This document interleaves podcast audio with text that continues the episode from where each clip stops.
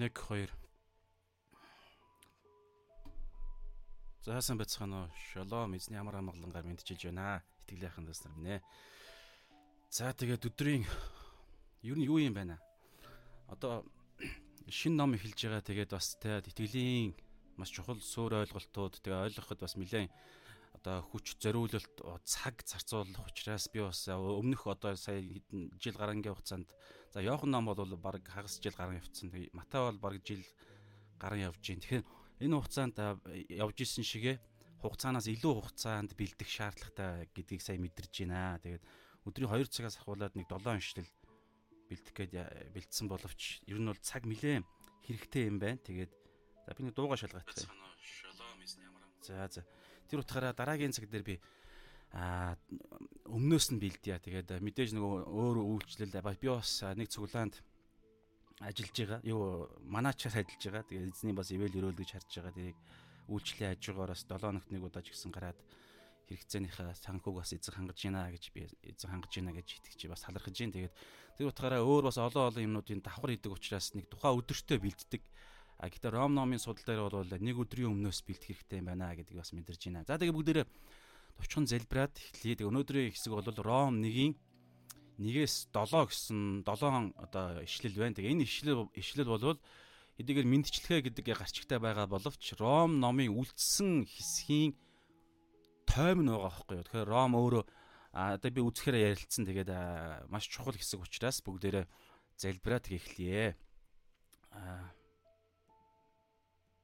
За та тэгээд шеэрлэх мэрлэх хүн байвал шеэрлэрээ. За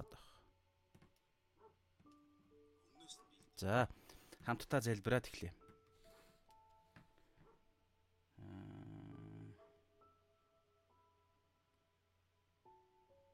За залбирая. Эзэн минь энэ цагийн төлөө би талархаж байна. Тэгээд өнөөдрийн цагаар дамжуулан өнөөдрөөс эхлээд эзэн та бас Ром номын ишлэл ишлэлээр нь судлахын цаг руу та биднийг оруулах ивэл өрөөлөөр хангасан учраас талархъя. Тэгээд эзэн таны гайхалтай хийсэн төгс сайн мэдээний талаар эзэн ойлгоход бид нар дэндүү дорой бас бидний зүрх сэтгэл өвчтэй идэгшгүй өвчтэй гэж Еврэ Иремья дээр хэлсэнчлэн эзэн бид нар үнэхээр таны л гарны хүрэлтгүйгээр эзэн ариун сүнсний тусламжгүйгээр ойлгох боломжгүй лээ эзэн. Тэм учраас та бидэнд туслаарай. Тэгээ та бидний оюун санааг шинчлэн өөрчлөөрэй. Үнэнтэй нэгдсэн энэ гайхалтай амьдралынхаа үнэн ойлгоход та туслаач хэмээн Есүсийн нэрээр залбирч байна. За бүгдээ уншия. Ром 1-ийн 1-ээс 7 За тэгээд элдв янзын асуудал асуудал байвал та комент хэсэгт бичээрэй. Би энэ дэлгэх хажуудаа шалгаад явж байгаа шүү. За би уншлаа. За дох. За. Мэдчилгээ Христ Есүсийн боол дуудагдсан элч Паул Бурхны сайн мэдээний төлөө тусгаарлагджээ. Энэ сайн мэдээг иш үзүүлэгчдэрээ дамжуулан ариун бичвэрүүдэд Бурхан урдаас амласан нь түүний хүүгийн тухай юм аа. Тэрээр Махведийн хувьд Давидын удмаас төрсэн ариун сүнсний хувьд үхэгсдээс амилснараа хүч чадалт Бурхны хүү гэж тунхаглагдсан бидний эзэн Есүс Христ юм аа. Түүний нэрийн төлөө бүх харийнхны дунд итгэлийн дуулуурыг бий болгохын тулд түүгээр дамжуулан нэгүүлсэл хийгээд элчийн үүргийг бид хүлээн авсан бөгөөд тэдний дунд та нар ч мөн Есүс Христийнх болохоор дуудагдсан. Бурханд хайрлагдсан ариун хүмүүс байхаар дуудагдсан Ромд буй бүгдэд бидний эцэг бурхан ба эзэн Есүс Христийн нэгүүлсэл хийгээд амар тайвныг хүсье. Амен. За тэгэхээр Паул энэ Ром намын захидлын бичээж байгаа. Паул үйлчлэлийнхаа а за би өнөөдрийн хэсгийн нэг хоёр хэсэг хувааж байгаа. Эхний хэсэг дээр нь товчхон хам сэдв. За энэ дээр бол маш бага хугацааг би зарцуулна. Үндсэн хэсэг нь бол яг би ишлэл судал руугаа орно. За тэгээд Довчин хам сэдвийг би өмнөх цаг дээр Ром номын танилцуулга дээр бол бараг 2 цаг гарангийн хугацаанд дэлгэрэнгүй гэдэг ерөнхийдөө бол тэ Ром номын тойм танилцуулга явсан. За танилцуулга нь бага явсан. Гэхдээ товч агуулга тэр нэг бодлын одоо хөврөл, бодлын хэлхээ, гинжин хэлхээ 16 ишлэл дотор ямар сэдвээс ямар сэдв рүү орж ийна гэдгийг бид нар үтсэн хэсэг байгаа. Тэгээд тэрийг та эхлэж байгаа анх удаа орж ирж байгаа юм байвал тэрийг үтсчээд яаж иж байгаад үтсчээд энэ рүү орвол илүү зүгээр шүү. Гэхдээ одоо бол нэгэнт ороод ирсэн бол үздгээр үзнэ зү тэ. Гэхдээ нөхөөд үзээрэй гэж хэлж байгаа. За тэгэхээр Паул энэ Ром номын загтлын бичээч мэдээж тэгээд Паулын гурван аялал гэж бид нар сонсч ирсэн сонсч ирсэн хүмүүс нь байгаа бах те. Тэгэхээр Паулын гурван аяллаа төгсгөлийн аяллаа сүүлийн одоо хугацаанд жилүүдэд Ром номыг бичсэн байгаа. Тэгээ Коринт хотоос Аз Аз Македон Грект байдаг Коринт хотоос ерөнхийдөө бичсэн гэж байгаа. Тэгээд дөрөв дэх аялал буюу сүүлийнх нь одоо Ром руу баривчлагдаад явж байгаа. Тэгээд тэрнээс наан ойролцоогоор 3 жилийн өмнө Ром загтлаа бичсэн гэсэн үг. Тэгээд аа Паул өөрөө Ромд аялж очиж байгаагүй. Ромын чуулганд Ром хотод Ром Ром чуулганд гэсэн үг. Итгэж болсноос ямар ч байсан хойш мэдээж өмнө нь бол очиж исэн байх магадaltaй Ромын иргэн учраас. Их тэгээд дээр нэмээд 12 элчнэр за 12 11 те Есүс Христийн элчнэр болсон элчнэр ч гэсэн Ром чуулганд очиж байгаагүй юм байна. Очиж байгаагүй хинэн ч очиж байгаагүй. Тэгвэл яагаад Ром чуулга яаж байгуулагдсан юм бэ гэхээр Үйлс 2-ын 10 дугаар ишлэлийг харах юм бол за би цаг ишл уншаад яах вэ? Та өмнөх хэсгээр уншсан. Тэгээ та хүсвэл та уншаарай дараагаар нь а илчилт үйлс 2-ын 10 дээр болохоор те нэг Пентекост өдрийн гайхалтай те 11 элч нар дээр за 120 хүний хүн дээр гал мэт ариун сүнс бууж ирэх үед Петр боссоод те сайн мэдээг ерөнхийдөө бол тунхагладаг. Тэгээд олон хэлээр. Тэгээд энэ үед бол Пентекостийн баярын үеэр жилд 3 удаа еврей шашинтнууд еврейчүүд очих хэвээр Иерусалимд. Тэгээд бас еврей шашинт шашинтан болсон одоо нэг шин итгэгч нар гэж байгаа шин шинчлэгдсэн тийм харь үндснүүд ч гэсэн энэ тэндээс очиж байгаа очиж нөгөө нэг Пентекостийн баярт тэмдэглэхээр очих ёстой угаасаа байдаг. Тэгээд очих үед Паул а болон бусад элчнэр ариун сүнсээр тэ дүүрсэн элчнэр хар хилээр буюу тэднэрийнх нь өөрсдийнх нь нутгийнх нь хилээр сайн мэдээ ярьдаг. Тэгээ энэ ирсэн хүмүүс дунд энэ Үлс 2-ын 10 дээр Ромоос ирсэн хүмүүс бас байгаа. А харь үндэстнүүд болон бас Ромд байдаг юдэ үндэстнүүд. Гэтэ Ромд байдаг харь үндэстнүүд нь еврей шашинтан болцсон харь үндэстнүүд шүү. За тэгээд эдгээр хүмүүсүүд буцаж очиод Ромдо Ромын чуулганыг байгуулсан гэдэг нэг магадлал тайлбар байгаа. Аль альнийх нь ортой. Хоёулаач бас байгаа гэдэг бас үзэл байгаа. Хоёр дахь э, магадлал таамаг нь бол Ром чуулган яаж байгуулагдсан бэ гэхээр Үйлс 18-ын 1 2 дээр байгаа бас Ром 16-гийн 3-аас 5 дээр байгаачлан тодорхой тодорхой одоо Паулын 3 удаагийн аялал дунд Паулаар итгэгч болсон, итгэгч болсон тий Паулаар дагалдуулж байсан тэдгээр хүмүүсүүд Ром руу очихдоо Ром цуглааныг байгуулсан гэдэг тийм хоёр байгаа. Тэгээ энэ хоёрын хуйлаа ортой. Тэгээ тэр байтугай хуйлаа энэ хоёр магадлал хуйлаа хуйлаач үнэн байгаад тэгээд аль алинаар нь ингэж байгуулагдсан цуглаан гэдэг бас аль нь ч байх боломжтой. За тэгээд анхны юу Паул Ромд яг чуулганд очисон анхны элч юм шиг байгаа. Яг одоо энэ Ром загтлыг бичснээс 3 жилийн дараагаар нь 59-оос за 60 онд бол те баригдаад Иерусалимаас баригдаад Паул Ром руу явж байгаа. Тэгээ ингэхдээ бол анхны удаа очиж байгаа. Тэрнээс 3 жилийн өмнө захлаа бичсэн байсан байна те. Тэгээд а Ром цуглаанд ерөөсөө ямар нэгэн байдлаар Христ итгэлийн талаарх ямар нэгэн бичиг баримт гарын авлага ерөөсөө байгаагүй үед Ром загтал бичигдсэн байгаад байгаа юм. Тэгээд хинээр дамжуулан очсон бай гэхлээр Фойби гэдэг нэг эмэгтэй байгаа. Кинхрэ буюу Коринт хотын ойролцоо байдаг. Кинхрэ гэдэг нэг хотын цуглааны ахлагч Фойби гэдэг нэг эмэгтэйг эмэгтэй эмэгтэйд Паул Ром загтлаа өгөөд явуулсан байгаа даа байхгүй энэ 57 онд гэсэн үг. Энэ үүс 16-гийн нэгээс 2 дээр нь байгаа.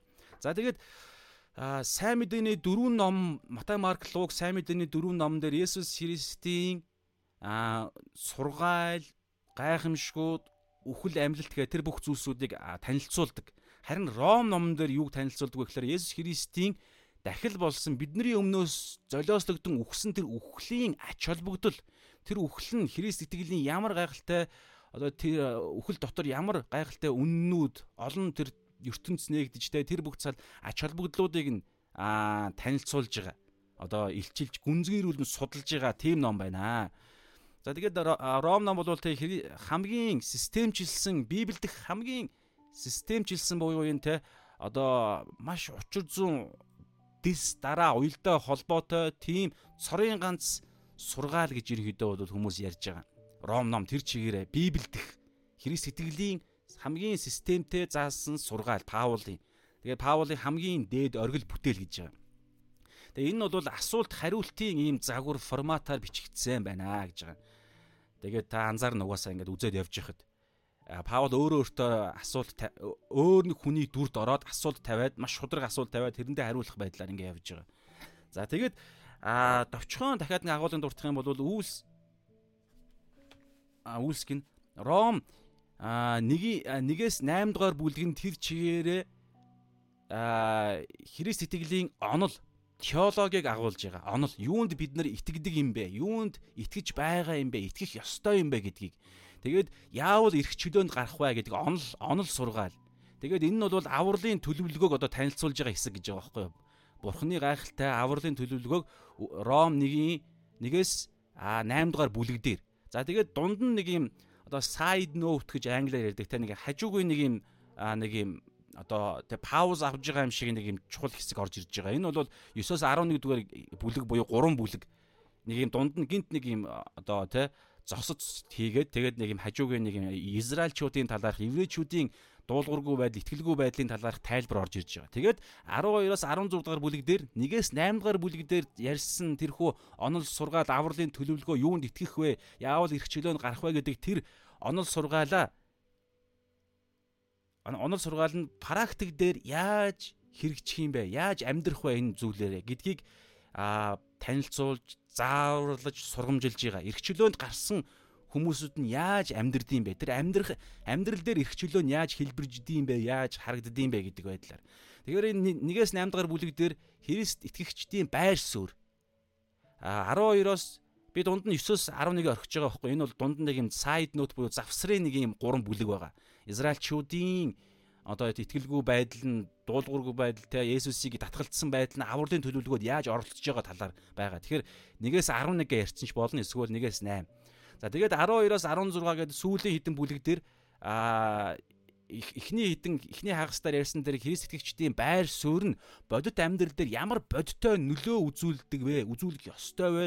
Энэ аяанда угаасаа автоматар энэ үзүүлдэг вэ гэдэг талаар ингэж сургал сургамжилж энийг танилцуулж байгаа. За ийм хэсэг байна. За тэгээд энэ дээр нэг нэмэлт зүгээр би товчхон ярих хичээл нэг мэдээллийг тантай хуваалцъя. Библи судлалын цаг учраас энэ танд бас хэрэгтэй байх гэж бодож байна. Гэхдээ айхтар бол хэрэгтэй биш. Гэхдээ зүгээр бас мэдлэгт те нэмэр болох үүднээс тэр нь юу гэхээр нэг юм асуудал гарч ирдэм байна л да. А ер нь бол та мэдж байгаа хуучин гэрээ бол еврейгээр бичигдсэн, шинэ гэрээ бол а грекээр бичигдсэн. Грек хэл дээр те. За грек хэл дээр тий. А тэгээд харин латин одоо хувилбар гэж байгаа. Тэгэхээр латин одоо орчуулга латин хувилбар дээр болохоор нэг асуудал гардаг юм байна л да. Би зөвхөн өвчгөө хуваалцъя. Тэр нь грек хувилбар дээр байдгүй шүү. Латин хувилбар нэг хувилбар дээр нэг асуудал гардаг юм байна. Тэр нь юу гэхээр сүүлийн хоёр бүлэг латин библиэлд байдаггүй юм байна.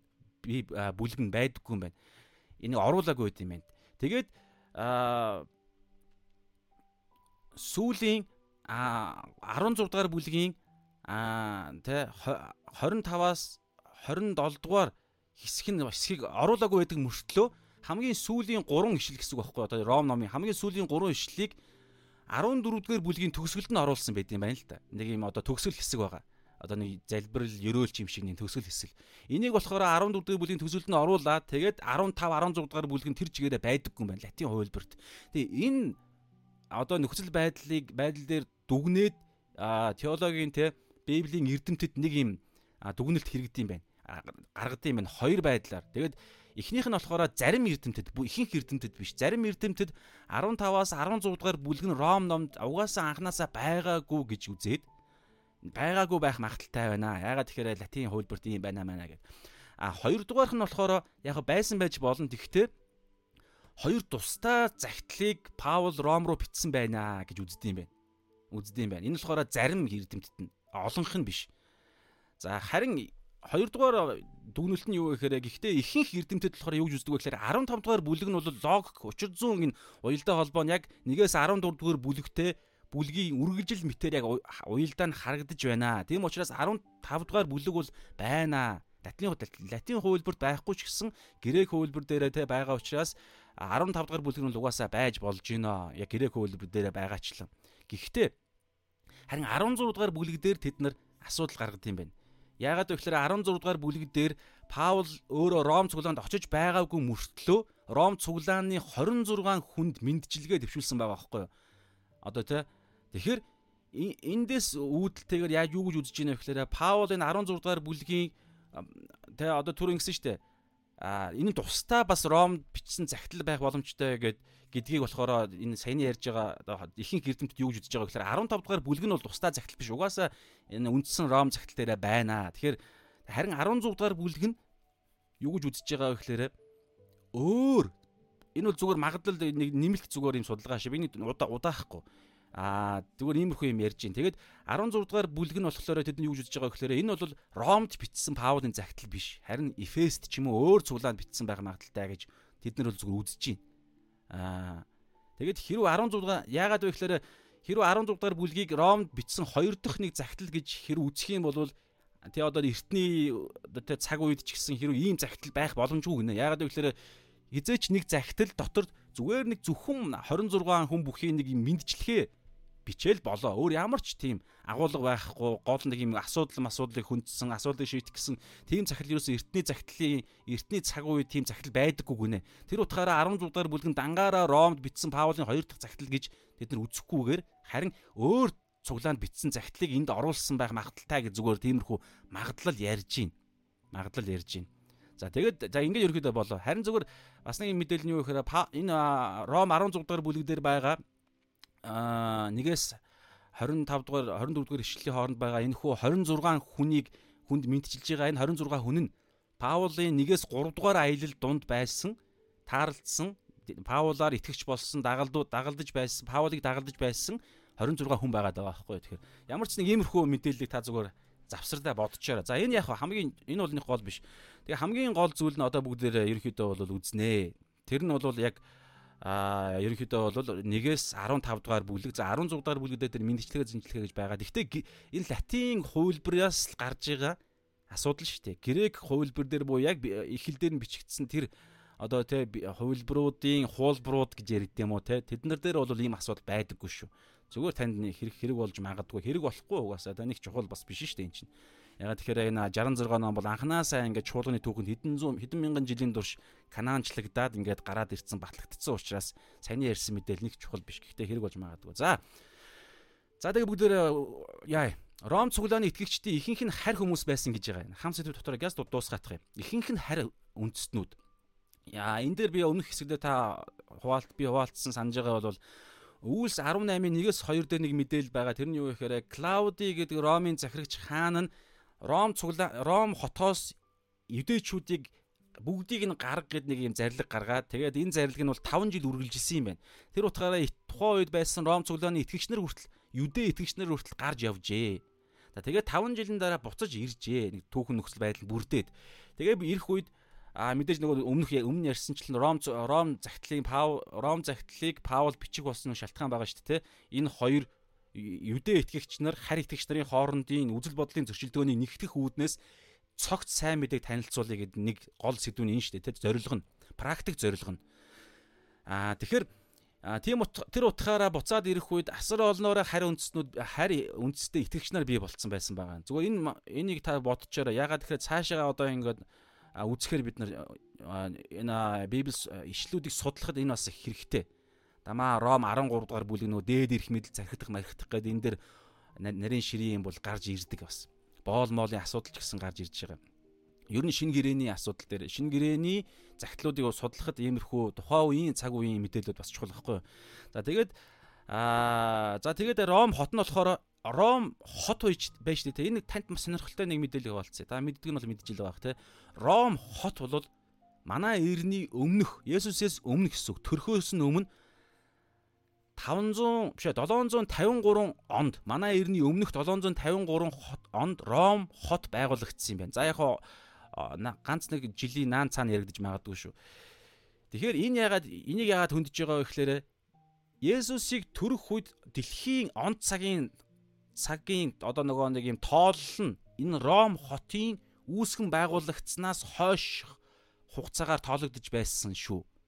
Тэгэхээр тухайн үедээ Есүс одоо Есүсийг амьдралын үед цаг тухайн үеийн хүмүүс дэлхийд дахин Ромч нөгөө нэг дэлхийг ингээд глобалжилж үе шүү дээ тий. Тэгэхээр дэлхийд дахинараа за ямар ч үсэн Ромын одоо хаанчлал дотроо бол өнөөдөр хэдэн он билээ гэж асуух юм бол тий Ром хот байгуулагдсны 753 он гэж Есүсийг төрөх үед л тэгж ярьж исэн гэсэн үг байхгүй юу. Тэгэхээр Есүсийн нас барах үед бол те энэ 753 дээр 33-ыг нэмэхээр ч хэд болох вэ? 86 ч гэдэм юм уу. Тэгэхээр 786 онд сая нэг Есүс гэдэг хүн нас барлаа гэж нэг ярина гэсэн үг байхгүй юу. Ром хот үүсгэн байгуулагдсны хэдэн он гэд. Тэгээ ингэж явж байгаад Константин хааны үед буюу ойролцоогоор те манай эртний Есүсээс хойш бол те төрснөөс нь хойш 300 оны үед бол а манай эзний, манай эрний, манай тооллын гэдэг нэг юм юу гаргасан шүү дээ тий. Тэгэхээр тэрний бол одоо бид нар 2021 онд амьдарч байна. Есүс төрснөөс хойш гэж ярьж байгаа. Тэгэхдээ яг энэ цаг хугацаа ингээд цаглбарыг зохиосноос хэдэн жилийн дараа энэ нь бас алдаатай болж таарсан. 4 жилийн зөрөө гардаг. Тэгээд за одоо нэгэнд өнгөрсөн учраас энэ өөрөө явъя гэдэг. Гэтэл яг тэдний бодож исэн тэг og гэж бодсон чинь тэрнээс нь тэдний бодож ирсэнээс 4 жилийн өмнө Есүс төрсөн байж таардаг. Тэгэхээр яг бодиттой факт нь бол манай эртний өмнөх Есүс 4 онд төрсөн гэдэг бас тийм судалгаа байд байгаа. Юу, тийм факт байгаа шүү. За энэ яг нэмэлт мэдээл. За тэгээд Ром хот нь бол 1 сая гаруй хүнтэй байна. За тэгээд зарим бас нэг түүхэн баримт дээр Ром хотыг 4 сая гаруй хүнтэй гэж бас тийм мэдээлэл хэлж байна. За Тэгээд Ром Паул өөрөө энэ Ром захидлыг бичснээс хойш 3 жилийн дараа өөрөө Ромд очисон. Хэдийгээр баригдаж шоронд хоригдл байдлаар очисон ч гэсэн очихын үед очисон. Тэндээс сайн мэдээ тараасан. Тэр утгаа Цезарт ч гэсэн тараасан байх магадaltaй. Тэгэхээр ямар нэгэн байдлаар энэ хүү түүний одоо тэ хэдийгээр цаашаа Испани руу аялж чадаагүй ч гэсэн Ромд очиж сайн мэдээ тараахт нэг аяллаа эхлүүлэх нь өөрөө тэндээ одоо тэ үхээ дууссан ч гэсэн яалтчгүй тэнд нэг юм эхлүүлсэн. Тэрний хамгийн чухал эхлэх эхлэл нь бол Ром чуулган байгаад байгаа. Энэ хүү төгс сайн мэдээг авсан. За тэгээд Ром хот нь бол одоо нэг гурван баримт яриа тэгээ үндсэн хэсэг рүү орё. Ром хот бол гайхамшигттай барилгуудаар дүүрэн юр бусын тэрхүү одоо тэ юу хөгж хөгжсөн хот байсан. Боловч ихэнх иргэдүүд нь боолууд байжээ. Боолууд. Тэгэхээр итгэгчдийн ч гэсэн итгэгч дунд ч гэсэн боолууд байсан гэсэн үг. Тэр утгаараа олон зүйлсүүд яригддаг. Та нөгөө Филип Филимо ном хүртэл энтэй хамааралтай ном байдаг те нэг боол эзнээсээ зүхтаж явсан боолд а боолыг Паул дагалдуулаад буцаад эзэн рүү те Онисен билээ эзэн рүү а тэр боол нь болохоор Онисен билүү Филимо биш ээ боол нь Онисен Филимон нь болохоор тэр яг эзэн нь байдаг санагдчихээн. За би бургал хэрчээг бол За тэгэхээр иймэрхүү мэтчлийн хөө түүхэн хам сэдвийг сурах нь маш чухал шүү. Тэгээ энэ үед боолуудад те бурхан Есүсийн хаанчлал те одоо те ямар одоо үүрэг даалгавартай яаж амьдрах талаар ярьж байна. Эндээс бид нар цаашаагаа судлаа те өнөөдөр ч гэсэн энэ амьдрал дээр нэг сонь сонин байдал дунд те яаж амьдрах вэ гэдэг зүйлсүүдийг бид нар судалдаг, сурдаг, ойлгодог. Тэгэхээр хам сэдв маш чухал шүү. Тэгээ Баян ядуусын Баян ядуугийн юу нэг юу гэдгүүлээ харьцаа маш их хол байсан байна. Тэгээд зэрэгцээ боолууд, баячууд, тэгээд ядуучууд тэгээд иймэрхүү хот байжээ. За, Ром номын түлхүүр үг нь маш чухал. Ром номын түлхүүр үг буюу бидний альва ямар ч хэсгийг судлахад энэ гол үгийг дандаа бид нар цаана бодож энэ тархиныхаа ард бодож явах ёстой гэсэн үг. Тэр нь юу гэхээр бурхны зөвхт байдал. Энэ нь хардаа энэ харьяалгын тгийн алгал маш чухал. Бурхны гэж байгаа шүү итгэгчдийн зөвд байдал зөвхт байдал биш. Бурхны зөвхт байдал. Тэгээ энтэй хамааралтай бид нар яг дараагийн хэсгээр үзэх байх а Ром 1-ийн Ром номын одоо түлхүүр ишлэл нь болохоор Ром 1-ийн 16-аас 17 гэж байгаа бас зэрэгцээ бас хэлж болж байгаа 3:21-с 25 дээр байгаа. Энэ дээр Ром номын түлхүүр ишлэл дотор Ром номын түлхүүр үгэн танилцуулагддаг. Зөвхт байдал. Сайн мэдээний Бурхны хүртээх, Бурхны хүн төрлөختөнд үнгүй бэлэг болгон өгж байгаа тэр зөвхт байдал нь сайн мэдээний дотор л илчлэгддэг. Бурхны зөвхт байдал. Тэгэхээр Бурхны зөвхт байдлыг хүн авж ижил Бурхантай нэгддэг, эвлэрдэг гэсэн үг. Тэгэхээр хүн өөрийн хүчээр зөвхт байдалд хүрэх боломжгүй шүү дээ, тий? Ром 3:23 дээр хэлж байгаа. Бүгд нүгэл үйлснээр Бурхны алдарт буюу тэр зөвхт байдалд нь хүрдэггүй. Тэгэхээр энийг бид нар маш сайн ойлгох хэрэгтэй. Тэгэхээр итгэлийн амьдрал дээр ч гэсэн бид Бурхны буюу Есүсийн зөвхт байдлаар амьдарж байгаа шүү. Тэгэхээр энэ Мата 6-гийн 33 байгаа шүү дээ. Юуны дөрөнд Бурхны хаанчлал түүний зөвхт байдлыг хайхтун. Тэгэхээр түүний зөвхт байдал зөвхөн Есүсийн дотор л олддог. Түүний үг ба сүнсээр нь гэсэн үг тийм үхэл ба амьдлалт. А Бурхны хаанчлал нь бол Бурхны хаанчлалын зорилго ярьж байгаа. Загалмайн зорилго. За түлхүүр бүлгүүд нь болохоор Ром 6-аас 8 дугаар бүлэг байгаа. Сүнслэг амьдралын бүх суур ойлголтууд за бүх гэж хэлж болно. Эсвэл хамгийн чухал чухал үндсэн суурь ойлголтууд нь Ром 6-гийн 8 дахь бүлэгдэр байгаа. Бид нар үзэх болно гэсэн. Тэгээ энэ дээр бол те яаж хүн гим нүгэлтэй хүн гим нүглээс чөлөөлөгдөх вэ? Гим нүглээс бодтой чөлөөлөгдсөн амьдралыг ярьж байгаа шүү. Аврал бид нар бол ингээд те чөлөөлөгдөө буруутах буруутгалгүй болцсон. Гэхдээ э, гим нүгэлтэй амьдралаар амьдрдаг штэ. Гим нүглийн тэмцэл дунд. Тэгээ энэ тэмцлээс яаж ялж цаана гарах вэ гэдэг дээр энэ гурван бүлэг дээр ярина гэсэн үг. Тэгээ яаж баланстай амьдрал вэ? Нэгүслийг өршөөл нэгүслийг авдаг мөртлөө яаж тэр нэгүслийнхаа хүчээр гим нүгэл үйлдэхгүй амьдрах вэ? Энэ маш чухал ойлголт. Ром дээр бол байгаа. Та нар тэглээгээд нэгүслийн баялагийг басамжлах уу гэж ярьж байгаа. Тэгэхээр басамжлахгүйгээр нэгүслээ аваад тэгээд яаж нэгүслийн хүчээр гим нүгэл үйлдэхгүй зүвт амьдрах вэ гэх мэтчлэн. Тэгээ ариун сүнсний хүчээр яаж ялалттай амьдрах вэ? Христч амьдрал амьдрал гэж юу вэ гэх мэтчлэн. За ингээд товчхон хам сэдв боллоо. За үнцэн хэсэг рүү оръё. За ишлэл рүүгээ шууд уншаа явъя. Тэгэхээр а нэгдүгээр нэгдүгээр ишлэлээс уншия. Христ Есүсийн боол дуудагдсан илч Паул Бурхны сайн мэдээний төлөө тусгаарлагджээ гэж байна. За тэгэхээр мэдчилгээ байгаа энэ бол мэдээж. Тэгэхээр мэдчилгээ гэдэгтэй хамааралтай нэг зүйлийг хэлээ. Тэр нь юу вэ гэхээр эртний цаг үед а загтал энэ бол Ром номчин загтал шүү дээ. Тэгэхээр загтлыг загтал нь ямар агуулгатай байдаг байсан бэ? Нэг тодорхой формат нэг юм хэм маягтай байдаг байжээ. За тэгээ тэр формат нь юу гэхээр эхэндээ дандаа мэдчил юу илгээгч нь болон хүлээ авахч нь эхэндээ байдаг. Одоо бид нар бол те за одоо бол захаа байдаг юм уу мэдэхгүй. Дандаа шууд те имэйл юугаар чатаар те мессеж явуулдаг. Аа саяхны хүртэл ярьчээ те. Тэгтээ одоо бол боломжтой шүү дээ. Шуудан байгаа учраас. Тэгэхээр захаа одоогийн хэрүү захаа бичиж ингэдэг штэ. Хайртай цэцгээ минь ээ, хайртай батаа минь ээ. Тэгээ ингээд ингээд ингээд явангуудаа хамгийн төгсгөлд нь те инх тайвнаас, доржоогоос, баярмаагаас илгээлээ төгс эхэндээ хүлээн авахч нь төгсгөлдөө илгээгч нь байдаг. Аа тэгэхээр энэ бол жоохон асуудалтай байгаа байхгүй. Харин яг тухайн эртний цаг үед болохоор маш тийм практик буюу маш практикт их зүгээр ойлгомжтой байсан юу гэхээр шууд одоо энэ хуйлмал байгаа шүү дээ. Тэгэхээр шууд ингээл хуйлмал захаа ярингууд ингээл дээш нь дэлгэл харангууд хамгийн ихэнд нь хин хинээс энэ дээр бол таар да нэгдүгээр ишлэл дээр дуудагдсан элч Паул нэр нь байна. За тэгэнгүүтлээ төгсгөлд нь а хинээс гэдэг нь тэгэнгүүтлээ хинд гэдэг нь байдаг. Тэгэхээр өнөөдрийн мэдчилгээ хэсэг чинь нэгээс 7 дугаар ишлэл ишлэн штэ. Тэгэхээр 1 дугаар ишлэлээ харах юм бол хинээс Паулаас 7 дугаар ишлэлийг харах юм бол Бурханд хайрлагдсан ариун хүмүүс байхаар дуудагдсан Ромд буй бүгдэд бидний эцэг бурхан ба эзэн Есүс Христос нэгүсэл хийгээд амар тайвныг хүсье гэд. Тэгэхээр Ромд буй бүх хүмүүсүүдэд Паулаас илгээлээ гэдэг хэсэг энэ хэсэг байгаа гэсэн. Тэгэл тэгэхээр Ром 1-ийн 1-ээс 7 гэдэг энэ хөө мэдчилгээний хэсэг дээр эхний хэсэг дээр нь илгээх илгээгч нь буюу Паул а төгсгөл хэсэг дээр нь буюу 7 дугаар ишлэл дээр хүлээн авахч нь буюу Ромд буюу бүх итгэгч нар бурхнаар хайрлагдсан. За ийм байгаа гэсэн үг. За гэхдээ энд нэг ийм асуудал нэг ийм ялгаа байгаа. Юу гэхээр эртний цаг үед энэ ихний мэдчилгээ хэсэг бол маш товчхон байсан гинэ. Ганц нэг өгүүлбэр дээр. Тэгэхээр гэтэл Ром номын Ром загтлын хувьд болохоор маш онцгой байгаа байхгүй юу? Ерөөсө тухайн үед эртний цаг үед Ромоос өөр ийм урт мэдчилгээтэй ном загтал гэж ерөөсө байгаагүй гинэ. Тэгтэл Ром загтлын загтлын хувьд болохоор 7 ишлэл байгаа байхгүй. Тэгээд а 7 ишлэл байгаа. Хам тухайн үедээ байсан хамгийн урт захиа гэгддэг байсан гинэ. Бүхэл бүтэн ийм 7 7 агуулгыг бүрдэж байгаа. Та ингээ харах юм бол зүгээр л инх тайвнаас цэцгээд баярмаагаас доржоод гэдэг хэлчихийн хооронд тар да харах юм бол та дэлгэц харж байгаа бол ийм урт хэсгийг оруулсан байгаа байхгүй юу.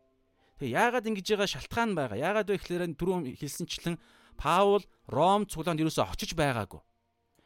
Аа нэгдүгээрт хоёрдугаар Ром чуулганд Христ Есүсийн яг гарын одоо нэг 12 нь те гарынх нь элч нар нь юусоо очиж байгаагүй. Загтал юусоо очиж байгаагүй. Зүгээр тэр Пентекостийн өдөр ч юм эсвэл Паулын 3 жилийн аяллаа үед итгэсэн итгэгч нар тийшээ очихороо а Ром чуулганыг байгуулсан гэсэн үг. Тэр ариун сүнсний тэр онцгой тэр нэг юм яалтчгүй ятгалаг байгаа шүү дээ те нэг сайн мэдээ тараах гэсэн. Тэгээ тухайн үед чинь копи бичиж амжаагүй байсан шүү дээ. Хэдхэн жилийн хугацаа яригдчихэж байгаа. Тэр утгаараа а тухайн үед Ром цуглаанд ямар ч гарын авлага Библи байгаагүй гэсэн үг. Тэгээ хариу үндэстнүүд байгаа. Тэр утгаараа а Паул өөрийгөө өөрөө очиж байгаагүй учраас сайн мэдээж гисэн гайхалтайгаар яг бодиттой бичигдсэн бичгийн байдлаар тараагдаж бичигдээгүй байсан очоогүй байсан учраас нэгдүгээрт Паул өөрийгөө хэн гэдэг талаар илгээгч нь хэн болох Паул өөрийгөө хэн гэдэг талаар урд өөрөөр цагтлуудаас илүү урт цагтлыг бичиж байгаа юм. Хоёрдугаарт илгээмж нь тухайн загтлыг илгээгч нь Паул илгээгдэж байгаа загтлын агуулга болох илгээмж нь гэсэн үг шүү дээ. Тэр сайн мэдээгээ ч гэсэн танилцуулахдаа илүү жоохон урт танилцуулга хийж байгаа байхгүй. Тэгэнгүүтлээ үндсэн агуулгаараа орох гэж байгаа. Зөвхөн өмнөхний жоохон танилцуулга дээр л ийм а одоо Паул дэлгэрэнгүй битсэн гэсэн үг. Тэгэхээр энэ бол шалтгааныг түрүүнд хаарлаа те. Тэгэхээр эхлэхээсээ жинхэнэ сайн мэдээний үндсэн агуулга эхлэхээсээ өмнө ийм урт танилцуулга бичгтэй хүртэл ингэж урт битсэн гэдгийг та ойлгочоор. За тэгээд нэгдүгээр ишлэлээр орё бүгдээрээ. Тэгэхээр нэгдүгээр ишлэлийг харах юм бол аа За энэ мэдчилгээний бүтцийг нь та түрүүн би цус дурдсан. Тэгэхээр энэ дахиад харуулчих. Нэгдүгээр ишлэлээр Паул илгээгч Паул нь байна. А мэдчилгээний хэсгийн төгсгөлийн хэсэг болох 7 дугаар ишлэлээр хүлээн авахч болох Ромд буй бурхнаар хайлгдсан бүх хүмүүсүүд. За за тэгээ бүгдээрээ яа. А хэсэг рүүгээ очие. За тэгэхээр нэгдүгээр ишлэлээр ингэж байгаа. Илгээгч илгээгч Ром загтлын илгээгчийн танил илгээгч болох Паулын танилцуулга явагдаж байна. За тэгэхээр Паул гэдэг нэрэн дээр бүгдээ нэг юм ярилцээ. Тэгэхээр Паул бол өөрөө Саул гэдэг нэртэй байсан шүү дээ. А үүс 9-р бүлэг дээрх а Паулын нөгөө нэг юм одоо өөрчлөлт conversion гэж ярьж байгаа те өөрчлөлт юдэ шашинтнаас Христ итгэлтэн болсон тэрхүү өөрчлөлтийн үйл явдал үйлс 9 дугаар бүлгээр гарч байгаа. Тэгэхээр энэ 9 дугаар бүлгээс өмнө Паул бол Саул гэдэг нэртэй байсан. Саул гэдэг нэр нь болохоор еврей нэр байна. Тэгээд бид нар ч гэсэн еврей Израилийн хааныг мэдэн штэ анхны хаан Саул хаан. Тэгэхээр энэ Саул гэдэг нэр нь болохоор сонсдог нэгэн. Сонсдог нэгэн. Бурхныг сонсдог ч юм уу те ард иргэдээ сонсдог ч юм ямар ч байсан сонсох чадвартай нэгэн гэсэн санаа. За ийм нэртэй еврей нэртэй байснаа Христэд итгэгч болсныхаа дараагаар нь Саул нэрээ өөрчилсөн. Гэхдээ энэ нэг шин нэр зохиодсон юм биш. Паул Саулынх нь Ром нэр нэр юм байна л да. Ром Ром нэр нь. Ромын улсуудаар аялахдаа ч юм уу энэ нэрээ барьж явд юм шиг байсан. явдаг байсан юм шиг байгаа. Тэгээ магадгүй хэрэв тухайн үед тэр нэг юм Ром үнд итгэгч Ром үндэстний пайз майз гэх те иргэний үнэмлэх шиг тийм хэрэв байдаг байсан бол тэрэн дээр нь Паул гэдэг нэр нь байсан гэсэн үг. Тэгэхээр энэ Паул гэдэг нэрнийх нь утга нь болохоор юу гэхээр зүгээр жижиг өчүүхэн жижиг гэсэн утгатай. Тэгэхээр бас бас нэг тийм нэмэлт нэг юм ямар баримт гिचвдээ. Тэр баримтан дээр болохоор Паулын гадаад төрхийг нь харуулсан бичсэн тэмдэглэл байд юм байна. Тэр нь хэр ортой хэсэг нь бол яг тодорхойгоо мэдэхгүй. Тэгэхдээ тийм юм байд юм байна. Тэн дээр бол Паул бол жижигхэн хүн байжээ. Тэгээд бол хамарны монхор тэгээд хөмсг нь хоорондоо нийлсэн. Ер нь нэг жоохон тийм царай муутай нэг тиймэрхүү хүн байсан юм биш үү. Тэгээд гадаад байдал нь ч гэсэн жижиг. Тэр утгаараа ч гэсэн тэгсэн байж болж байгаа. Тэгээд э, тэгсэн тэгж ромчууд гэж нэрлсэн юм уу яасан юм мэдэхгүй. За тэгээд гол нь Паул энэ нэрээс сонгосон нь утга учиртай. Яагаад вэ гэхээр Паул өөрийгөө өчүүхэн нэгэн. Бурхны өмнө би өчүүхэн нэгэн, жижигхэн нэгэн, би бол сул дорой гэж ярьж байгаа. Тэгээд энтэй хамааралтай ч гэсэн одоо би нэг хэсэг нэг нэгдүгээр Коринт 15 дээр Паулаас өөрийгөө элчийнхаа тодорхойлтыг хэлэхдээ дутуу төрсөн мэт надад хүртэл харагдсан гэд ярьж байгаа. Тэгэхээр элч элч гэдэг ойлголтын дээр хүрт Паул өөрийгөө жижигхэн элч гэдэг байдлаар ярьж байгаа. Тэр утгаараа ингэж нэрлэж байгаа шүү. Энэ бол Паулын Ром нэр. За тэгээ бүгдээрээ хэсэг рүү очие. Yes нэгдүгээр ишлэл уншия. Христ Есүсийн боол дуудагдсан элч Паул Бурхны сайн мэдээний төлөө тусгаарлагджээ. За Христ Есүсийн боол буюу Бурхны боол байгаа. Бурхны боол зарц. За энэ үг нь бол bond servant буюу одоо тэ бүрэн одоо ингэж те холбогдсон бүрэн ингэж те хилхэлэгдсэн те одоо ингэж хэлхээ холбоонд бүрэн одоо хамааралтай насан туршийн энэ хамааралтай тийм боол гэсэн тийм үг байгаад байгаа байхгүй мэдээж яг дуолос гэдэг энэ грек үг нь бол тухайн одоо грекийн цаг үед бол энэ энэ дуолос гэдэг энэ грек үг бол хэрэглэгддэг байсан юм байна л да. Гэхдээ Паул өөрөө энэ үгийг онцгойлон сонгохдоо бол нэг хоёр ойлголт байгаа юм. За нэг нь бол хуучин хуйлаа ерөнхийдөө хуучин гэрээтэй хамааралтайгаар.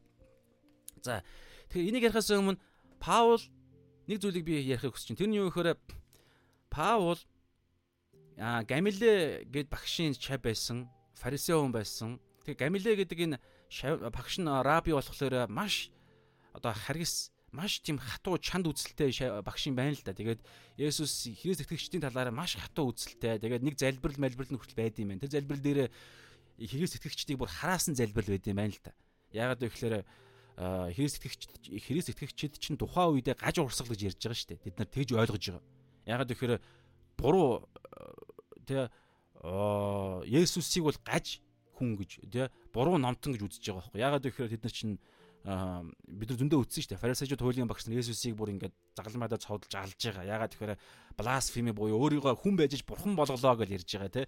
Гэтэл тухайн үед гаж биш бүр яг жинхэнэ бурхан гэдгээ баталсаар байсаар байтал тэд нар гаж гэдэг энэ ойлголтод ойлголтыг дүгнэлтийг хийхээр шийдэж байгаа. Өөрсдөө их ашигын төлөө. Тэр утгаараа тэрний тим хүмүүсүүдийн нэг нь болох Гамилелийн шав байхгүй гарын шав нь Паул Тэр утгаараа Саул Стефаны ч гэсэн алхахт найжууд нь байгаа л те тэгээд энэ үүс өстөр бол Дамаск руу хийсгэгчдийг хавчгаар ахлах тахилчаас те заавар аваад цэргүүдээ Дамаск руу хитгэгчдийг алхахаар хятгаар барихаар шорон торхоор явж байгаа шүү дээ. Тэр үед нь энэ хүн Есүс өөрийгөө илчилж байгаа.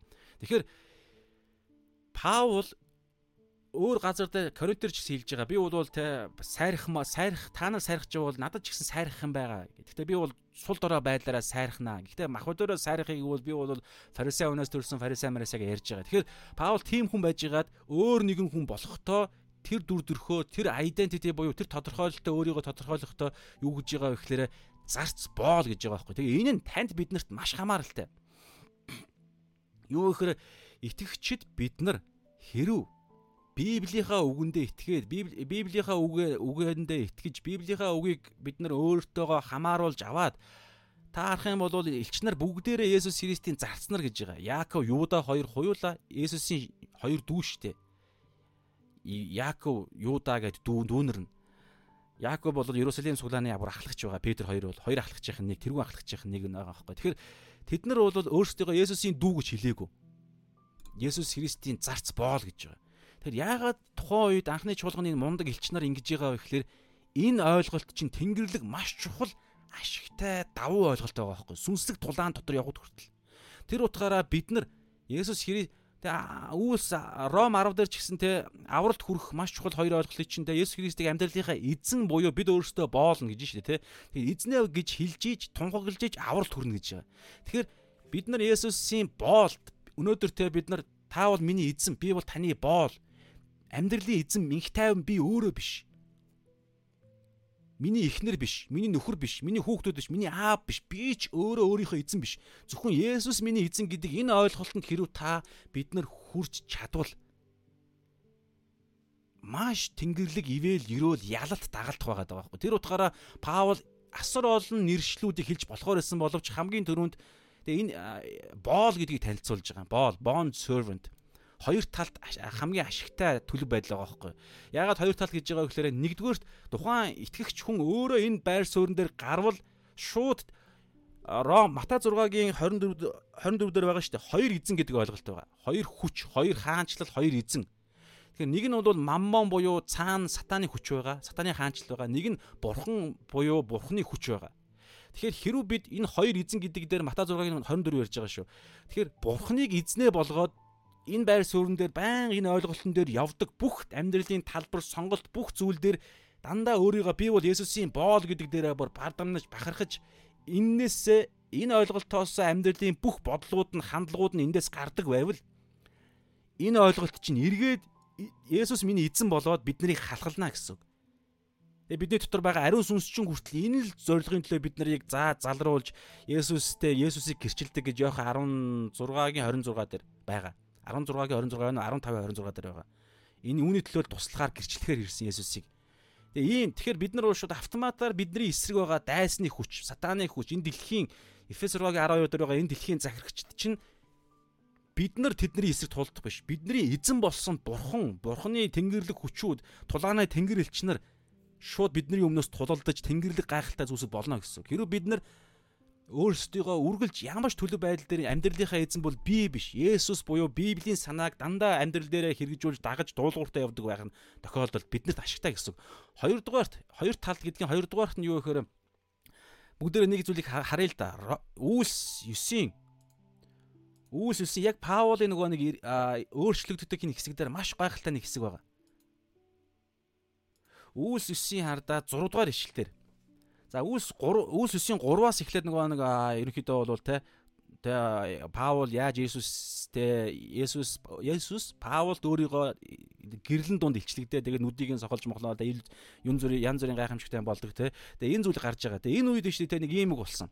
За би дөрөөс нь уншия. Саул хөсөр унаад Саула Саул Саул Саулыг хөсөр унахад Тэнгэрээс ийм дуу гарч байгаа. Есүсийн дуу. Саула Саула чи юунд намайг хавчин вэ гих дуу гэж түүнд хэлэх дууг сонсоод эзэн за Паул хоёр үг хэлсэн байгаа байхгүй юу. Гэхдээ энэ хардаа нэг сонио юм сонио юм анзаарсан. Юу гэхээр Монгол Библиэлд нэг 6 дугаар бүлэг дээр байсан Паулын хоёр дахь хэлсэн үг нь байхгүй байгаа юм. За Монгол Библи буюу цаавра NRSV хөлбөр гэсэн үг байхгүй Английн. Гэтэл King James дээр New King James дээр Паулын хоёр дахь хэлсэн үг нь байгаад байгаа.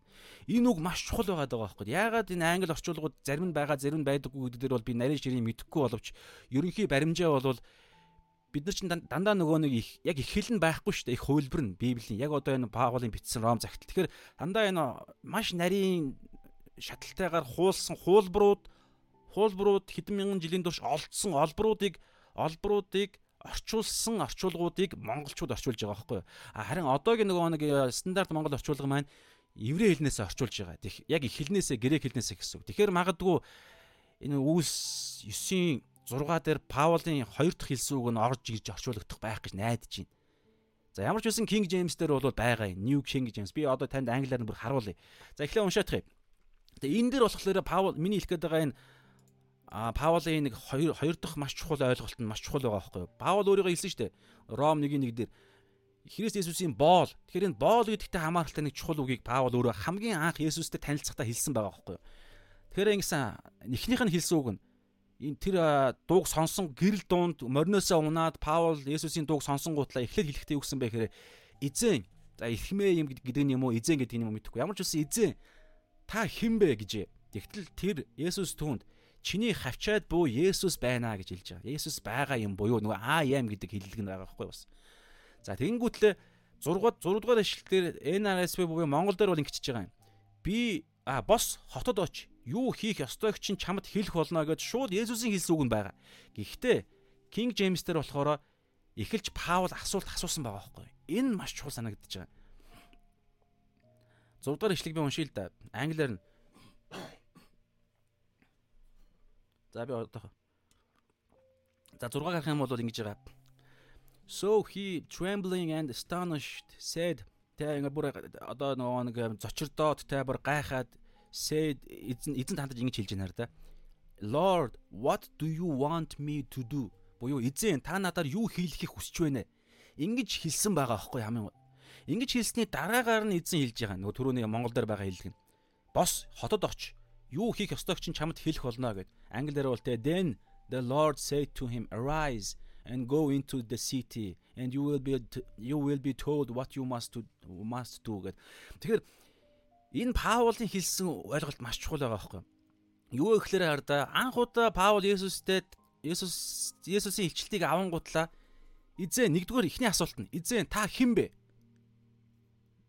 Одоо энэ ойлголт нь шүү дээ те итгэгч бидний хувьд маш чухал байгаа байхгүй. Нэгдүгээр ойлголт нь Есүс гэж хин юм бэ? Тэгэнгүүт талаардаа би чиний хавчаад за англиар нь монголоор нь те чиний хавчаад буй Есүс би байгаа юм аа гэж. Тэгээд Есүс гэдгийн хин гэдгийг талаарх ойлголтыг авсныхаа дараагаар нь Паулийн хамгийн шууд дараагийн хэлсэн үг нь та надаар юу хэлэх юу хэлэхийг хүсэж байна вэ? Энэ бол боол хүний хэлэх ёстой маш чухал байр суурь байгаа байхгүй. Энэ үгэнд ийм Паулыг Есүс сонгосон гэсэн үг. Тэр утгаараа боол хэрүү Есүсийн хувьд Есүст итгэсэн тэр итгэгч нь өөрийгөө хэн гэдэг байр сууриас хин гэдэг ойлголтоос тодорхойлолтоос identity тэ тэрхүү хувийн тодорхойлолтоос Есүс рүү хандах нь Есүст чухал бай гэхээр зарц.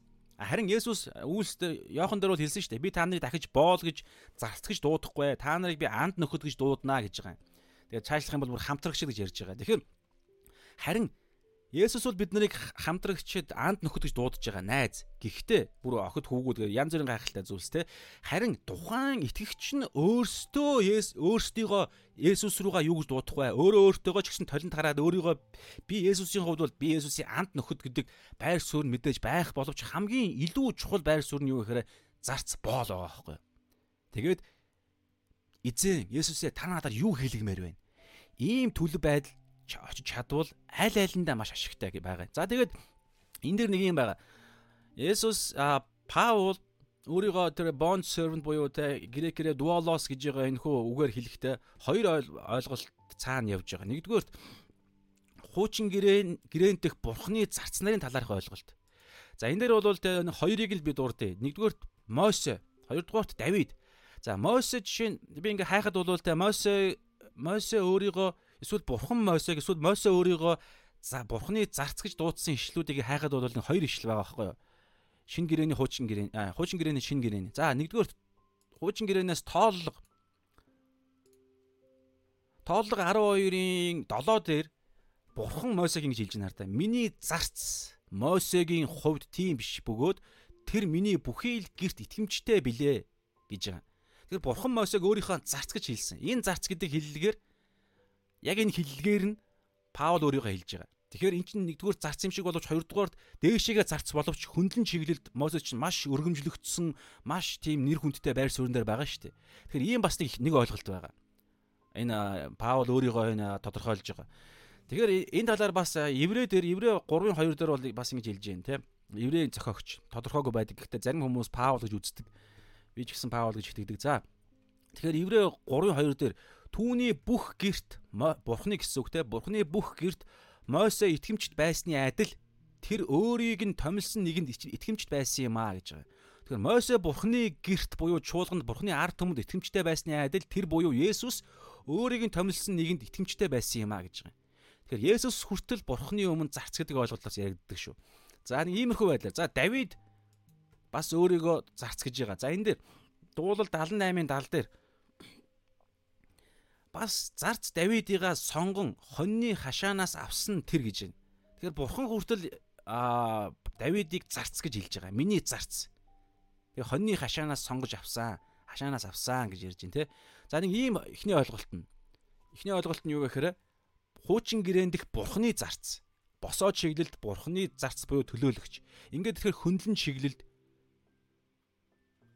тэдний дээр удирдах юм яригдана гэсэн Тэд нарыг хончлох, дагалдуулах юм яригдана гэсэн үг. Энэ ихнийх нь зарц гэдэг ойлголт нь.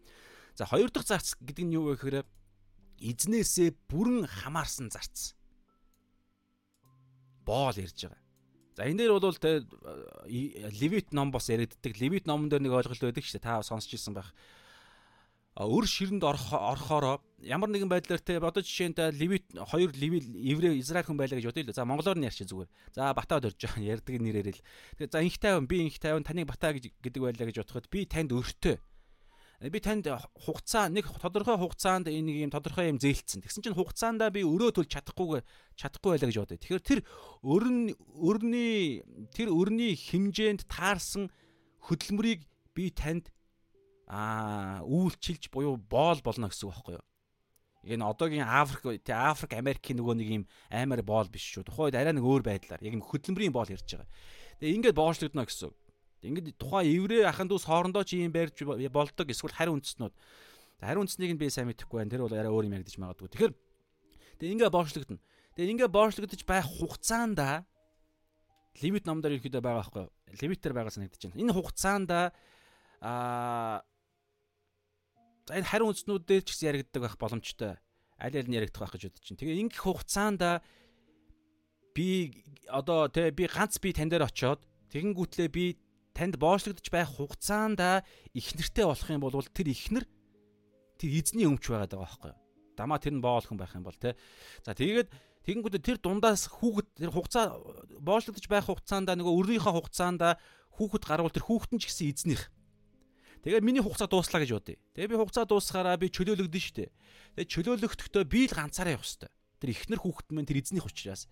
Тэгээ ингэх үед а би хүүхдүүдээсээ болоод эхнэрээсээ болоод эсвэл бас нэг тохиолдол нь юу гэхээр тухайн эзэн нь үнэхээр а одоо үнэхээр халамжтай маш сайн эзэн байх юм бол би насан туршдаа таны боол байя.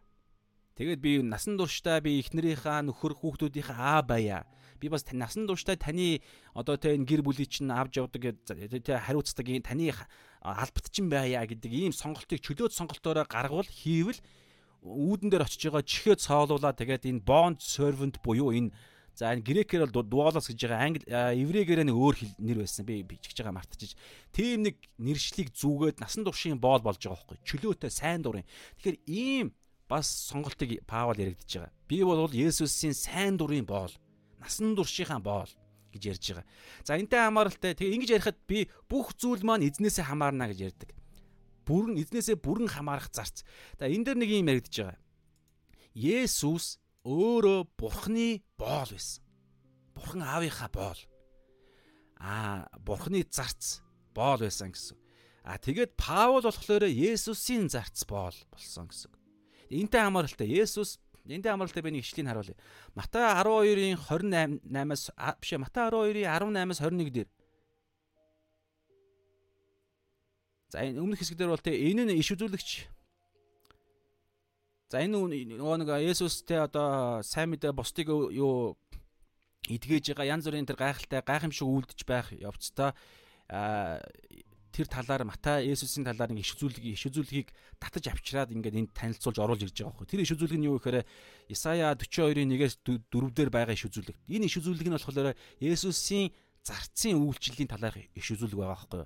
Тэгээ Есүс бол Бурхны үнэхээр бүрэн Бурханаас Бурхан Ааваасаа хамаарж исэн зарц гэдэг. Тэгээ энэ дээр миний сонгосон зарц зээ өсөн томоор байгааз миний сонгосон зарц сэтгэлд минь нийцсэн хайртыг минь харагтун. Би түүн дээр сүнсээ байлгана тэрээр харийнханд шудраг осыг тунхаглана. Тэр мэтгэлцэхгүй. Есүс яг ийм байдалтай амьдэрсэн гэсэн үг. Э, бид нар бас яг ийм замаар нь явах дуудлагатай. Тэр мэтгэлцэхгүй, хашгирахгүй, гудамжнуудад хинч дууг нь сонсохгүй. Тэрээр шудраг осыг ялалтанд хүрхтэл бяцарсан зэгсийг хугалахгүй. Бүдгэрсэн динг бөхөөхгүй. Түүний нэрд харийнхан найдах болно гэж байгаа. Энэ юу гэхээр Есүсийн 3 жилийн үйлчлэлийн үед Есүс ямар ч дайн тулаан хийгээгүй. Тэдний ингээ хүсэж найдаж ирсэн нөгөө нэг Давидын хаанчил шиг Давид тулалдаж явсан шүү дээ. Тэгэхээр Давидын хаанчил шиг энэ хаанчлыг хийгээгүй. Тийм инх тайвны зарц, инхийн жонон, шаломын жонон гэж ярьж байгаа те Ирена шалаан бүрэн бүтэн байдлыг. Тэгэхээр тэрхүү сүнслэг инх тайвныг тогтоосон Есүс бурхан аавын зарц гэдэг Тэгээд Йохан миний дуртай нэг ишлэл байгаа. Йохан 5:19 30 дээр бас Есүс өөрийгөө ингэж хэлж байгаа юм да. Есүс хэдэнд үннээр үннээр би та нарт хэлье. Эцгээс хийж харуулсныг нь л хүү хийхээс хүү юу ч өөрөөсөө хийдэггүй. Учир нь эцэг юу хийн хүүнч бас эдгэрийг түнчлэн хийдэгэ. За нэг зүйлийг би сая сануулгахыг хүсэж байна. Бодогдож байна. Юу гэхээр бид өнөөдөр Библи судал хийж байгаа. Энэ судлал шин мэдлэг авахын тулд биш шүү. Гол зорилго нь Паул Ром номыг судлаад бид өөрсдийгөө олж хараад эндээс шийдвэр гаргаад маргаашнаас яг энэ цаг мөчөөс бид өөрчлөгдөх оюун санаагаа шинжлээд Эфес 4-ийн 23 дээр 24 дээр хэлж байгаачлан шинэ хүнээ өөртөө өмсөх ийм л зорилготой. Тэрнээс биш оо ямар гоё юм бэ энэ дуалс гэдэг үг байд юм байна. Паул энэ үгний цаана ийм юм шинэ мэдээлэл байд юм байна, мэдлэг байд юм байна, шинэ юм сурчлаа, баярлаа, пүн. Тэгэл чаашаага яг өмнөх амьдралаар амьдрах биш. Библи юусоо ийм зоригтой байгаагүй. Энэ зорилго бол сатааны өрх занг зөвхөн энэ зорилго байдаг гэдэг дээр тогтоохыг сатан хүсдэг. Тийм учраас энэ болгоны цаана дандаа бидний шинчлэлт, гимшил, бидний улаан алт, бидний шийдвэрүүд явж явах хэрэгтэй. Тэр утгаараа ч гэсэн бидний энэ цаг бол итгээд шийдэх цаг штэ. Итгэн шийдэх цаг. За тэгэхээр хараа Есүсийн зарцын байр суурь хараа ийм. Есүс эцгээсээ хийж харуулсныг нь л зөвхөн эцгийнхаа хийж харуулсныг нь хий хүү хийдэг. Хүү юу ч өөрөөсөө хийдэггүй. Яг нөгөө дуолоос буюу bond servant зарцын байр суурь. Паул ч гэсэн яг ийм байр яг энийг өөрөө сонгож би бол ийм зарц юм а гэдгийг хэлсэн хэлсэн гэсэн үг байхгүй юу? Яг Есүс Бурхан аавынхаа өмнө ийм зарц байсан шиг Паул ч гэсэн би Есүс эзнийхээ өмнө ийм зарцаа гэд хамгийн анх Ром номоо танилцуулахдаа өөрийгөө ингэж танилцуулж байна. Тэгэхээр Есүс өөрөө юм байсан. Хамгийн дээд эрх мэдэл хүртлийн гэсэн. Тэгэхэд бид нар өнөөдөр яах ёстой вэ? Бид Есүсийн өмнө Паул Есүсийн өмнө агуу гайхалтай тэ философч, теологч, агуу раби Паул маань ингэж байхад бид нар яах ёстой юм бэ? Бид яг ингэх ёстой. Тэр өтгөө Есүс эзэн маань аавынхаа өмнө яг ингэж амьдэрсэн. Тэр bond servant бүрэн хамаарж исэн. Аавынхаа харуулсныг л хүү юу хийж исэн. Хүү юу ч өөрөөсөө хийдэггүй. Ягаад тэгэхээр зарцсан. Аавынхаа зарц, бурхан аавынхаа зарц. Гурвын харилцаа ийм гайхалтай байхгүй. Ариун сүнс хүртэл яг юм. Өөрөөсөө Иохан 16 дээр байгаа. Тэр өөрөөсөө юу ч хийдэг, хилдэггүй, хийдэггүй. Сонссноо л хилдэг, хийдэг гэж байгаа. Есүсийн хэлснийг л ярьдаг, заадаг. Ариун сүнс. Тийм учраас ариун сүнс өөртөө ерөөсөө алдар авдаггүй. Зөвхөн Есүст. Есүс өөрөө энэ дэлхийд амьдрахдаа өөртөө ерөөсөө алдар аваагүй. Зөвхөн Бурхан аав. Тэгэхэд бид нар яах вэ гэхэд тэр ариун сүнсийг тийм гайхалтай джентльмен болсон ариун сүнсийг тээсэн бид нар өөртөө ерөөсөө алдар авах хэрэггүй. Тэр утгаараа энэнийг энэ алдар ерөөсөө авдаггүй би авахгүй гэдэг байр суурийг илэрхийлсэн бидний цорын ганц identity болсон үг бол зарц байгаа байхгүй. Бид Есүсийн зарцсан нар боолууд нь эн чинь бүр авралын ойлголттой хүртэл хамаардаг. Тэр за тэгээ Йохан 5-ын 30 дээр хардаа би юу ч өөрөөсөө үулдэж чадахгүй гэж байгааз зүгээр ингэж шийтсэн ч биш. Ийм байр суурьнтай тийм бүтээл واخхой юу. Тэгэхээр Йохан 3 дээр байгаа. Дахин дээрээс ус бас үнсээр дахин төрөхгүй бол хинч Тэнгэрийн хаанчлалд орж чадахгүй. Тэгэхээр Тэнгэрийн хаанчлалд орох тэр ганцхан төлөв байдал буюу ус ба ус буюу гимшил, сүнс буюу ариун сүнсний хүчээр тэр ариун сүнс нь Есүсийг л алдаршуулдаг, Есүсийн ярьсныг л заадаг. Есүсийн үгээр нь л амьдрахад бидэнд хүч өгдөг. Тэгэхээр ариун сүнсээр амьдрах гимшлэр амьдрах тэр хүн маань юу яадаг вэ гэхээр зөвхөн Есүсийн үгээр л амьдрах, амьдрах Тийм л төлөв байдалтай бүтээгдчихсэн хүн. Тэгэхээр бид дахин төрсөн Тэнгэрийн хаанчлалын хүн болвол бид хизээч өөрийнхөө хүсэл үзлээрээ ертөнцийн хүч үзлээр амьдрах тийм дуудлагагүй. Хэрвээ тэгж амьдрал бид хуваагдж амьдрах болно гэсэн үг. Итгэлийн амьдрал бид зовх зовно гэсэн. Итгэлийн амьдрал маань үнэхээр шанална гэсэн. Тийм учраас бид дахин төрсөн тэр бүтээлээ эртхэн шиг олж мэдээд тэрүүгээр амьдрал эрх чөлөөтэй ялалттай бурхны тэр Эфес 1-ийн 3 4 дээр хэлж байгаа ажилтан тэнгэрлэг хангамжуудаар дүүрэн сүнслэг хангамжуудаар дүүрэн амьдрна гэсэн. Гэтэл хуваагдсан хоёр хэдэн зэрэг үйлчлэлээр яваад байгаа юм шиг яваал байвал тэр Библиэлд нэг гоё юм хэлээл тэрийг авч чадахгүй яваал гэсэн. Ягаад тэгэхээр би хуучин хүнээр амьдраад нь шүү дээ. Есүсийн Есүсийг эзнээ болгосон амьдралаар амьдрахгүй байна гэсэн. Тэгэхээр Есүс өөрөө ингэж амьдарч ирсэн. Би юу ч өөрөөсөө үлдэж чадахгүй би сонсснороо шүүх бөгөө шүүлтмэн шудраг учир нь би өөрийнхөө хүслийг бос харин намайг илгээгчийн хүслийг буюу эзнийхээ хүслийг би үйлдэдэг гэсэн Есүс. Яг ийм Есүсийг Паул эзнээ болгосон. Тэгээ энийг хилдэг ишлэл тодорхой одоо бидний үзэж байгаа Ром 1-1 Христ Есүсийн боол гэж хэлж байгаа. За энтэй хамааралтай түрүүн үүс За Коринт дээр хардаа нэг юм хэлж байгаа.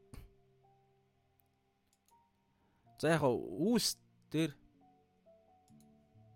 Үүс түрүүний хэлсэн Үүс 9-ийн а 15-аас 16 дараа да ингэж байна. Есүсийн зарц гэдэг дээр дөнгөж итгээд дөнгөж Есүс өөрийгөө ичлэх үед тэр нүдэн нөгөө гэрэл дунд байх үед хараа ингэж хэлсэн. Яв түрүүн хэлсэн шүү дээ те нөгөө эхэлж асуусан гэдэг King James дээр бол байсан те New King James дээр хуулийн дээр нь байсан. Тэгэхээр эзэн би юу хийх вэ гэж асуух үед боолын маш чухал үг дандаа ингэж хэлж явах хэрэгтэй гэсэн үг те. Тэгэхгүй Есүс ингэж хэлсэн. Яв. Учир нь тэр бол а биш ээ. Уучлаарай. Энэ юу юм бэ? Энэ ихний хэсэг нь биш. А ихний хэсгээр болохоор ингэж хэлсэн те. Бос хотод оч юу хийх ёстойг чинь чамд хэлэх болно гэх. Тэгээ хотод очисон чинь дараагаар нөгөө нэг үзэгдэл дунд Аниана гэдэг хүнийг ингээд яадаг. Очиж гар тавиад идэх болно молно гэдэг юм ярьдаг. Тэгэхүүт Ананиад ингэж хэлдэг. Анania хардаа Тэгээ одоо очиод Паул дээр очоорой гэсэн чинь Анания нэг юм өмнөх хүнийхээ юм ярьдаг. Би өөр Анания гэдэг итгэвч хүн байхгүй. Тэгсэн чинь тэр хүн ч гэсэн Есүсийн хэлсэн үгний өөдөөс эсрэг одоо баг юм ярьсан гэсэн үг.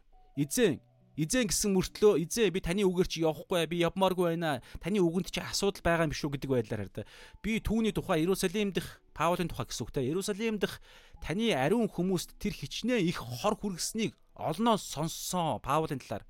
Тэгээд тэр энд ирээд энд нэрийг тань дуудсан бүхнийг хүлэх эрх мэдлийг ахлах тахилч нараас авсан юм аа гэд баг бурханд заах гээд байгааз эзэн гэсэн мөртлөө эзэндээ заах гээд байгаа. Тэгсэн чинь эзэн нь хардаа тэр Ананиад Ананиад ингэж хэлсэн. Яв. Учир нь тэр бол одоо энэ дээр болохоор хардаа Есүс Паулыг Есүс сонгохдоо өөрийнхөө зарц болгохоор сонгосон гэдгээ Ананиад хэлж байгаа байхгүй. Учир нь яв тэр бол харийнхан бас хаадууд болон Израилийн хүүгүүдийн өмнө нэрийг минь авч явхаар надад сонгогдсон сав энэ үг сонгогдсон сав надад хэрэглэгдэх миний багаж сонгогдсон сав бөгөөд миний нэрийн төлөө хэр их зовх учиртайг би түүнд үзүүлнэ гэж байна. За энэ бол Паулын дуудлага. Бас итгэгчдийн дуудлага. Паул Есүсийн Ром 1:1 дээр би бол Христ Есүсийн боол гэж байна. За энэ тэр боол нь ямар боол вэ гэхээр харийнхны өмнө бас Паулын апостолик буюу Паулын элчийнх нь харь хүмүүсүүдэд илч болж байгаа тэр илгээгдэж байгаа тэр дуудлагынх нь онцлог байхгүй харийнханд бас хаад болон их мэдлэлтэй хүмүүсүүд Израилийн хүүгүүдийн өмнө Есүсийн нэрийг авч явах дуудлагатай. Тэгээд Есүсээр сонгогдсон сав нь сонгогдсон сав. Тэгээд а Есүсийн нэрийн төлөө их зовлон эдлэн гэж байгаа. Тэгээ Паул Коринт дээр байгаа би асар олон удаа үхэлтэд нүүр тулсан гэж байгаа. Янз бүрийн үхлүүдээ Паул хилдэг Коринт дээр ингээд жигсаадаг. Тэгээ хамгийн сүүлдээ хүртэл Паул ерөнхийдөө толгоогоо завчуулж өгсөн гэж ярьж байгаа Ромд. А дуламжлалаар бол тэгэхээр ийм зарц байна гэж. Тэгэхээр иймэрхүү ойлголт яригдж байгаа шүү зарц гэдэг дээр зөвхөн энэ ихний ганц үгэн дээр ярьж штэ. Христ Есүсийн боол. За хоёрдугаарт нь а дуудагдсан элч гэж байгаа. Энэ дуудагдсан элч апостол гэдэг үг элч. Тэгээ бурхны сайн мэдээний төлөө тусгаарлагдсан. За энэ дээр апостол гэдэг үг бол тэ англиар бол апостол, монголоор бол элч гэж байгаа. За грекээр бол апостолос гэдэг үг байгаа даа. Энэ бол илгээгдсэн нэгэн гэдэг үг. Илгээгдсэн нэгэн. За энэ бол тэ бас нэг үгтэй ойролцоо надад санагдсан. Тэр нь юу гэхээр За би хаана бичсэн байна да. Pioneer гэдэг үг. Англи хэлээр бол pioneer. За доор гарч ирэх юм шиг байна. Pioneer. Одоо орсоор бол pioneer monor гэх те. Pioneer гэдэг. Pioneer. Одоо эхлэн анхлан үүсгэгч нар, анхлан одоо хийгч нар шинээр нэг альва зүйлийг эхлүүлэгч нар гэсэн үг байхгүй юу. Тэгэхээр илч гэдэг энэ одоо Паулийн энэ хүү одоо дуудлага бол энэ анх анхлан зам гаргагч нар байхгүй. Тэгэхээр Паул хамгийн анх харь үндэстэн, харь чуулганд, харь газарт эхэлж энэ сайн мэдээний замыг гаргасан хүн байгаад байгаа. Есүс яг үүний төлөө дуудагдсан. Төрөнд Есүс Паулыг дуудсан гэсэн үг. За энэ апостол гэдэг энэ үг бол хоёр ойлголт ерөөхдөө яваадах шиг байгаа юм. Миний анзаарж байгаа. Нэгдүгээрт дахин давтагдчихгүй түүхэнд онцгой байсан 12 хүн гэж ярьж байгаа яг Есүстэй хамт 12 дагалдаж явсан 12 Юдаас хасагтаад Матиа гэдэг үг орж ирж байгаа. За дээр нэмэгдээд 13 гэдэг юм уу хагас дутуу төрсэн мэт гэд Паул өөрөө хэлж байгаа. 1-р Коринт 15 дээр тэгээ Паулыг оруулаад 13 гэж хэлж болж байна. Тэ? Тэгэхээр энэ 10 12 хагас ч гэдэг юм уу 13 ч гэдэг юм уу энэ хэдэн 13 апостолыг ярьж байгаа. Дахин давтагдчихгүй хизээш гарч ирэхгүй. Яг Есүсээр сонгогдсон хүмүүс гэсэн үг. За 12 бол яг Есүс сонгогдсон. Гэхдээ Матьяг бол Паул сонгосон. Петр сонгосон те санаж байгаа бол а Есүсийг бол Паулыг бол яг Есүс өөрөө сонгосон. Яг Есүс гардаж 12 хүнийг сонгосон. За 13 хүнийг сонгосон байхгүй юу? Тэрнийх нь нэг нь урвсан Юдас. За Юдасчи оронд миний ойлгож байгаагаар бол Паулыг сонгосон. Үүс 19 үүс 9 дээр гэрэл Дамаск руу явж байхад нь а Матияг болохоор зүгээр тэр орыг эзлүүлэхийн тулд Петр тэр шав хаях байлаа. Тэгэхээр тэр шав хаяхаа шав хаяхад хүртэл бурхан оролцож байгаа шүү дээ. Гэхдээ Матиа бол эхнээсээ эцэс хүртлээ Есүстэй хамт байсан боловч яг Есүс өөрөө 12 элчээ болгож сонгоход Матиаг сонгоогүй байхгүй. Петр дараагаар нь зүгээр орыг нь нийлүүлж сонгосон. Харин яг сонгохдоо элч болгож сонгоход Паулыг сонгосон. Харин үндснүүдийн элч болгож. За иймэрхүү ойлголт яригдж байгаа. Тэгэхээр 12 гэх юм уу 13 гэх юм уу тэр бол нарийн ширийн аливаар нь ч хэлэхэд буруутахгүй гэж бодож байгаа. За тэгэхээр эдгээр элч нар гэдэг бол дахин давтагдчихгүй. Тэгээ эдгээр элч нар шин гэрээ бичигдсэн байдаг. Шин гэрээ 27 ном гэсэн үг. Тийм учраас дахин давтагдчихгүй. Тэгээд Библийн канон гэдэг энэ Библийн 66 номыг бүрэлдүүлэхэд апостолик гэдэг чанар байдаг байхгүй шалгуур. Тэгээд тэр шалгуур хүртэл энийг яригддаг. Яг энэ апостолтай хамааралтай хүмүүсүүд л Библиэд Библи бичигдэнэ гэдэг яригдж байгаа. За За хоёр дахь апостол гэдэг ойлголт бол Эфес 4 дээр хэлэгдэж байгаа юуны чуулганы таван талд үйлчлэлийн эхнийх нь элч гэж ярьж байгаа апостол элч. За энэ дээр бол миний түрүүний ярих байгаа нөгөө нэг энэ pioneer гэдэг англи үг тэ? Одоо апостол гэдэг гэдэг чинь ялгаа байхгүй те нэг одоо ямар нэгэн байдлаар нэг юм миний одоо анзаарж байгаагаар ойлгож байгаагаар бол нэг хаанч байхгүй юусо сайн мэдээ ч юм уу те сүм таригдж байгаа газар очоод сүм тариад тэгээд хончлоо тэнд ингээд яг Паул шиг те өдөрт нутгийн өдөрдөгчдийг босгоод тэгээд ингээд чуулганыг босгон байгуулад тэгээд дараа нь дахиж өөр газар руу шин дахиж сүм тарьж байгаа нэг иймэрхүү ойлголтыг апостол буюу элч гэдэг ойлголт шин гэрэний одоо энэ хэрэг элч гэдэг энэ үйлчлэл яригдах юм бол ингэж яригдах юм бол гэж бодож байгаа. Гэхдээ энэ бол хизээч түүхэндх 12 элчтэй хизээч зэрэгцэхгүй дахин давтагдахгүй За ийм ойлголт байгаа шүү. За тэгээд энэ апостол гэдэг нэг нь болохоор апостолос гэдэг гань болохоор илгээгдсэн нэгэн. За тэгээд энтэй хамааралтайгаар түрүүний юун дээр үүс үүс 9-ийн түрүүн уншсан те үүс 9-ийн 3-аас үүс 9-ийн 3-аас биш ээ үүс 9-ийн 15 дээр ингэсэн шүү дээ. Надад сонгогдсон сав гэж байгаа юм. Тэгэхээр энэ сонгогдсон сав илгээгдсэн за сонгогдсон нэгэн илгээгдсэн нэгэн сонгогдсон сав илгээгдсэн сав аль нь ялгаа байхгүй. Тэгэхээр энэ хоёрыг дандаа хамтдаа явна гэж ойлгогдож байгаа байхгүй юу? Есүсээр илгээгдсэн илгээгдэхээс өмнө Есүсээр сонгогдсон байж ижил Есүсээр илгээгдэнэ. За энтэй хамааралтайгаар Есүс Паул үнэхээр Есүсээр сонгогдсон гэдэг нь тэгээд Есүсээр илгээгдсэн гэдэг нь маш чухал. Одоо жишээ өнөөдөр те 21 21 2021 онд нэг хүн те би бол чуулганы элчийн дуудлагатай апостол буюу элчийн дуудлагатай гэж ярьлаа гэж бодоход хизээч тэдгэр хүн Есүсээр яг бодиттой мах хөдөөрөө сонгогдоогүй дээ. Нүдээр Есүсийг юус хараагүй. Харин чуулганы түүхэнд байсан тэр 12 бол онцгойлон харсан бохгүй юу? Яг Есүсийн 3 жил дагалдаж явсан 12 гэж байгаа Матийг оролцуулж яах вэ? Аа нэмэгдээд одоо 1-р Коринт 15 дээр бид нар уншия. Паул орж ирэхээр бас Есүсийг харсан нүдэрээ. Гэхдээ Тэнгэрлэг одоо тэрхүү дүр төрхөөр нь харсан учраас нүдэн ч гэсэн сохорж байгаа. Тэгээ тэнд магадгүй ариусгалын процесс явагдаж байгаа тий галаар ингэж тий алт галаар цэвэршдэгтэй адилхан. Иймэрхүү ойлголтууд байгаа. Тэгээ энэ цаашаа янз янзын юм үр дагавар магуурын гарсан юм шиг судалгаа бас байдаг нөгөө нэг нүдний өвчин өвчин байх магадaltaй гэж янз бүр юм ярьдаг те нөгөө нэг өргөс ярьдаг штэ нэг өргөс ярьдаг 3 удаа гуйсан мөс ингээд за тэгээ энэ дээр хараа 1-р Коринт 15 дээр ингэж байгаа Паул өөрийгөө хэлэхдээ за би За бүр ингээ таваас уншия л да. Кефт дараа нь өнөөх. За би өмнө ингээд ерөнхийдөө бол ярьж байгаа шүү. Гэхдээ Кефт дараа нь 12-т үзэгдэжээ. Дахин амилсан, амилсан дахин төрс үхлээс амилсан Есүс эхлээд Кефт үзэгдсэн байна. Наа нь бол эмгтээчүүдээс бол майраа майраад үзэгдсэн шүү. Майраад үзэгдсэн. Гэхдээ яг 12-оос бол эхлээд Кефт дараа нь өнөө ах 12-т.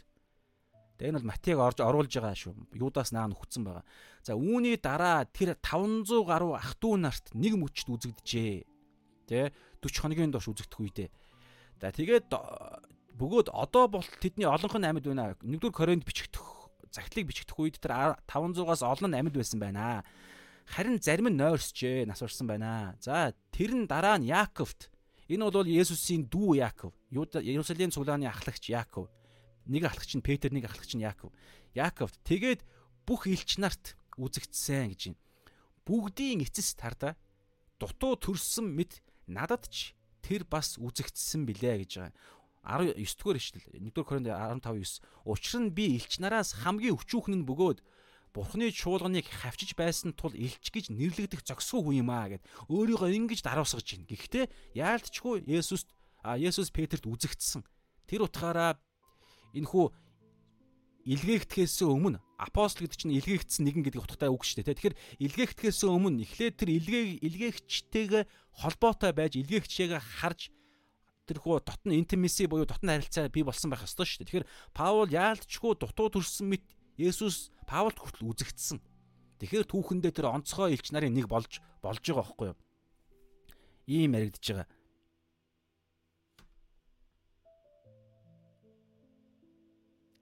За э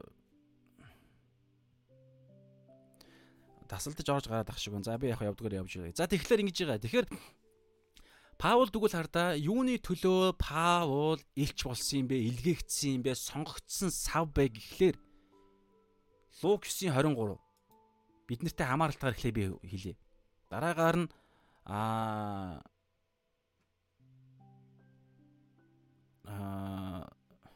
Паултай нь өөртөө хамааралтай. За Лук 9:23 дээр ингэж байгаа хараа. Тэр тэдэнд бүгд Есүс өөрөө л те загалмай өхлөөс өмнөх ярьж штэ. Энэ бол бүх цаг үеийн итгэгч нарт хандж байгаа. Паул ч гэсэн хамааралтай эхлээ би яриад байгаа. Хим миний араас дагахыг хүсвэл тэр тэр нь өдөр бүр өөрийгөө үгүйсгэж буюу өөрийнхөө эрх ашгаа хүслээ махуудын хүслээ өхүүлж гэсэн үг. Загалмай дээр өхүүлж, гимшиж гэсэн үг, эргэж өхүү өөрийгөө үгүйсгэж загалмайгаа үүрээд намааг даг гэж байгаа. За яг энэ дуудлагаар л Паул дуудагдсан. Нэгдүгээрт. За хоёрдугаарт энэ дуудлага түрүүний үйлс 9 дээр хэлсэн те Есүс хэлсэн шүү дээ 15-аас 16 дээр. Харь үндэстнүүд хаадуу тэгээ юдэчүүдийн өмнө ч гэсэн Паул илгээгдэж байгаа. Тэгээ дараагаар нь 16 дээр юу гэж байгаа гэхээр Есүсийн төлөө тэ аа энэ төр хайр да 16 бишээ 9 дээр шүү дээ үйлс 9 дээр 16 6 дээр миний нэрийн төлөө хэр их зовх учиртайг би түнд үзүүлнэ. Тэгэхээр Паул энэ зовлонгийн төлөө дуудагдсан хавчлаг зовлон. Тэгээд загалмай түрүүн үүс 923 луг 923 дээр загалмайгаа үүрж байгаа.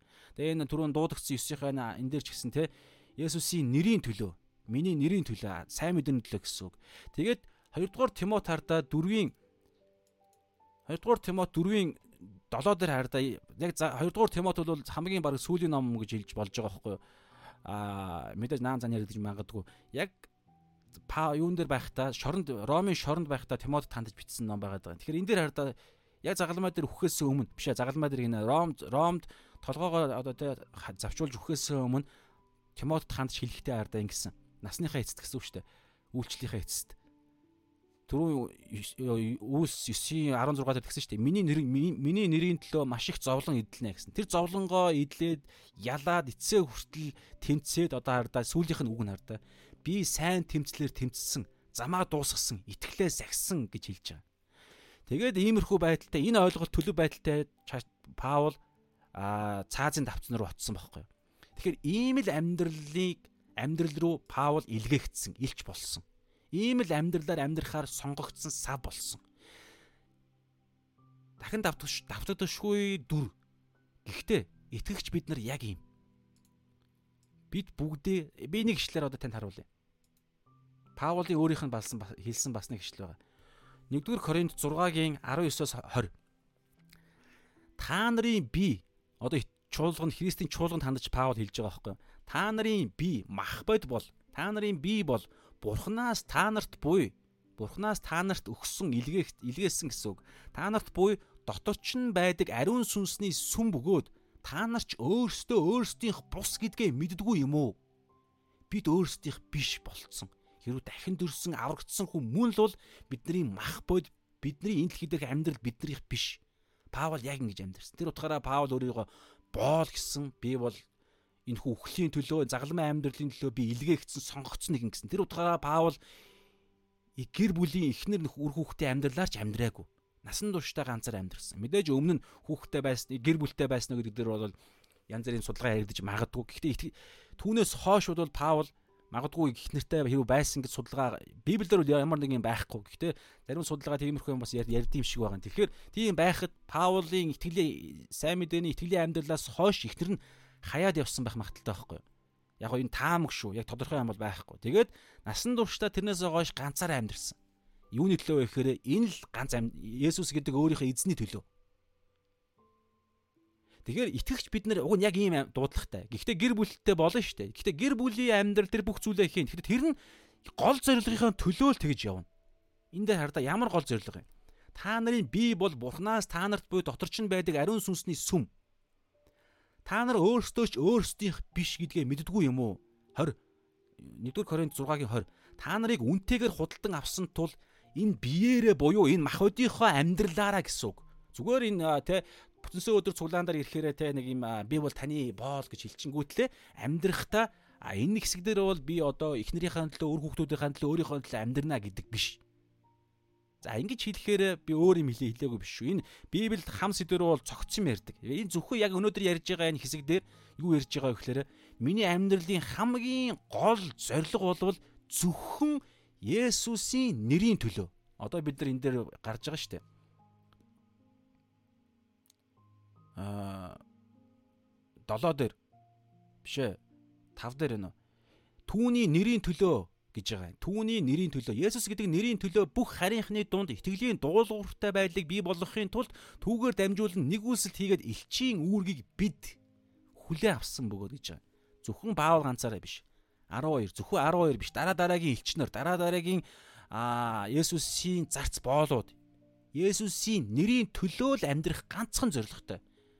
Тэгээ тэр утгаараа Матай 6-гийн 10 33 юуны төрөнд гэсэн бүх зүйлийнхаа хамгийн гол нь хамгийн өмнө нь хамгийн дээд зорилго нь хамгийн эцсийн гол зорилго нь гэсэн юуны төрөнд бурхны хаанчлал буюу загалмайн зорилго. Бурхны хаанчлал чинь загалмайг л энэ дэлхий дээр танилцуулж ирсэн шүү дээ. Бурхны хаанчлал энэ дэлхий дээр сатаны хаанчлал дотор бурхны хаанчлал байгаа бол загалмайгаар дамжиж л сатаны хаанчлал дотор байгаа бурхан өөрийнхөө охид хүүгүүдийг дээрэмдэж авах зорилготой. Матай 10 11 дээр байгаа. Бирта яриг загалмай дээр Есүс Есүс сатаныг хүлчихсэн. Тэгээд одоо бид нар герт нь ороод буюу сатаны хаанчлал үхлийн оронд улс үхсдийн орон дотор бид нар амьдарч байгаа шүү дээ дэлхийн ертөнцийн чинь. Тэгээ энэ үхсдийн орон дотор ороод бид охид хүүгүүд бурхны охид хүүгүүдийг дээрэмдэж авна. Тэгээ энэ буюу загалмай энэ загалмайн зориг бусдын агуулгын төлөө л хаанчлал энэ дэлхий дээр байгаа. Бид өнөөдөр аврах энэ дэлхий дээр хүн төрлөختөнд төрөхдөө ганцхан зорилгоор төрж байгаа. Тэр нь юу гэхээр гим нүглийн асуудлаа шийдээд мөнхийн хувь тавилангаа тодорхойлох. Бид тодорхойлогдоод бид мөнхийн хувь тавилангаа аваад гим нүглийн асуудлаа шийдтсэн. Бид энэ дэлхий дээр ирсэн зорилго маань биелдсэн. Та итгэсэн хүн мөн л болвол. Тэгвэл яагаад амьдраад байгаа юм? А одоо бидний зорилго маань бусад хүмүүсүүд бидний зорилго биелсэн юм бол бусад хүмүүсүүдэд бидний зорилго биелэхийн төлөө буюу бусдын авралын төлөө. Тэгээд ирэхээр хаанч том зургаараа Есүсийн хаанчл буюу Есүсийн Филиппо 2-ын 6-аас 11 дээр хэлж байгаа тэр Есүсийн дэлхий дээр ирсэн зориг одоо биднийх болж байгаа байхгүй. Миний хувийн зориг биелэлцсэн. Бид аврагдсан, Тэнгэрийн аанчлал гэр орон маань баригдаж байгаа, эд баялаг маань хураагдж байгаа, бүх зүйл жин там болцсон. Ирсэн зориг маань биелэлцсэн. Одоо ч гэсэн эзэн хүсэл бидний за гэрте харьяа гэх юм бол баярлаа гэж гэрте харина гэсэн үг. Паул яг ийм ярьж байгаа. Би болдгсон бол би яг одоо ч гэсэн эзэн дээр очимоор байна. Гэхдээ та нарын төлөө энд байх нь илүү чухал байна гэд Паул үргэлжлүүлээд энэ зовлонтой амьдралаар амьдарч байгаа. Яг зовлонтой гэдэг нь махбодийн зовлон гэхдээ тэр нь хүртэл өөрийнх нь хувьд сайрхлна гэж ярьж байгаа байхгүй юу? Аа тэгэхээр бидний зорилго бол ерөөсөө л тэр хаанчлалын зорилго, загалмайн зорилго. Тэгэхээр энэ л зорилгоор илгээгдсэн бид нар ч гэсэн энэ л зорилгоор Есүсийн царц боолууд нь болсон. Тэгэхээр ингэ энэ зүйлийг ярихаар те аа ямар хүнд юм бэ гэж бодож байвал балчир байна гэсэн үг нэг талаараа. Би шууд хэлээ балчир байна гэсэн үг. А нөгөө талаараа Хосио дээр хэлж байгаачлан дуулал дээр Исаяда ч гэсэн хэлж байгаачлан мэдлэггүй байна гэсэн үг байхгүй юу? Мэдлэггүй юмний мэдлэггүйгээсээ болоод та Йохан Йохан 8-ын 30-ны 32 дээр байгаа шүү дээ. Хэрв та нар намайг тэ дагахыг хүсвэл бишээ аа тэ намайг дагагч нь миний үгэн дотор байдаг. Тэгээд үгэн дотор минь байвал та нар үннийг ойлгоод үнэн та нарыг чөлөөлнө гэж байгаа. Үнэн та нарыг чөлөөлнө. Үгэн дотор минь байх буюу үгэнд нь дуул одоо бид нар үзнэ үгэнд нь дуулууртай байх үед бидэнд дараагийн төвшингээ хэлчихье зүгээр зэ. Дараагийн одоо тэ төвшний илүү гүнзгий төвшний үнэн илчлэгддэг. Бидний мах хөдтэй хамааралтай, бидний амьдралын хэм маягтай хамааралтай, бидний бүр бодтой оюун санааны шинжлэлттэй хамааралтай ертөнцийг үзэх үзэлтэй хамааралтай шинэ үнэнгүүд илчлэгддэг. Тэр үнэн биднийг чөлөөлдөг. Чөлөөлдөг. Тэгэхээр энэ эрх чөлөө хамгийн гайхалтай байгаа байхгүй юу? За, тэгэхээр ийм л аа ийм л эрх чөлөө бид нарыг жинхэнэ амьдрал амьдралтай маань бид нарт танилцуулдаг байгаа байхгүй юу? Библийн Библийн ишлэлийг бид судлаад яг цогцоор нь судлаад байнгын судалгаан донд бидний оюун санаагаа шинжлэхдээ тэрүүгээр амьдрах үед тэрийг хэрэгжүүлж үзэх үед эрх чөлөө шин үнэнгүүд илчлэгддэг. Практик амьдралаас Еврей 11-ийн 1 дээр хэлж байгаачлан итгэл нь итгэл бол а харагдахгүй зүйлсийн бодит байдал нөгөө нэг энэ юр бусын Библиэд санал болгож байгаа гайхалтай амьдрал гэсэн чинь тэрүүгээр нь Библийг Библи дээрээс эхлээд тэрийг нь уншаад итгээд тэрүүгээр нь амьдарч үзсэн чинь тэр Библиэлд зөвхөн бичигдсэн тэр хийсвэр ойлголт нь биднэрт бүр substance буюу бодтойгоор мэдрэгдэж эхэлдэг. Итгэл гэдэг байгаа чинь тэр байхгүй? Үүстэй итгэл. Итгэлээс үүс гардаг. Тэгээ найд юу найддаг зүйлсийн бодит бол харагдахгүй зүйлсийн баталгаа гэж байгаа. Тийм ээ итгэлийн амьдрал бол эрөөлийн амьдрал бол ялалтын эрхчлөөтэй амьдрал бол ийм бодиттой юмаа гэдэг нь баталгаа нь орж ирдэг. Тэгэхээр бидний энэ дэлхий дээр амьдарж байгаа амьдрал Паулийн үдтэй дээр апостол гэдэг байгаа илгээгдсэн нэгэн тэгээ Үлс 9 15 6 дээр хэлж байгаа 15-аас 16 дээр хэлж байгаа сонгогдсон сав буюу сонгогдсон нэгэн гэдэг чинь бид бүх зүйлээ зөвхөн Есүсийн нэрийн төлөө буюу а Матай 6:33 дээр хэлж байгаачлан тэр Бурхны хаанчлалын зорилгын төлөө гэж байгаа. Үүний л төлөө бид нар а амьдарж байгаа. Энэ л бидний амьдралын зорилго, бидний гол хүсэл. Биднэрт кайф өгдөг, биднэрт хүч өгдөг зүйл энэ. Бас бид нар үзэн сайн мэдэн дотор хүч байдаг гэж байгаа. Авралт хөргөх хүч гэж байгаа. Авралт хөрөх. Нэгдүгээрт хувь хүн бидний авралт хөрөх хүч. Хоёрдугаарт бусдыг авралт хөрөх хүч. За цаашаа яваа бүгдээрээ. За тэгэхээр юуны төлөө илгээгдсэн гэдэг нь одоо дараагийн хэсгээр гарч иж байгаа. Түрүүн бас хэлсэн те. Аа Христ Есүсийн боол дуудагдсан илч апостол илгээгдсэн нэгэн сонгогдсон нэгэн те дуудагдсан илч За юунд дуудагдсан? Бурхны сайн мэдээний төлөө тусгаарлагдсан гэж байгаа. Юуны төлөө илгээгдсэн апостол болсон. Юуны төлөө үйлс яг дөнгөж Есүсийг харахад гэрэл дунд харахад Дамаск руу явж байхад харахад юуны төлөө Есүс түүнд ананад хэлсэнчлэн сонгогдсон сав гэсэн. Юуны төлөө Есүсийн сав болж байгаа. Одоо хэрэглэгдэх үйлс үйлчлэлийнхэн сав. Юуны төлөө апостол болж илгээгдэж байгаа гэхээр зөвхөн сайн мэдээний төлөө. Зөвхөн сайн мэдээний төлөө. Бидний амьдрал зөвхөн сайн мэдээний төлөө амьдарч байгаа. Та бизнес хийж байгаа юу? Та урлагт ажиллаж байгаа юу? Бидний таны урлагийн талбар дээр үйлчилж байгаа үйлчлэл чинь зөвхөн сайн мэдээний төлөө. Таны бизнес хийж байгаа бол зөвхөн сайн мэдээний төлөө. Барилга хийж байгаа юм уу? Зөвхөн сайн мэдээний төлөө. Та ээжийн ээж ээж одоо ээж гэртээ суугаад ээжийн одоо үйлчлэлийг хийж гинэ. Зөвхөн сайн мэдээний төлөө. Өөр юу ч байхгүй. Зөвхөн сайн мэдээний төлөө. Тэгэхээр энэ уялдааг харахад тань ариун сүнс туслана. Библи туслана. Ариун сүнс Библийн хэлийг ашиглаж туслана гэсэн. Үүний төлөө явж байгаа. За тэгээд хадаа тусгаарлагдсан. Энэ тусгаарлагдсан гэдэг энэ үг нь биш үү те? Фарисей гэдэг үгтэй адилхан үг. Фарисей. Фарисей гэдэг Есүс одоо хуучин гэрээ шин гэрээний хооронд 400 400 жил байгаа шүү дээ. Энэ 400 жилийн за ойролцоогоор Есүс өмнө 160-аас 60-аад оны үед нөгөө Макабийн бослого мослохын үед эндээс гарч ирж байгаа нөгөө Сирийн одоо булаан эзэлтээр доромжллийн эсрэг Макаб Макаб гэдэг гэр бүл босоод Иерусалимын хотоо аваад сүмээ аваад тэгээ ариусгаа тэндээ ч нэг Ханука гээд баяр гарч ирж байгаа Израилийн баяр Библи. А тэгээд иймэрхүү ойлголт нь энэ үед фарисеучуд гэдэг бүлэг гарч ирж байгаа байхгүй юу? Тэр нь болохоор тусгаарлагдсан тусгаарлагдсан хүмүүс гэдэг утгатай үг байхгүй фарисей гэдэг нь тэрний юу гэхээр бид зөвхөн Библийн Библийн дагуу тусгаарлагдсан хүмүүс гэдэг утгатай. Тэгээ юу тэрний ялгаа байгаа. Фарисеучуудын ялгаа юу гэхээр Библийн дагуу бузар муугаас бусад ойлголтуудаас гарахын тий алгал, салахын тий алгал. Библиэс бусад ойлголтуудаас тусгаарлал тусгаарлаж байгаа өөрсдийгөө Библи рүү. Харин энэ илч гэдэг нь юу вэ гэхээр нэг зүйл рүү. Одоо энэ дээр хараа Христийн сайн мэдээний төлөө гэж байгаа. Англи хэл дээр бол сайн мэдээ рүү гэдэг үг байгаа байхгүй юу? Тү гэдэг нөгөө нэг юу нэг ухтур нь байгаа. Сайн мэдээ рүү тусгаарлагдсан. Бузар муугаас тусгаарлагдсан биш. Сайн мэдээ рүү тусгаарлагдсан гэж байгаа. Энэ маш чухал. Тэгэхээр бид нар биш те яг адилхан. Эфес 4 дээр маш гоёор гарч ирдэг. Хартаа Эфес 4 энэ мэдээж яг оюун санаан дээр яригдчихэж байгаа. Гэхдээ энэ дээр бол өөр олон газар дээр байгаа. Гэхдээ над энэ ишлэл түрүүн бодогдсон бэлдэж явах үед яг зөгцөөр харагдаж байгаа байхгүй. 20 22 Эфес 4-ийн 22 дээр юунаас тусгаарлагдсан гарч ирнэ. Амьдралын чинь урдийн хев маягт хамаарах амьд урд бидний хуучин амьдрал нэгдүгürt амьдралын чинь урдийн хэм маягт хамаарах залим ихний тачаал гэдэг үг залим ихний дачаалын дагуу ялзарч буй хуучин хүнээ тайлж гэж байгаа. Энэ хуучин хүнээсээ би тусгаарлагдсан. Тэр нь юу гэхээр амьдралын хуучин хэм маягууд гэсэн үг. Дээр нэмээд бид нарыг хуурж залилдаг тэгээд ялзруулдаг амьдралыг маань ялзруулж байсан хүсэл тачаал махуудын хүсэл тачаалууд. Түрүүн Лукас дээр хэлсэн шүү дээ. Энэ хүсэл тачаалаасаа бид өдөр бүр өөрсдийгөө үгүйсгдэг. Энэ хүсэл тачаалаа үгүйсгэдэг дуудлагатай.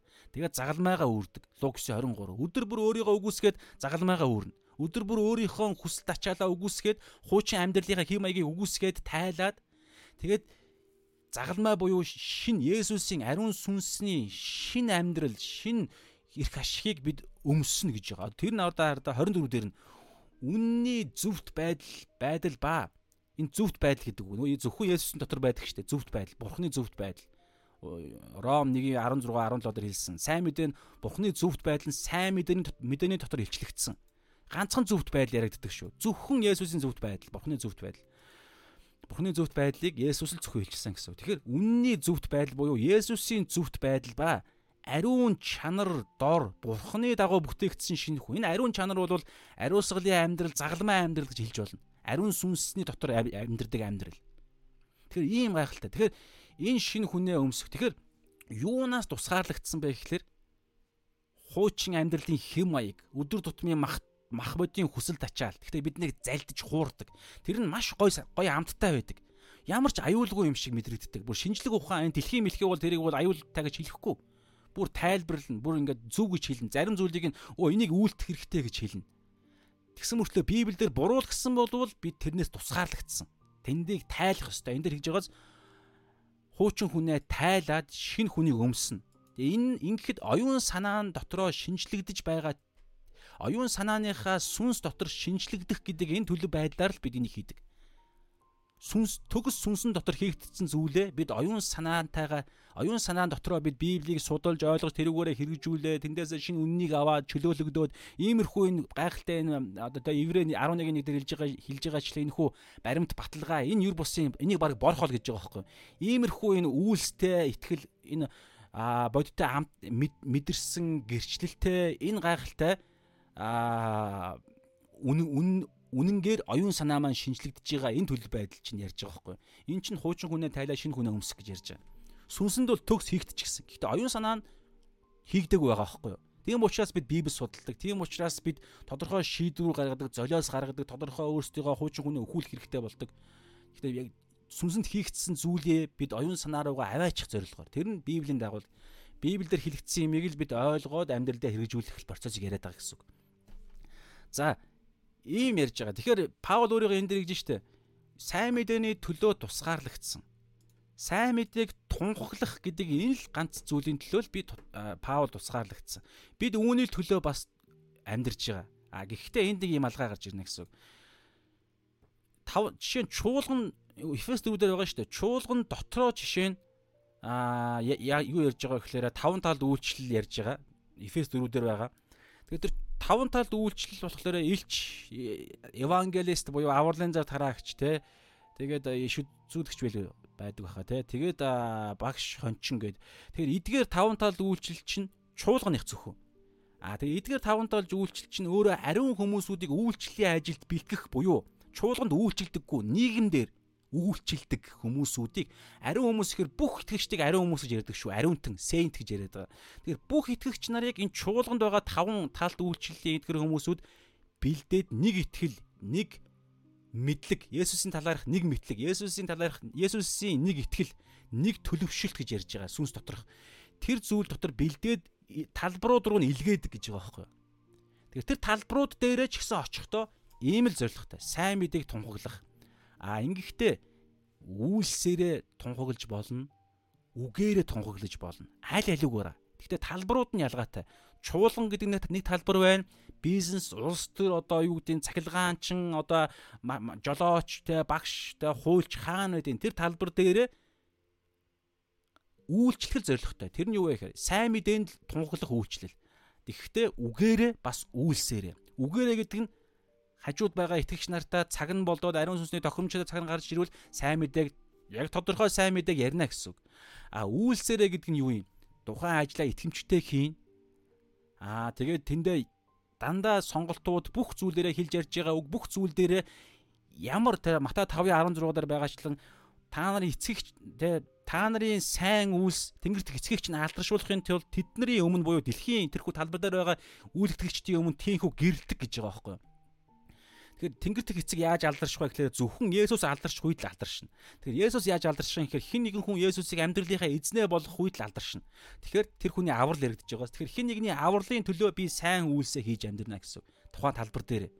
Тэгэхдээ тэр сайн үйлсийг хийх үед тэр хүн дээр гэрэлтэж харагдана гэсэн.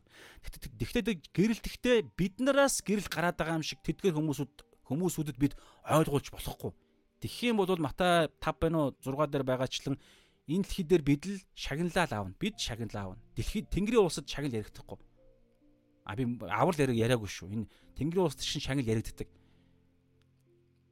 Тэгэхээр бидний энэ дэлхийн шагнал нь юу юм? Зүгээр л би нэг юм сайн үс хийчлээ. Нэг гоё нэг ялгаатай итгэгч итгэгчийн нэг юм юр бусын шин чанараа харуулчлаа. Тэгсэн чинь би тэгэнгүүтлээ би энэ бол а би итгэгч учраас а би ингээд урд нь юм байгаагүй маа те цуглаанд явснаас хойш ингэж өөрчлөгдлөө. Есүс намайг үнэхээр өөрчилж байна ч гэдэг юм. Ямар нэгэн байдлаар Есүс рүү, Бурхан руу, цуглаан руу гол нь Есүс гэдэг үг нь маш чухал шүү. Цуглаан гэхээр янз бүрийн цуглаан байгаа шүү дээ. Гаж урсгал мөрсгөл. Тэгэхээр яг Есүс рүү тухайн зүйлийн одоо шалтгаан нь алдар нь Есүс рүү очисон байдлаар л би тэр гэрлийг сайн үүлийг үүлдээ дүгнэгдээ дуусчихвал Тэнгэрч шагнал яригдах байхгүй. Би алдар авахгүйгээр Есүс алдаршаал дуусчихвал. Тэгээ энэ нь нэгдүгээр миний төлөө, хоёрдугаар тэр хүн ч гэсэн сайн үлсийг харангуутлаа Есүст итгэх боломжинд боломж тэнд нэмэгдэж байгаа гэсэн. Цаг нь болохоор яг тухайн үед ихгүй байж болно. Аа тэнгуэл оо тийм үү за за зүгээр л иш танах чимс гайгүй юм байна те мэ гэл эсвэл тэнгуэл оо тийм үү гэл худлаа ганц үг хэлэл эсвэл зүгээр л оо за за гэл явчлаа гэж бодъё л та зүгээр. Гэтэл дараа нь амьдрал дээр янз бүрийн асуудал гарч ирэх үед тэр зүйл чинь аа мэдээлэл факт болоод тэр зүйлийг чинь ашиглаж ариун сүнс бурхан тэр хүний дотор ажиллаа хийх боломжтой байхгүй.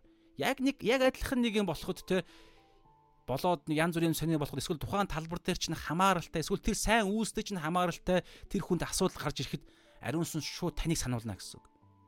Эсвэл шууд Есүсийг сануулна гэсэн үг. Тэгээд Есүсийг сандсан таныг сандсан явж ирсэн чинь хажууд нь цуглаан харагдлаа гэж бодъё л доо. Эсвэл нэг хүн итгэгчгээд явж ийна гэж бодъё. Тэнгүүт л тэр хүн рүү хандаж нөгөө хүн чинь өөрөө. Энэ мэдчлэн Бурхны хаанчл янз бүрийн арга замаар ажилдаг. Тэгэхээр бид үнэхээр Библийг судлаад Библийн дагуу яг зөв зохистой зарчмаа хийгээд явж байгаа цагт аврал хийгцээр л болно. Харин бид энэ би энэ сайн үүдийг хийлээгээ заавал Есүс гэж хэлээгээд ямар ялгаа байгаа юм зүгээр л за зүгээр л яв дараа нь хэлээ таач гэдэг юм. Дараа гэдэг ойлголт бас байна. Гэтэл тэнд юу болохыг хинж мэдэхгүй ш. Сатан тэмцэж байгаа ш. Тэр хүнийг сатан авахыг хүсэж байгаа ш. Тэгэхээр тэр дунд ямар нэг юм хийж байх магадгүй байхгүй. Тэгэхээр боломжтой байгаа дээр нь хайж болох цаг дээр нь хайж болох цаг дээр нь авралын цаг гэж ярьж байгаа. Тэр цаг хугацаанд нь тааруулж боломж л байгаа дээр нь шууд л нөгөө хүн чинь тэгж байгаа ш таныг магтаж штэ. Тэр чинь яг боломж нь гараад ирж байгаа байхгүй. Үу чи ямар мундаг юм бэ? намайг үнлээд над руу хараад ихэр ирж штэ. Тэр үед нь тэр дор нь хамгийн сайн цаг нь учраас бид шууд л Есүсийг тэр мундгийн цаана Есүс байгаа гэдгийг хэлчих хэрэгтэй. Тэгээ би өөрөө алдаршихгүй харин цаана Есүс. Тэгээ цаг нь болохоор би ч бид нар ч Тэнгэрийн ус шагналаа аавна Есүс ч гэсэн аа тэр хүнд өөрийгөө илчлэх боломж нэгднэ гэсэн үг. За иймэрхүү байдлаар тусгаарлагдах гэдэг дээрс Есүс сайн мэдээрөө тусгаарлагдсан Паул бид нар ч гэсэн сайн мэдээрөө тусгаарлагдсан. А дэлхийгээс хуучин хүнээс дэлхийгээс бид нар тусгаарлагдсан. Аас гэд дэлхийгээс тусгаарлагдсан хуучин хүнээсээ тусгаарлагдсан харин юу руу тусгаарлагдсан бэхээр сайн мэдээ рүү тусгаарлагдсан. За чашаа явъя. За тэгээд энэ сайн мэдээ гэдэг нь үг нь болохоор евангелион евангелион гэдэг үг байгаа байхгүй грек үг. Тэгэхээр энэ бол тухайн түүхэндээ болохоор Ромын хаант эзэнт гүрэнд хааны хаантай хамааралтайгаар хэрэглэгддэг байсан үг юм байна. Евангелион гэдэг энэ үг нь болохоор Жишээ нь Ромын хаан ард иргэдтэй нэг сайхан мэдээ дамжуулахыг хүсвэл нэг хүнийг илгээгээд нэг апостол гэдэг шиг те илгээгээд тэгээ сайн мэдээгээ тунгаглуулдаг. Тэр нь жишээ нь ямар сайн мэдээ байж болох вэ гэхээр те шин хаан тэгээ өмнөх хаан нь хүчлээ гэж бодъё л да. Тэнгүүт дараагийн шин хаан тодорлоо гэж бодоход шин хаан тодорлоо манай улсад гээл. Тэнгүүт хүмүүс оо уухай шин хааных нь нэрийг нь дуудаал те Цезар мандатугай Цезар мөнгө наслагч гэдэг юм уу те. Иймэрхүү байдлаар сайн мэдээ тунгаглахад Евангелион дамжуулж байна гэсэн үг байхгүй. Хоёрдугаарт шин хаан шин юу лээ суудл хаан ширээ залгах нуган үртэй боллоо гэж тунхаглаа гэж бодоход Евангелион гэдэг энэ энэ өөрөө Евангелион байгаад байгаа байхгүй. Тэгэхээр ийм байдлаар хэрэглэгддэг байжээ. За цаашаа бүгд. Тэгээ англи хэл дээр бол gospel gospel гэдэг үг нь болохоор gospel гэдэг үг юм байна л та. Одоо бурхны талаарх сайхан үг гэсэн иймэрхүү санаа байд юм биш бас. За 2-оос 4 дээр. За одоо ингэж байгаа хараа. Нэгдүгээр ишлэл дээр Паул өөрийгөө танилцуулж байгаа. Саяны байдлаар жоох юм удаан байдлаар. Яг тэгэхээр урд нь Ромд очиж байгаагүй. За хоёрдугаарт Паул гэхдээ нэгдүгээр Паул өөрийгөө танилцуулахдаа юу гэж танилцуулсан бэ гэхлээр зөвхөн сайн мэдээний төлөө тусгаарлагдсан гэдгийг танилцуулсан. Нэгдүгээр ишлэл. Христ Есүсийн боол дуудагдсан илч Бурхны сайн мэдээний мэдээний төлөө тусгаарлагдсан. За 2-оос 4-р ишлэл дээр тэр сайн мэдээ нь юу вэ гэдгийг Паул танилцуулж байгаа. Одоо мэдчилгээнийхээ хэсэг дээр танилцуулж байгаа. Илгээмж энэ загтал дотор илгээгдэж байгаа илгээмж нь юу вэ гэдгийг танилцуулж байгаа гэсэн. Тэгээ энэ хүү танилцуулга нь систем теолог системчилсэн байдлаар а Ром 1-ийн 18-аас 10 Ром 16-гийн 27-гийн дуустал сайн мэдээний одоо Ром загтлын сайн мэдээний агуулга байхгүй товч агуулгыг нь одоо Паул энэ 3 2 3 4-гээд энэ 3 ишлэлд хэлнэ гэсэн үг. Сайн мэдээний довч танилцуулга гэсэн. Ингэчээд жинхэнэ сайн мэдээ рүү орох гэж байгаа байхгүй. За ингэхдээ бүгдээр харъя. Юу гэж танилцуулж байна? Нэгдүгээрт Паул сайн мэдээг юу гэж танилцуулж байгаа гэхээр хоёроос уншил та. Энэ сайн мэдээг иш үзүүлэгч дээрээ дамжуулан ариун бичвэрүүдэд бурхан урдаас амлсан гэж ярьж байгаа. Нэгдүгээр Паулын танилцуулга нь сайн мэдээг танилцуулгатай. За тэгэхээр энэ дэр ийм ярьж байгаа. Бурхан эртнээс за тэрийг нь одоо би хэлнэ. Эртнээс бүр анхны хүн төрлөختний Адам Явагаас эхлээд гэсэн үг. Эртнээс иш үзүүлсэн, иш үзүүлэгчдэрээ дамжуулан иш үзүүлсэн, амлсан тэр сайн мэдээ. За энийг ярьж байгаа юу гэж тайлбарлаж байгаа гэхлээр яагаад Паул энийг чухалж байгаа гэхлээр Ром ном нь тэр чигээрээ сайн мэдээг танилцуулахдаа маш үндэс сууртайгаар танилцуулнаа гэдгийг илтгэж байгаа гинэ маш үндэс сууртай. Ингэхдээ ямар юм дээр ямар хөрсөн дээр үндэслэгдэж суйрлахдах вэ гэхлээр хуучин гэрэн дээр. Нэгдүгээр хоёрдугаарт юдэизм дээр, юдэизм дээр. Еврейн итгэл үнэмшил дээр гэсэн үг. Юдэизм дээр. Тэгэхээр Есүс Христийн сайн мэдээ хуучин гэрээнээс хизээч ангид тусдаа танилцуулахдаггүй гэсэн үг. Бас юдэс юдэн одоо ахуйн соёл түүхээс хизээч тусдаа танилцуулахдаггүй гэсэн үг. Энэ маш сайн ойлголт шүү. Маш чухал ойлголт шүү. Дусд нь бид нар сайн мэдээг юусоо ярьж болохгүй гэсэн. Дусд нь ойлгож болохгүй гэсэн. Юм бол энэ завхарнаа гэсэн. Энэ байга алдна гэсэн. Яг хуучин гэрээн дээр хуучин гэрээний хөрсөн дээр суйрлагдж сайн мэдээ жинхэнэ сайн мэдээ болно. Юдэн а ихтгэл үнэмшил юдэн ахуйн соёл юдэн тэрхүү түүхэн дээр суйрлагдж сайн мэдээ нь яг жинхнэрээ гэрэлтэж гарч ирнэ гэсэн үг. Тэр утгаараа Паул хэлж байгаа. Энэ сайн мэдээ нь иш үзүүлэгчдэрээ дамжуулан бичвэрүүдэд буюу хуучин гэрээ 39 ном. Бичвэрүүдэд бурхан урдаас амлсан билээ. Амлахдаа зөвхөн юдэчүүдэд л амлсан шүү дээ. Харин үндснүүд амлаагүй. Тэр утгаараа зөвхөн юдэзм, тэр утгаараа бичвэрүүд буюу зөвхөн хуучин гэрээ. Тэгэхээр энэ маш чухал ойлголт шүү. Тийм учраас бид аа Библийг ойлгохдоо хуучин гэрээ юдэчүүдийн талаарх судалгаа бол маш чухал шүү. Дамаа сайн мэдээг ойлгоход илүү сайн ойлгоно гэсэн. За би энэ дээр нэг нэмэлт мэдээлэл олсон. Одоо энэ миний New King James Bible гэж байдаг. Энэ Bible дээр байгаа аахгүй юу? Аа Есүс Христийн одоо тэ иш үзүүлэлгүүд биел одоо тэ биелсэн иш үзүүлэлгүүдийн талаарх жагсаалт байгаа. Гэхдээ энд миний Bible дээр болохоор хитгэн байлаа. Яг нийтдээ бол ерөнхийдөө нэг их сурвалжаас би энд линкийг тавьчихсан. Би дуусгаад яана а Google Drive дээр тавиад энэ Word форматаар тавиад тэгээд линкийг тавьчихсан. Та тэгээд аваа чааш нь задлж болно, судалж болно, өөрчилж болно, хүснээр эгэлж болно. Тэ. Аа ингэдэг хараа. Зарим хүмүүс ингэж ярьдаг. Би энэ цус нэг өөр юмрээс ороодох юм. Заавал одоо юу гэдэг энэ шалаам үйлчлэлээс энэ их сурвалжийг авлаа гэж би заавал хэлээрэй гэж би хэлэхгүй. Зарим хүмүүс бол ерөөдөө тэгдэг. Зохиогчийн эрхийн асуудал ярихаараа Тэгээ би бол тэгж хэлэхгүй. Яагаад вэ гэхээр хараа ийм байхгүй. Миний хувийн үзэл шүү. Яагаад вэ гэхээр эдгээр зүйлсүүд ч гэсэн минийх биш байхгүй. Миний юм гэж надад юусоо байхгүй. Байж болохгүй байхгүй нэг талаараа. Би дандаа өмнөх одоо энэ элч иш зүйлэгч элч нарын одоо энэ 12 апостолын апостолоос сурсан хүмүүсүүд нь дараагийн чуулганы эцгүүд чуулганы эцгүүдээс сурсан хүмүүсүүд нь дараагийн одоо бишоп хамлар ч юм хамбл ламнар ч юм уу те тэндээс сурсан хүмүүс нь дараагийн одоо реформашн мартин лютер мутер гээд кайлум майлум звингли гээд тэдгээр хүмүүсүүд тэндээс сурсан хүмүүсүүд нь дараа дараа ингэж явсаар байгаад бид нар дээр ирэх ёстой байхгүй ингэж явдаг итгэлээс итгэлд Тэрнээс биш шин юм гаргана гэж юусоо байхгүй. Тэр утгаараа би өнөөдөр энийг тэ авангуутлаа би тантай заавал шалаам үйлчлэл инх тайвнаас энэ имийг авсан юм аа гэж хэлээрэй гэж би хэлэхгүй. Харин та зүгээр танд ямар байр суурь байгаасаа гэж би хэлэх вэ? гэж анхааруулах вэ гэхлээр сурж байгаа юм болгон чинь үргэлж бид бусдаас заалгасан юм а танд хуваалцж шүү гэдгээ та хин нэгэн заах гэж байгаа бол хэлж байгаараа гэж биелмээр.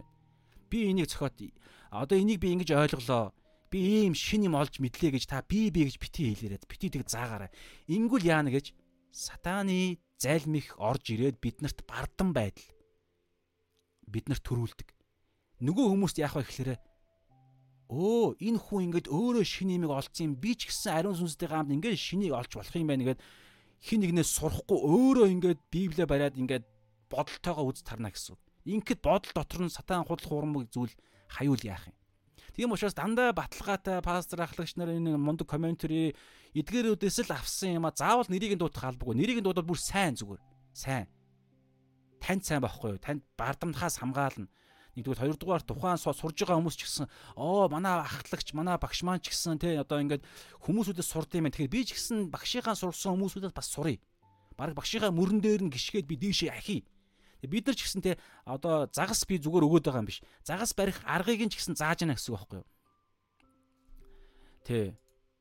Тэр утгаараа бүгдээрээ те зүгээр ганц хэлн юу би өөрөө олж мэдж ойлгож ухаарсан юм а тантай хуваалцж байна гэдэг байдлаар. Гэхдээ ингээд те заавал тэр нэрийг нь дурдаад ингээд те ингээд байхаар бас заримдаа сөрөг ойлголт бас надад гарч магадгүй юм шиг над зүгээр бодогддог. Тэрний юу гэхээр жишээ нь би Өнөөдрийн жишээнд би өнөөдөр хэлчихээ л да. Өнөөдрийн жишээнд би энийг ялахаар ямар их сурвалжаас авч байгаа гэхээр skip heights-ийн одоо яг энэ хэсэгтэй хамааралтайгаар commentary сургаалаас семинараас би авсан нэгдүгээрт хоёрдугаарт Zondervan гэдэг нөгөө нэг библийн одоо тэ библ орчуулгын нэг юм үйлчлэл одоо тийм одоо агентлаг байгаа шүү дээ. Zondervan билүү тэ тэдний бас энэ тайлбар комментаригоос уншсан. Дээр нэмээд new одоо энэ байна л да. одоо new а life application bible studies гэдэг те а энэ энэ нэг юм юу байгаа комментэр байгаа даа байхгүй new living translation гэдэг энэ библийн орчуулгын энэ хувилбарууд дээр хийсэн. Гэтэ энэ зөвхөн нанд роман байгаа байхгүй бусд нь бүгд байхгүй. Тэ. Гэтэ ерөнхийдөө бол залбирч л байгаа гоё ингээд нэг ESV-гийн та нэр би танаас маш гоё юм гоё. Та намайг одоо нэг гоё залбирал хийж өгөөрэй. Ямар залбирал гэхээр би нэг одоо библ залбирж байгаа байхгүй. ESV-гийн English Standard Version-ы а Study Bible гэж байгаа. Тэгээ 67 доллар юм билээ.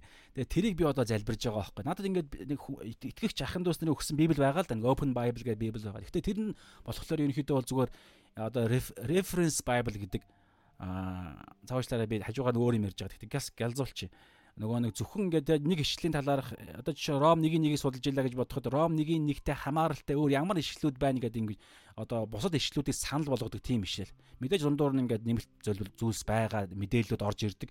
Гэхдээ тэр одоо ESV-гийн Study Bible-ыг би одоо маш хүсээ залбирж байгаа. Тэгээд Amazon-оос ч юм Америк байдаг итгэгч нараас боломж боломж гарч ирээд ингээд ивэвэл те. Тэр юу вэ гэхээр Библийн тэр бол маш чухал ESV-гийн Bible study маш чухал байхгүй. Хэрвээ гадаадд байгаа хүн сонсож байгаа бол ESV-гийн study bible маш чухал байгаа даа. Ягаад вэ гэхээр 20 гаруй гэлүүд асар олон нэг манай зүү урсгалын шинчиллийн зүү урсгалын эрдэмтдийн дундаас гарч ирсэн. Одоо жишээ нь Монголын бэлхэн байн болохоор зөвхөн одоо энэ бэлхэн байн биш үү? Бэлхэн байн болохоор зөвхөн нэг хүнийх байхгүй юу? Нэг хүний Bible study. Тэгэхээр зарим тал дээр нэг нэгийг зөвхөн нэг талыг барьсан гэсэн. Гэтэл ESV болохоор 20 гаруй урсгалынх. Тэгэнгүүтлээ дээр нэмээд асар олон мундаг эрдэмтдийн одоо өгүүлэл судалгаанууд зураг юу лээ map газрын зураг теологийн янз бүрийн өгүүлэлүүд байгаа. Тэгээ тэр утгаараа ярьж байгаа шүү. За юу ярьж байгаа дэше орлоо. За ямар ч байсан нэг иймэрхүү зүйл нэмэгт хэлээ тэгээд үндсэн эсрэг орё. За галзуулъя одоо бүгдээрээ. Тэгэхээр аа тэ энийг ярьж ирсэн шүү дээ. Нэг сурвалж. Тэгэхээр энд ингэж байгаа та Word файлаар нь би тавьчин. Тэгэхээр наангуутлаа та энэ линкийг copy хийгээд paste хийгээд та энэ линк дээр арах юм бол 351 одоо Есүсийн талаарх иш үзүүлэг байгаа байхгүй юу? Сайн мэдээний талаарх гэсэн үг. 351 иш үзүүлэг байгаа. Тэгээд тэрний арт талд нь ингээд харалдаагаар нь биелүүлсэн хэсэг нь байгаа. Тэгэхээр би эндээс нэг хит ихнийг нь дурдсан цаг байгаа учраас би ишлийг нь уншихгүй зүгээр шууд уншиж а яг очиж уншихгүйгээр зүгээр ишлийг нь хаягийг нь дурдаа явчих. Тэгэхээр Йохан 5-ын 39 дээр за Йохан 5-ын 39 ч биш тэрнээс өмнө байгаа дөрвөн талд fourfold witness гэдэг хэллэг теологт хэллэг байдаг. Дөрвөн талд гэрч гэж. Тэгэхээр тэрний дөрөв дэх гэрч нь юу вэ гэхлээр бичээс гэж байгаа байхгүй бичвэрүүд. А нэгдүгээр нь бол баптист жоохон хоёр дахь нь Есүсийн хийдэг үйлдэлсэн гайхамшгууд нь гурав дахь нь болохоор эцэг бурхан дөрөв дэх нь бичээс гэж ярьж байгаа. Тэгэхээр тэр бичээс бичвэрүүд дээр а одоо юг харъя л да бүгдээрээ ямар ямар байна хэдийг нь би дурдъя. Тэгэхээр нэг нэг дээр нэг юм үг байгаа шүү дээ. Юу гэж байгаа вэ гэхээр эрт үед иш үзүүлэгчдэрээ дамжуулан эцэг өвгдөд олонтоо бас янз бүрийн замаар айлтсан бурхан эдгээр эцсийн өдрүүдэд бүхний өвлөгчөөр томилсон ертөнцийн бүтээсэн хүүгийнхээ дотор бидэнд хандаж хэлвэ гэж байгаа. Тэгэхээр энэ дээр еврей 1-1-ээс 2 дээр хийж байгаас те эрт уюудад буюу хуучин гэрээнд иш үзүүлэгчдэр буюу эцэг өвгдөд янз бүрийн арга замаар ярьсан бол эцсийн үе буюу энэ шин гэрээний үе дээр зөвхөн Есүс Христийн дотор. Тэгэхээр Мата шинэ гэрээний 27 номны эхний дөрвөн ном, сайн мэдээний дөрвөн ном, Есүс Христийн сургаал үйлдэлүүд, үйлсүүд байгаа. А үйлс ном зөвхөн Есүс Христийн сайн мэдээг л Есүс Христийн ариун сүнсээр дамжиж тарааж байгаа итгэгч итгэгчдийн үйлсүүд байгаа. Ромоос эхлээд илчил ном дуустлаа Есүс Христийн үхэл амьлал тэр гайхамшигтай сайн мэдээг чааш нь задалж тайлбарлаж байгаа иш үзүүлэгч элч нарын итгэгч нарын тайлбар сургаалууд гэсэн. Тэгэхээр бүх зүйл Есүс хуучин гэрээ юу юм? Есүс Христийн талаар Есүс Христийн ямар хэрэгтэй Есүс Христийн бас ямар хэрэгтэй хэрэгцээ сайн мэдээ нэгүүлс хэрэгтэй байгаа талаар бас Есүс Христийн илэрхийлэл болсон одоо түүхэн дөрүүд, түүхэн үйл явдлууд гэх мэтчлэн явдаг. За тэгэхээр бүгдөө нэг хитгэн юм харъя. Тэгэхээр үйлс эхлэл аа би ичлэлээр уншихгүй ш нэрэ. За одоо жишээ нь ингэж байгаа. Хамгийн ихнийх нь Эхлэл 3:15-аас за яг өмнө байна уугүй. За миний бодлоор хамгийн ихнийх нь гэж бодож байна. Эхлэл 3:15 дээр эмхтэй үр удмын талаар иш үзүүлэг явдаг. Энэ бол загалмай ялалтын талаарх иш үзүүлэг. Энэ Галаат 4-ийн 4 дээр биелсэн талаар бичсэн байна. Эхлэл 12-ын дунд нь бол байгаа шүү. Гэхдээ би ингээд яг онц юу гэдэг надад харагдсан нүдэн туснуудыг би бичсэн байгаа. За эхлэл гэт юу зай бас хүрхгүй цаг байхгүйсэн учраас. За тэгэхээр эхлэл 12-ын 3 дээр Авраамийн үр өдмийн талаарх иш үзүүлэг. Энэ бол Есүсээр дамжуулан бүх дэлхийн өрөөгдөх талаарх иш үзүүлэг. Энэ Матай 1:1 дээр биелжээ. Эхлэл 17-гийн 19 дээр Исаакийн үр өдмийн талаарх иш үзүүлэг. Энэ бол Есүсийн тал Есүсээр дамжуулан мөнхийн гэрээ тогтоох талаарх иш үзүүлэг юм байна. Исаакийн үр өдм гэдэг.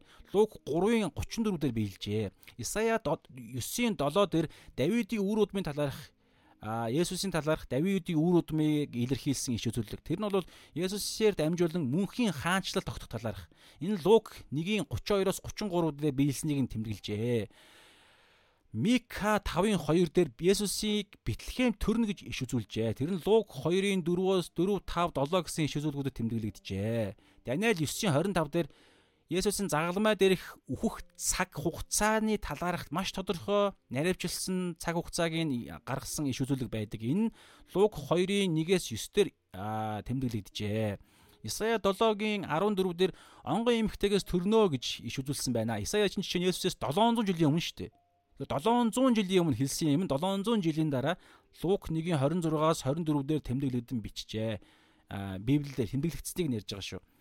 За тэгээд Исая 9-ийн 2 дээр аа Галил Есүсийн Галил дахь үйлчлэлийн талаар энэ Матай 4-ийн 13-аас 16 дээр дуулал 78-ийн 2-оос 4 дээр Есүс сургаалт зүүрлэлээр ярих талаар энэ Матай 13-ийн 34-оос 35 дээр. Тэгэхээр Есүсээс хойш зөвхөн сайн мэдээний дөрвөн номон дээр л Есүс сургаалт зүүрлэлээр номлож байгаа номл байдаг. Илч нар захидлууд дээр хинч сургаалт зүйрлэр номлоогүй гинэ. Зөвхөн Есүс л сургаалт зүйрлэр номлосон байт юм биш үү. Тэр утгаараа энэ бол Месиягийн бас нэг чухал иш үзүүлэг байгаа юм. За Ясая 53-ын 3 дээр Есүс өөрийнх нь Есүсийг татгалзнаа гэдгийг иш үзүүлсэн байна. Энэ Иохан 1:11 дээр байдаг. Захария 9:9 дээр Иерусалимд сүр жавхлантайгаар орно орох талаарх иш үзүүлэг байд юм байдаг. Энэ нь Марк 11-ийн 7-оос 11 дээр иш үзүүлсэн биелснийг нь тэмдэглэжээ. Дуулал 41-ийн 9 дээр дотных нь найз нь түүнээс урвнаа гэдэг иш үзүүлсэн байдаг юм байна. Энэ нь Луг 22-ийн 47-оос 48. Тэгэхээр дуулал жишээ нь мянгаад жилийн өмнө шүү дээ. Тэгэхээр мянгаад жилийн дараа биелсэн байна. Мянгаад жилийн өмнө иш үзүүлсэн байна. Ингээд ирэхээр Есүс бол гарцаагүй хуучин гэрээнээс анханасаа бүр Эхлэл 3:15 чинь дөнгөж анхны гимнүг үлдэх үлдэхээс эхлээл үхэл орж ирэхээс эхлээл бурхан сайн мэдээ авралын төлөвлөгөө эхлүүлсэн. Энэ нь Есүсийн дотор биелсэн. Энийг одоо тэ өнөөдөр Паул хэлж штэ. Ром 1-ийн 2 дээр энэ сайн мэдээг иш үзүүлэгчдээр дамжуулан ариун бичвэрүүдэд бурхан урдаас амлсан гэж байгаа. За тэгэхээр сайн мэдээг Паул эхний байдлаар сайн мэдээг танилцуулахдаа хуучин гэрээн дээр Израилийн юдэчүүдийн түүхэн дээр хуучин гэрээн дээр суурлагдсан анханасаа хилэгдсэн тэрэн дараагаар нь Есүсийн дотор батлагдсан тэр сайн мэдээ шүү гэдгийг хэлж байна гэдгийг та ойлгоорой. За хоёр дахь байдлаар сайн мэдээг танилцуулахдаа 3-аас 4 дугаар ишлэл дээр байгаа. Би нэг зүйлийг түрүүн мартчихлаа. Нөгөө дундуур нь гинт нөгөө нэг жоохон сарнаад. Юу гэхээр түрүүний нөгөө нэг залбирлын сэдв гуйсан юу шүү. Саяны тэр ESV-гийн а тэр study Bible-ийг Байблыг одоо тэ та хэрүү залбирахыг хүсвэл ариун сүнс хөтлөвөл та инх тайван намайг инх тайван гэдэг шалам үйлчлэлийн эдмийн инх тайванд ямар нэгэн байдлаар бурхан минь ээ ESV Библиэр та хангаж өгөөч гэж та миний төлөө ганцхан минут чамаагүй залбирж өгөөч гэж танаас гуйж байна.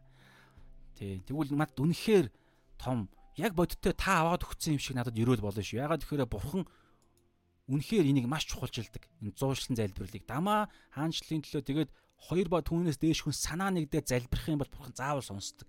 Тэгээ би танд хизээ нэгэн цагт танд харуулад энэ библ 67 долларын үнэтэй байхгүй. Тэгээ замын зардал мардал хэд болох юм байгаа. Тэгэхээр энэ библ таны залбирлаар авлаа гэд би танд харуулах болно гэдэгтээ бат итгэлтэй байна. Хэрвээ та залбирвал. За тэгээ цаашаа яваа бүгдээрээ. За тэгээд одоо бүгдээрээ сайн мэдээний талаарх хоёр дахь аа Yes Паулын танилцуулж байгаа нэг өнцгийг өнцгийг харъя. Энэ бол маш чухал хэсэг нь. Аа тэгэхээр энэ дээр юу гэж ярьж байгаа гэхээр сайн мэдээ зөвхөн Есүс Христийн тухай гэдэг. А түрүүн бол хэлсэн те өмнөөс иш үзүүлэгдсэн гэдэг. Гэхдээ яг юуны талаар юм гэдэг дээр одоо Паул 2-оос 3 дээр хэлж байна. За бүгд 2-оос 3-ыг уншъя. Тэ өмнө хэлсэн ингэж иш үзүүлэгдсэн бурхан амласан нь урдаас хэлэгдсэн энэ сайн мэдээ нэ түүний буюу бурхны хүүгийн тухай юмаа гэж байгаа. Зөвхөн энэ л сайн мэдээ энэ сайн мэдээгээр аврал байдаг. Зөвхөн Есүсийн Есүсийн тухай, Есүсийн дотор. За тэрээр Есүс бол мах бодийн хувьд Давидын удмаас төрсөн гэдэг сайн мэдээг Паул танилцуулахдаа эхний харах өнцг нь Хоёр дахь нь болохоор ариун сүнсний хувьд үхөхстээс амилснараа хүч чадал Бурхны хүү гэж тунгаглагдсан бидний эзэн Есүс Христ. Тэгэхээр сайн мэдэн зөвхөн Есүс Христийн тухай энэ талаар Ром 3 дээр бид нар дэлгэрэнгүй үзнэ. Аврал нь зөвхөн Есүст итгэх итгэлээр. Тэгэхээр аврагдсан хүний амьдрал ч гэсэн зөвхөн Есүс Христийн дотор л явдаг. Тэгээ энэ бүгдээрээ маш чухал Ром 6-гийн Ром 6-аас 8 дахь бүлгээр бид нар бас харна.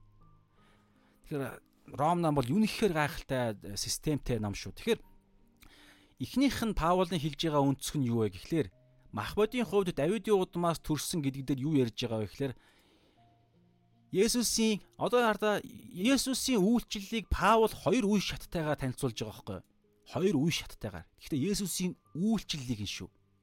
Энэ үйлчлэл гэдэг үг маш чухал. Одоо ч гэсэн Есүс үйлчилж байгаа. Энэ өдөр тутмын бидний итгэлийн амьдралаар амьдрахад энэ ойлголт маш чухал. Тэгэхээр Есүсийн үйлчлэл хоёр үе шаттай. Нэгдүгээрт 3 дугаар ишлэлээр хэлж байна. Түүний хүүгийн тухай юм а тэрээр махбодийн хувь Давидын удмаас төрсэн буюу энэ дэлхий дээр махбодийн Давид Давид гэдэг удам дотор махбод болж ирээд энэ дэлхий дээр амьдэрсэн тэр дэлхий дээрх үйлчлэл. Энэ бол Есүсийн үйлчлэлийн эхнийхэн шатна. За энтэй хамааралтайгаар Есүсийн тодорхойлолт identity буюу Есүсийн нэрийн хуудас тодорхойлолтоор эхний ойлголт яригддаг. Тэр бол аврагч гэдэг ойлголт. Аврагч. За нөгөө талаараа одоо тэ Библийн дагуу бол Месиа Христ гэдэг ойлголт. Та тэгэхээр Месиа Христ гэдэг ойлголтыг бодохороо та шууд аврагч гэдэг үгийг ойлгох хэрэгтэй. Аврагч. Та мэдэн дээ. Ром 10 ер нь Есүсийн талаар Есүс бол Есүс хэн бэ гэхээр аврагч эзэн гэж ярьдаг дээ. Аврагч эзэн. Тэрнийх нь эзэн биш. Аврагч гэдэг нь эхнийх нь хэсэг байхгүй юу? Аврагч. Та нарийн ингээ ойлгочвол дараагаар маш амархан. Тэгэхээр Есүс болвол аврагч. Месиа Христ гэж байгаа. Месиа Христ Месиа гэдэг нь еврейгээр Христ гэдэг нь грекээр. Тэгэхээр энэ юу гэсэн үг вэ гэхээр дослогдсон томилогдсон, сонгогдсон нэг гэсэн утгатай. Юуны төлөө томилогдож байгаа, юуны төлөө сонгогдож дослогдож байгаа юм гэхээр хүн төрлөختнийг аврах энэ ажилд амлагт энэ амлагдсан нэгний амлагдсан месиа буюу түрүүн хэлсэндээ байгаа бичвэрт иш үзүүлгүүд байсан шүү дээ. Энэ иш үзүүлгүүдийн иш үзүүлгүүдийг биелүүлэхээр ирсэн нэгэн. Тэр нь бол аврал ярьж байгаа хөөхгүй аврал. За тэгээ энтэй хамааралтайгаа бол нэг ишлийг хоёр зардалч болж байгаа юм. Филиппо 2-ын 6-аас 11-ийг 6-аас 8 дээр нь эхнийх нь хэсэг. Давид Давидын удмаас төрсөн энэ дэлхий дээрх Есүсийн үйлчлэлийн талаарх эхний хэсэг нь Месиа аврагч гэдэг хэсэг. Энэ дэлхий дээр биднийг аврахаар ирсэн гэдэг хэсэг нь. За хоёр дахь хэсэг нь болохоор дөрөвдүгээр ишлэл. Ром 1:4 ариун сүнсний хувьд үхвхстээс амилснаас амилснараа хүч чадалт бурхны хүү гэж тунгаглагдсан бидний эзэн Есүс Христ. Тэгэхээр ариун сүнсний хүч гэдэг энэ хүч гэдэг үг нь маш чухал ариун сүнсний хүчээр амилсан эхлээд Давидын удмаас төрсөн аврагч Есүс. Хоёрдугаар сайн мэдээний хоёр дахь одоо тэ одоо нөгөө харах үнцэг хэл хэсэг нь болохоор юу гэхээр ариун сүнсний хувьд үхэгчдээс амилсан Бурхны хүү бидний эзэн гэдэг үг. Эзэн. Тэгэхээр эхлээд хүний хүү гэж хэлж болно. Энэ дэлхийд хүн болж ирсэн. Филиппо 2-ын 6-аас 8 хүн болж ирсэн боол болж хүн болж боол болж гэдэг үг нь байгаа ш түрүү ярьсан ш тэ боол зарц. Тэгээ Есүс өөрөө боол болж аавынхаа боол болж ирсэн. Тэгэхээр Паул ч гэсэн Есүсийн боол бид нар ч гэсэн Есүсийн боол гэж ярьж байгаа. За тэгээд харин дөрөвдүгээр ишлэлээр ариун сүнсний хувьд үхэгсдээс ариун сүнсний хувьд үхэгсдээс амилснараа амилснараа хүч чадалт бурхны хүү. Тэгэхээр үхлээс амилсныхаа дараагаар нь хүч чадалтай төлөв байдалтай ирж байгаа. Гэхдээ ингэхдээ ариун сүнсний хүчээр ариун сүнсний хувьд гэж ярьж байгаа. Ариун сүнсний хүчээр амилсан. За ингээд ирэхээр Тэнгэрт эцгийн баруун гартаал заларж байгаа. Тэгэхээр Тэнгэрт эцгийн баруун гартаал суухдаа одоо Есүс үргэлжлүүлэн үйлчилж байгаа. Энэ маш чухал шүү. Энэ үйлчлэл энэ үйлчлэлийн хүчээр л бид нар өнөөдөр аврагдж байгаа шүү. Аврагдж байгаа. Эхнийх нь үйлчлэлийн хүчээр авралынх нь тэр бүх одоо энэ дэлхий дээрх ажил нь хийгдчихсэн.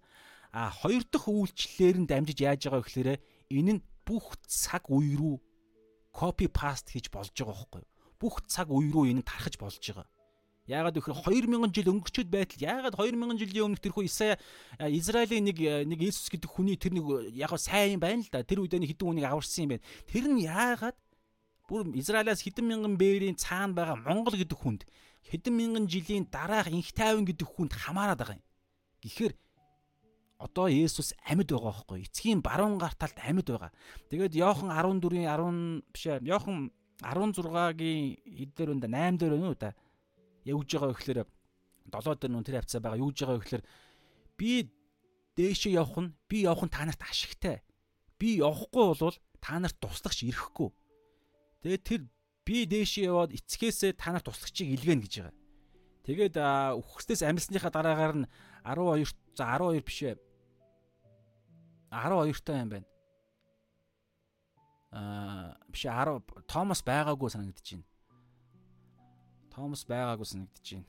Аа аюу амьсныхаа дараагаар нь 11-т Есүс гэж сүнсийг хүлээж авгаад үлээдэг.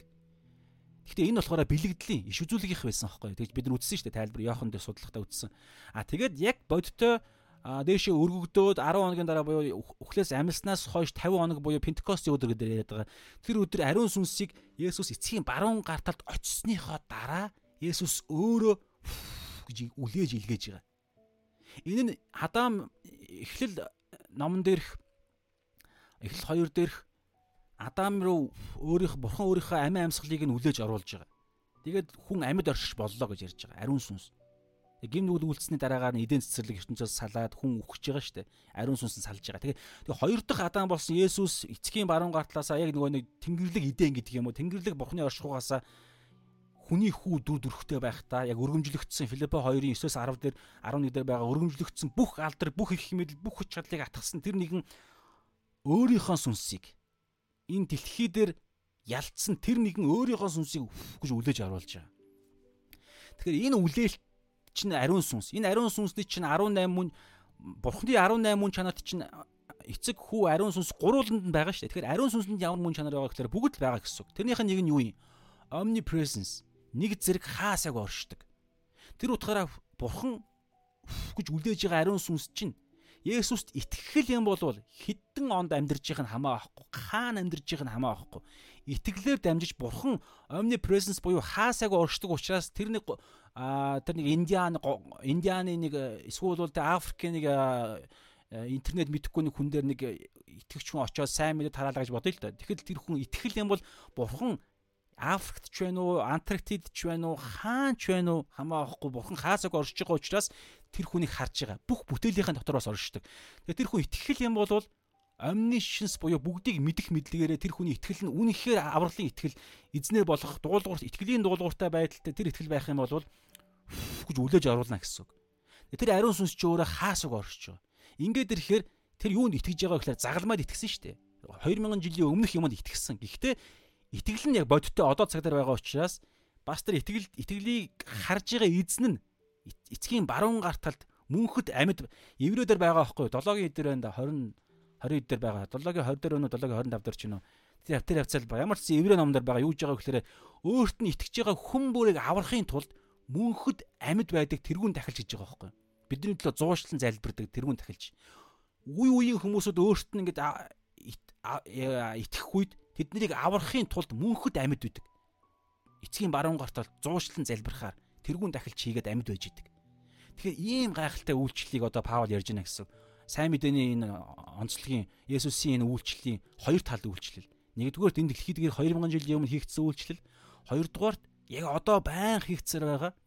Дөрөвдүгээр ишлэл. Ариун сүнсний хувьд үхгсдээс амилснараа Тэгээ дээшээ өргөгцснөөрөө эцгийн баруун галтад сууснараа ариун сүнсийг Пентекостийн өдөр илгээснээрээ тэгээд үргэлжлүүлэн түүнд итгэсэн хүмүүсүүд мөнхөд үеийн үед 2021 он 22 23 он 3000 он хизээ ирэх юм байгаа юм бөөмө тэр үе хүртэл итгэсэн хүн болгонд ариун сүнсийг өгөхийн тулд тэр амилснаа хүч чадалтайгаар хажуу талд байж идэг. Энэ хүч чадлыг бүгдээрээ нэг ишлэр харъя л да. Филиппо 2-ын а 9-оос 11-ийг харъя бүгдээрээ. Тэрүү 8-аас 6-аас 8 дээр болохоор эхнийх нь хэсэг шүү. Одоо би уншиж л да энэ Давидын удмаас хүн болж энэ дэлхий дээр ирсэн үйлчлэгийг би уншия. Хэдийгээр тэрээр бурхны дүр байсан ч бурхантай тэгш байхыг булаах гэсэнгүү харин өөрийгөө юу ч үгүй болгон боолын дүрийг авч нөгөө зарц bond servant боолын дүрийг авч хүнтэй адил болжээ. Тэр хүн төрхийг олсон тэрээр өөрийгөө мөхс болгож үхэлд загалмай үхэлд хүртэл дуулууртай байв. Энэ итгэлийн дуулуур гэж байгаа. Энэ өнөөдөр танилцуулагдана. Энэ маш чухал үг. За тэгээд ингээд Есүсийн эхний үйлчлэл Паулийн Ром 1-ийн 3-даа танилцуулсан. Давид Махуудын хувьд Давидын удмаас дүрссэн. За хоёр дахь хэсэг нь 9-оос 11. Филиппо 2-9-оос 11.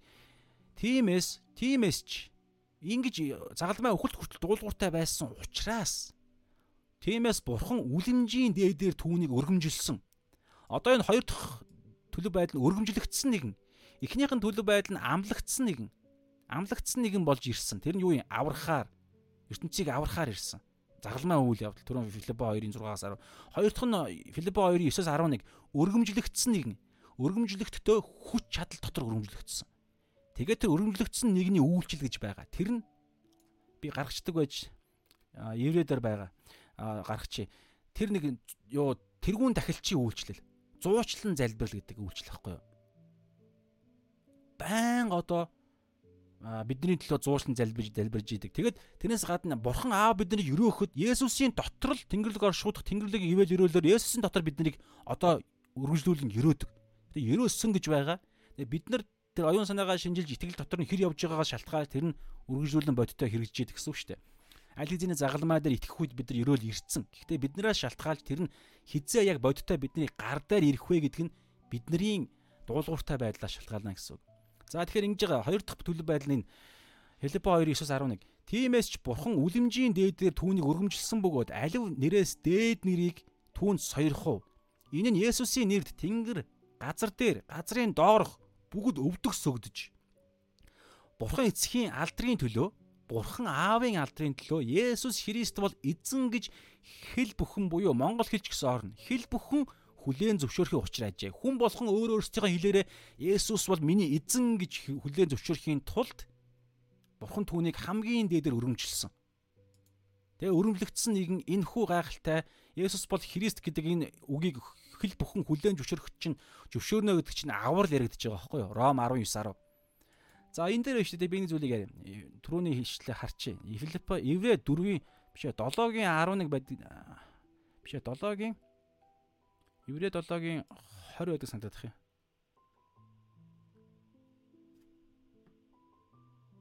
За.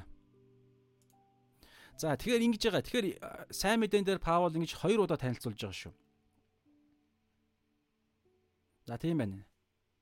Еврей 7-гийн 25 дээр хараа да. Тимээс ч тэр Есүс гэсэн үгтэй тимээс ч тэр өөрөөр нь дамжуулан бурханд ойртох стыг бүр мөсөн аварч чаднаа. Тэр тэдний төлөө зуучлан залбирахын тулд үргэлж амьд байдаг. Эцгийн баруун гарталд Бүгдээ 23-аас уншил та. Нэг талаас урдийн дахилч нар үе олноороо байсан ч тэднийг ажиллаа гүргэлжлүүлэхэд нь үхэл саад болж байгаа. Хүний энэ дэлхий дээр байгаа тэрүүн тахилжичнийг сул дараа байлан тэр ихгүй үхчихдэг.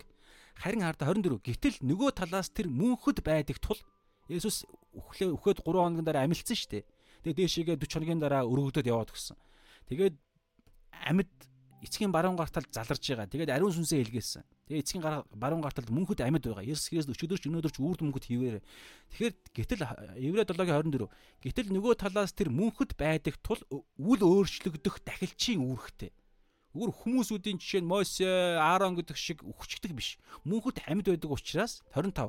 Тимээс Тимээс тэр өөрөөр нь дамжуулан бурханд ойртох стыг бүр мөсөн аварч чадна. Амьд байгаа учраас ажил нь үйлчлэл нь хэвээр хүчнтэй байгаа учраас тэгээ түрүүн Ром 1-ийн дөрөвдөр хэлсэн шүү дээ. Ариун сүнсний хувьд хүч чадалтай бурхны хүүгт тодорхойлогдсон. Хүч чадалтай. Тэгээ түрүүн Филиппо 9-ийн 2-ын 9-оос 11 дээр хэлсэн шүү дээ. Хамгийн дээд хүчийг авсан. Газар, тэнгэр, газар, тэнгэр болон газар юу гэлээ?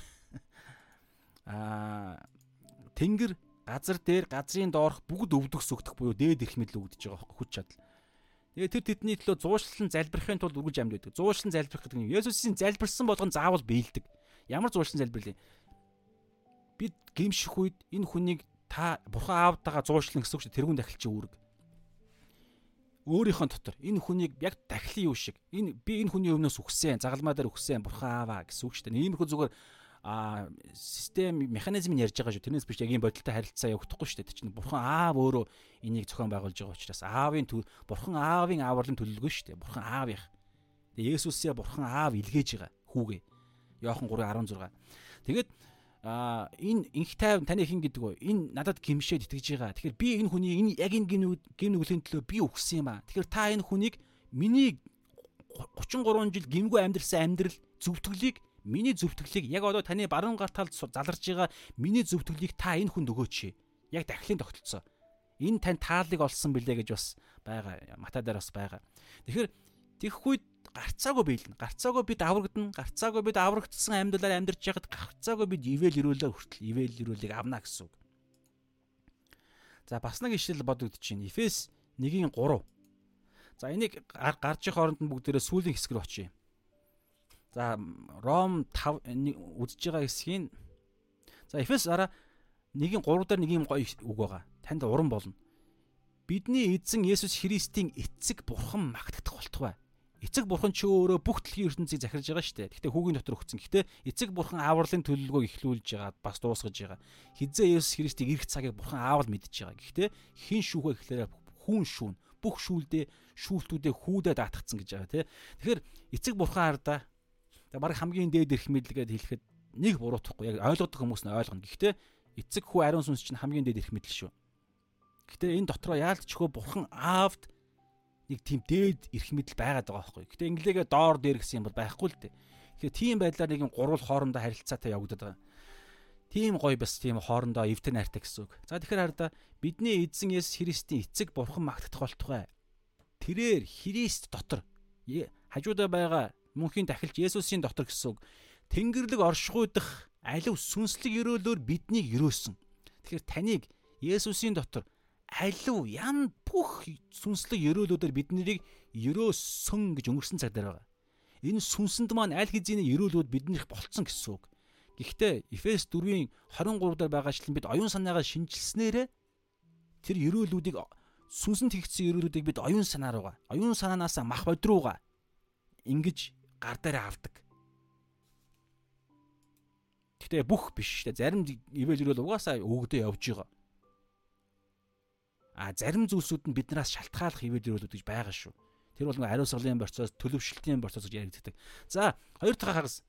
Матай авшаа Ром 1-ийнхаа 5-аас 16 5-аас 6 түүний нэрийн төлөө түрүүний ярьсан Есүс гэдэг нэрийн төлөө бүх одоо энэ хоёр дахь хагас дээр яаж байгаа гэхээр энэ Паулийн апостолог дуудлагын онцлог байгаа. Тэр нь юу гэхээр Паул харь үндэстнүүдэд дуудагдсан байгаа. Энэ харь үндэстнүүдийн дотор Ром цуглаан байгаа шүү дээ. Тэгэхээр Паулийн одоо апостолог үйлчлэлийг бүгдээр анзааръя. Тэгээд Паулийн апостолог буюу энэ элчийн үйлчлэлийнх нь үйлчлэлийн дотор байгаа энэ хүү сайн мэдээний нэг маш чухал нэг ойлголтыг бүгдээр гарна. Маш чухал ойлголт иргэдэнэ. Тэгээд тэрийг бүгдээр харъя. Түрүүн Филиппе 2-ын юун дээр бас гарсан шүү дээ. 2-ын 6-аас 8 дээр бас дурддагдсан.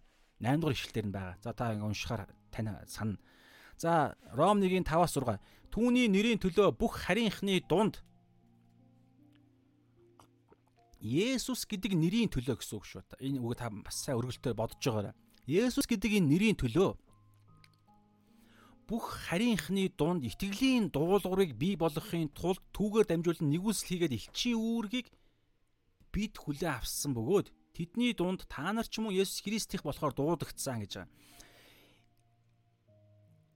Энэ арда түүний нэрийн төлөө бүх харийнхны дунд итгэлийн дуулуурыг бий болгохын тулд түүгээр дамжуулан нэгүслэгээд элчийн үүргийг бид хүлээн авсан юм аа. Тэгээ тэдний дунд та нар ч гэсэн Есүс Христийнх болохоор дуудагдсан. Есүс Христийнх болохоор харин үндэстэн Ром одоо бол бид нар Монгол, Хятад, Солонгос Орос хаанч үдийн тэр бүх хүмүүсүүд Есүс Христийнх болохоор дуудагдж байгаа.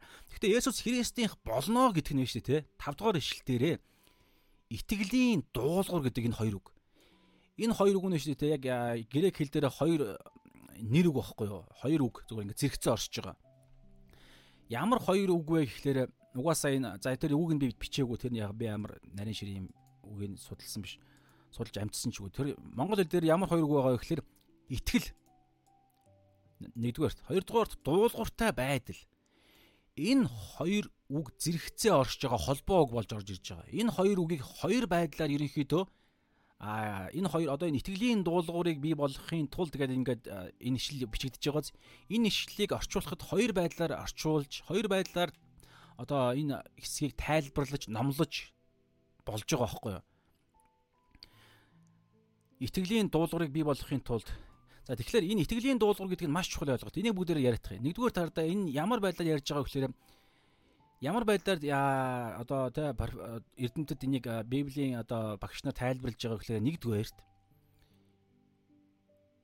яг тодорхой шууд итгэл итгэлийн дуулууртай байл гэж шууд яг ингээ Монголд орчуулснаар. Энэ дээр юу жилж байгаа гэхээр маш энгийнээр маш тодорхойгоор итгэлд дуулууртай байх. Итгэлд дуулууртай байх. Өөрөөр хэлбэл гол үг нь дуулууртай байх гэдэг нь шүү дээ. Тэгэхээр энэ дуулууртай байдлын төлөө дуудагдж байгаа байхгүй. Тэгэхээр энэ дуулууртай байдал гэдэг нь зүгээр итгэхэд л дуулууртай байх гэдэг ихнийх нь хэл санаа. Есүс гэдэг нэр, энэ нэр нэрэн дотор агуулгаддаг тэр сайн мэдээнд зүгээр итгээрэй гэж хэлэхэд өө за итгэе гэд дуулууртайгаар итгэх гэдэг энэ нэг ихнийх нь ойлголт ойлголт нь. Тэгэхээр энэ дуулууртай байдал гэдэг нь маш чухал ойлголт байхгүй. Тэгэхээр энэ дуулууртай байдал нэгдүгээрх нь түрүүний хэлж байгаачлан итгэх итгэхэд л дуулууртай байх. За хоёрдугаарт нь арай өөр санаа. Энэ санаа илүү одоо яаж орж ирж байгаа. Энэ санаа илүү Паулын цагтл дээр илүү гарч ирнэ. Энэ санаа илүү Паул яг энэ санаагаар хэлсэн гэж ерөнхийдөө олон эрдэмтэд энийг үзэж байгаа байхгүй юу? Энэ санаа нь илүү байх юу байгаа. Гэхдээ мэдээж ихнийх нь ч гэсэн байгаа шүү дээ. Итгэхэд хүн дуулууртайгаар итгэнэ. Бурхны тэрхүү дуудлагад дуулууртайгаар итгэх, чөлөөт сонголтоороо дуулууртайгаар итгэх. Гэхдээ хоёр дахь нь илүү чухал нэг юм байгаа. Тэр нь юу гэхээр юу гэж орчуулж болж байгаа гэхээр итгэлээс гарах дуулууртай байдал. Маш чухал хиллэг. Итгэлээс гарах дуулууртай байдал. Англиар бол за би мартчихааг бол obedience that comes from faith гэж байгаа. Obedience буюу дуулууртай байдал. Тэр нь ямар дуулууртай байдал байдал вэ гэхлээр that comes from faith. Итгэлээс ирдэг, итгэлээс гардаг дуулууртай байдал. За энэ ойлголт маш чухал. За энэ дээр хараа нэг ийм ойлголт ярьж байна. Аа, ерөөхдөө юу гэсэн үг гэхээр итгэл тэгээд дуулууртай байдал, дуулууртай үйлдэлд төрүүлдэг гэж байгаа. Ер нь хараа яг жинхэнэ авралын итгэл бол жинхэнэ Есүс Христийг амьдралынхаа эзнээ болгосон тэр итгэл бол зайлшгүй өөрөөс нь дуулууртай байдал гарч идэг. Дуулууртай байдал гардаг. Тэр авралын итгэл зайлшгүй дуулууртай байдлыг өөрөө төрүүлж идэг. Энэ нөгөө нэг юм тэнгэрлэг цаанаасаа хийгдэж идэг үйл явдал нь. Үнэхээр авралын итгэл буюу Есүс Христийн миний өдлөө өгсөн тэрхүү мөнхийн золиосонд те а итгээд тэн түүнтэй нэгдээд зөвтгөлийг үнгүүгээр аваад бурханд алдрыг өргөөд хоёрдугаарт түүнийг амьдралынхаа эзнээ болгоод энэ дэлхий дээр амьдрахдаа Есүсийн үгийн дагуу амьдрах тэрхүү шийдвэрийг гаргасан тэр нэгэн бол зүрх зүрхээрээ зүрхнийхээ бэлхлаар гаргасан тэр нэгэн бол зайлшгүй Есүсийн үгэнд нь дуулууртай байдаг. Мөн чанар нь дахин төрсөн Йохан 3 дээр байгаа дахин төрсөн хүнийх нь мөн чанар нь угаасаа ийм гэж байгаа байхгүй юу? Үргэлж ийм байдаг гэж байгаа. Үргэлж. Үргэлж ийм байдаг. А ийм байхгүйгээр хүмүүс итгэлээ хаях маях янз бүрийн гарч ирж байгаа болвол а тэр хүний итгэл нь жинхэнэ итгэл байгаагүй байна гэж үздэг. Яг жинхэнэ дахин төрөөгүй хүн байна гэж үздэг. Дахин төрсөн бол зайлшгүй тэр хүн тэр итгэлийн цөхрөлтгүй байдал, итгэлийн дуулууртай байдал нь зайлшгүй дагалдаж орж ирдэг. Тэр ягаад тэгэхээр бурхан өөрөө хангаж идэг учраас тэр Иохан Ром 1:16 дээр байгаа бурхны бурхны зөвхт байдал байдал нь сайн мэдээний мэдээний дотор илчлэгддэг буюу бурхан өөрөө зөвхт байдлаа сайн мэдээнд нэтгэсэн хүмүүсд үнгүү өгж идэг. Тэр сайн зөвхт байдал дотор нь энэ дуулууртай байдал цөхрөлтгүй төвчих төвчээр хоёр дагалдаж явж идэг. Энэ хоёр үг итгэлийн итгэгчдийн цөхрөлтгүй байдал, итгэгчдийн дуулууртай байдал гэдэг энэ хоёр юм чинь биднээс шалтгааллах боловч а биднээс а шалтгаална гэхээс өмнө наа нь юу гэдэг вэ гэхээр итгэл дотор нь зөвхт байдал дотор нь дахин төрсэн хүмүүст бурхан өөрөө хангаж идэг гэсэн үг. Бурханаас өөрт нь өгж ид. Бурханаас биднэрт үнгүүгээр өгж идэг. Биднээс ингэж гарч идэг үр жимс. Тэгээд энэ зүйл нь бидний те үргэлжлүүлээд бидний ариун сүнстэйгээ нөхөрлөх нөхөрлөл бидний тэрхүү чөлөөт сонголт Монгол бүх юмтэйгээ хамтраад энэ улам илүүгээр ингэж хүчрэгч идэг. Иймэрхүү ойлголт байгаа шүү. За тэгээд хараа энэ итгэл гэдэг үг итгэл гэдэг ойлголт сүнслэг ойлголт шүү дээ. Дуулууртай байдал гэдэг сүнслэг ойлголт хоёр чинь нэг зоосны хоёр тал байгаа даа байхгүй. Ерөөсө салшгүй хоёр тал. Тэр утгаараа Ром 1 дээр ингэж байгааз түүний нэрийн төлөө харийнхны дунд итгэлийн дуулууртай байдал. Итгэл болно Итгэл болон дуулууртай байдлыг бий болгохын тулд энэ үйлчлэл явагдаж байгаа. Итгэлийн дуулууртай байдлыг бий болгохын тулд Паул энэ харийнхны дунд апостолик үйлчлэлийг авсан гэдээ өөрийгөө танилцуулж штэ. Сайн мэдээд мэдээтэй хамааралтайгаар. Тэгээд нэгдүгээр энийг бол нэг зоосны нэг зоосны хоёр тал гэж хэлж болдог. Салшгүй хоёр тал. Хэрвээ үнэхээр тухайн хүн тэ бурхан ааваар Йохан 6 дээр байгаачлан бурхан ааваар аавын өгсөн тэрхүү итгэлээр бурхан аавын тэрхүү чиглүүлэг тэрхүү ойртуулах Есүс рүү ойртуулж байгаа тэрхүү ивэл өрөөлөөр урдаас мэдэх мэдлэгээрээ тэр хүний дотор авралын итгэл бий болоод дахин төрсөн хүн болсон л бол энэ нэг зоос болсон бол тэр зоосонд нь зайлшгүй хоёр тал гэж байгаа гэсэн үг. Баян итгэж явдаг байнга итгэлээс нь дуулууртай байдал гарч идэг. Э, бас зөвхөрлөлтгүй байдал гэдэг бас орж ирж байгаа. За тэгээ энийг бас нэг юм мундаг хүн бид нар нэрийг бичиж амжсангүй юу гэдэг юу гэж хэлсэн байхаар ингэж хэлсэн гинэ.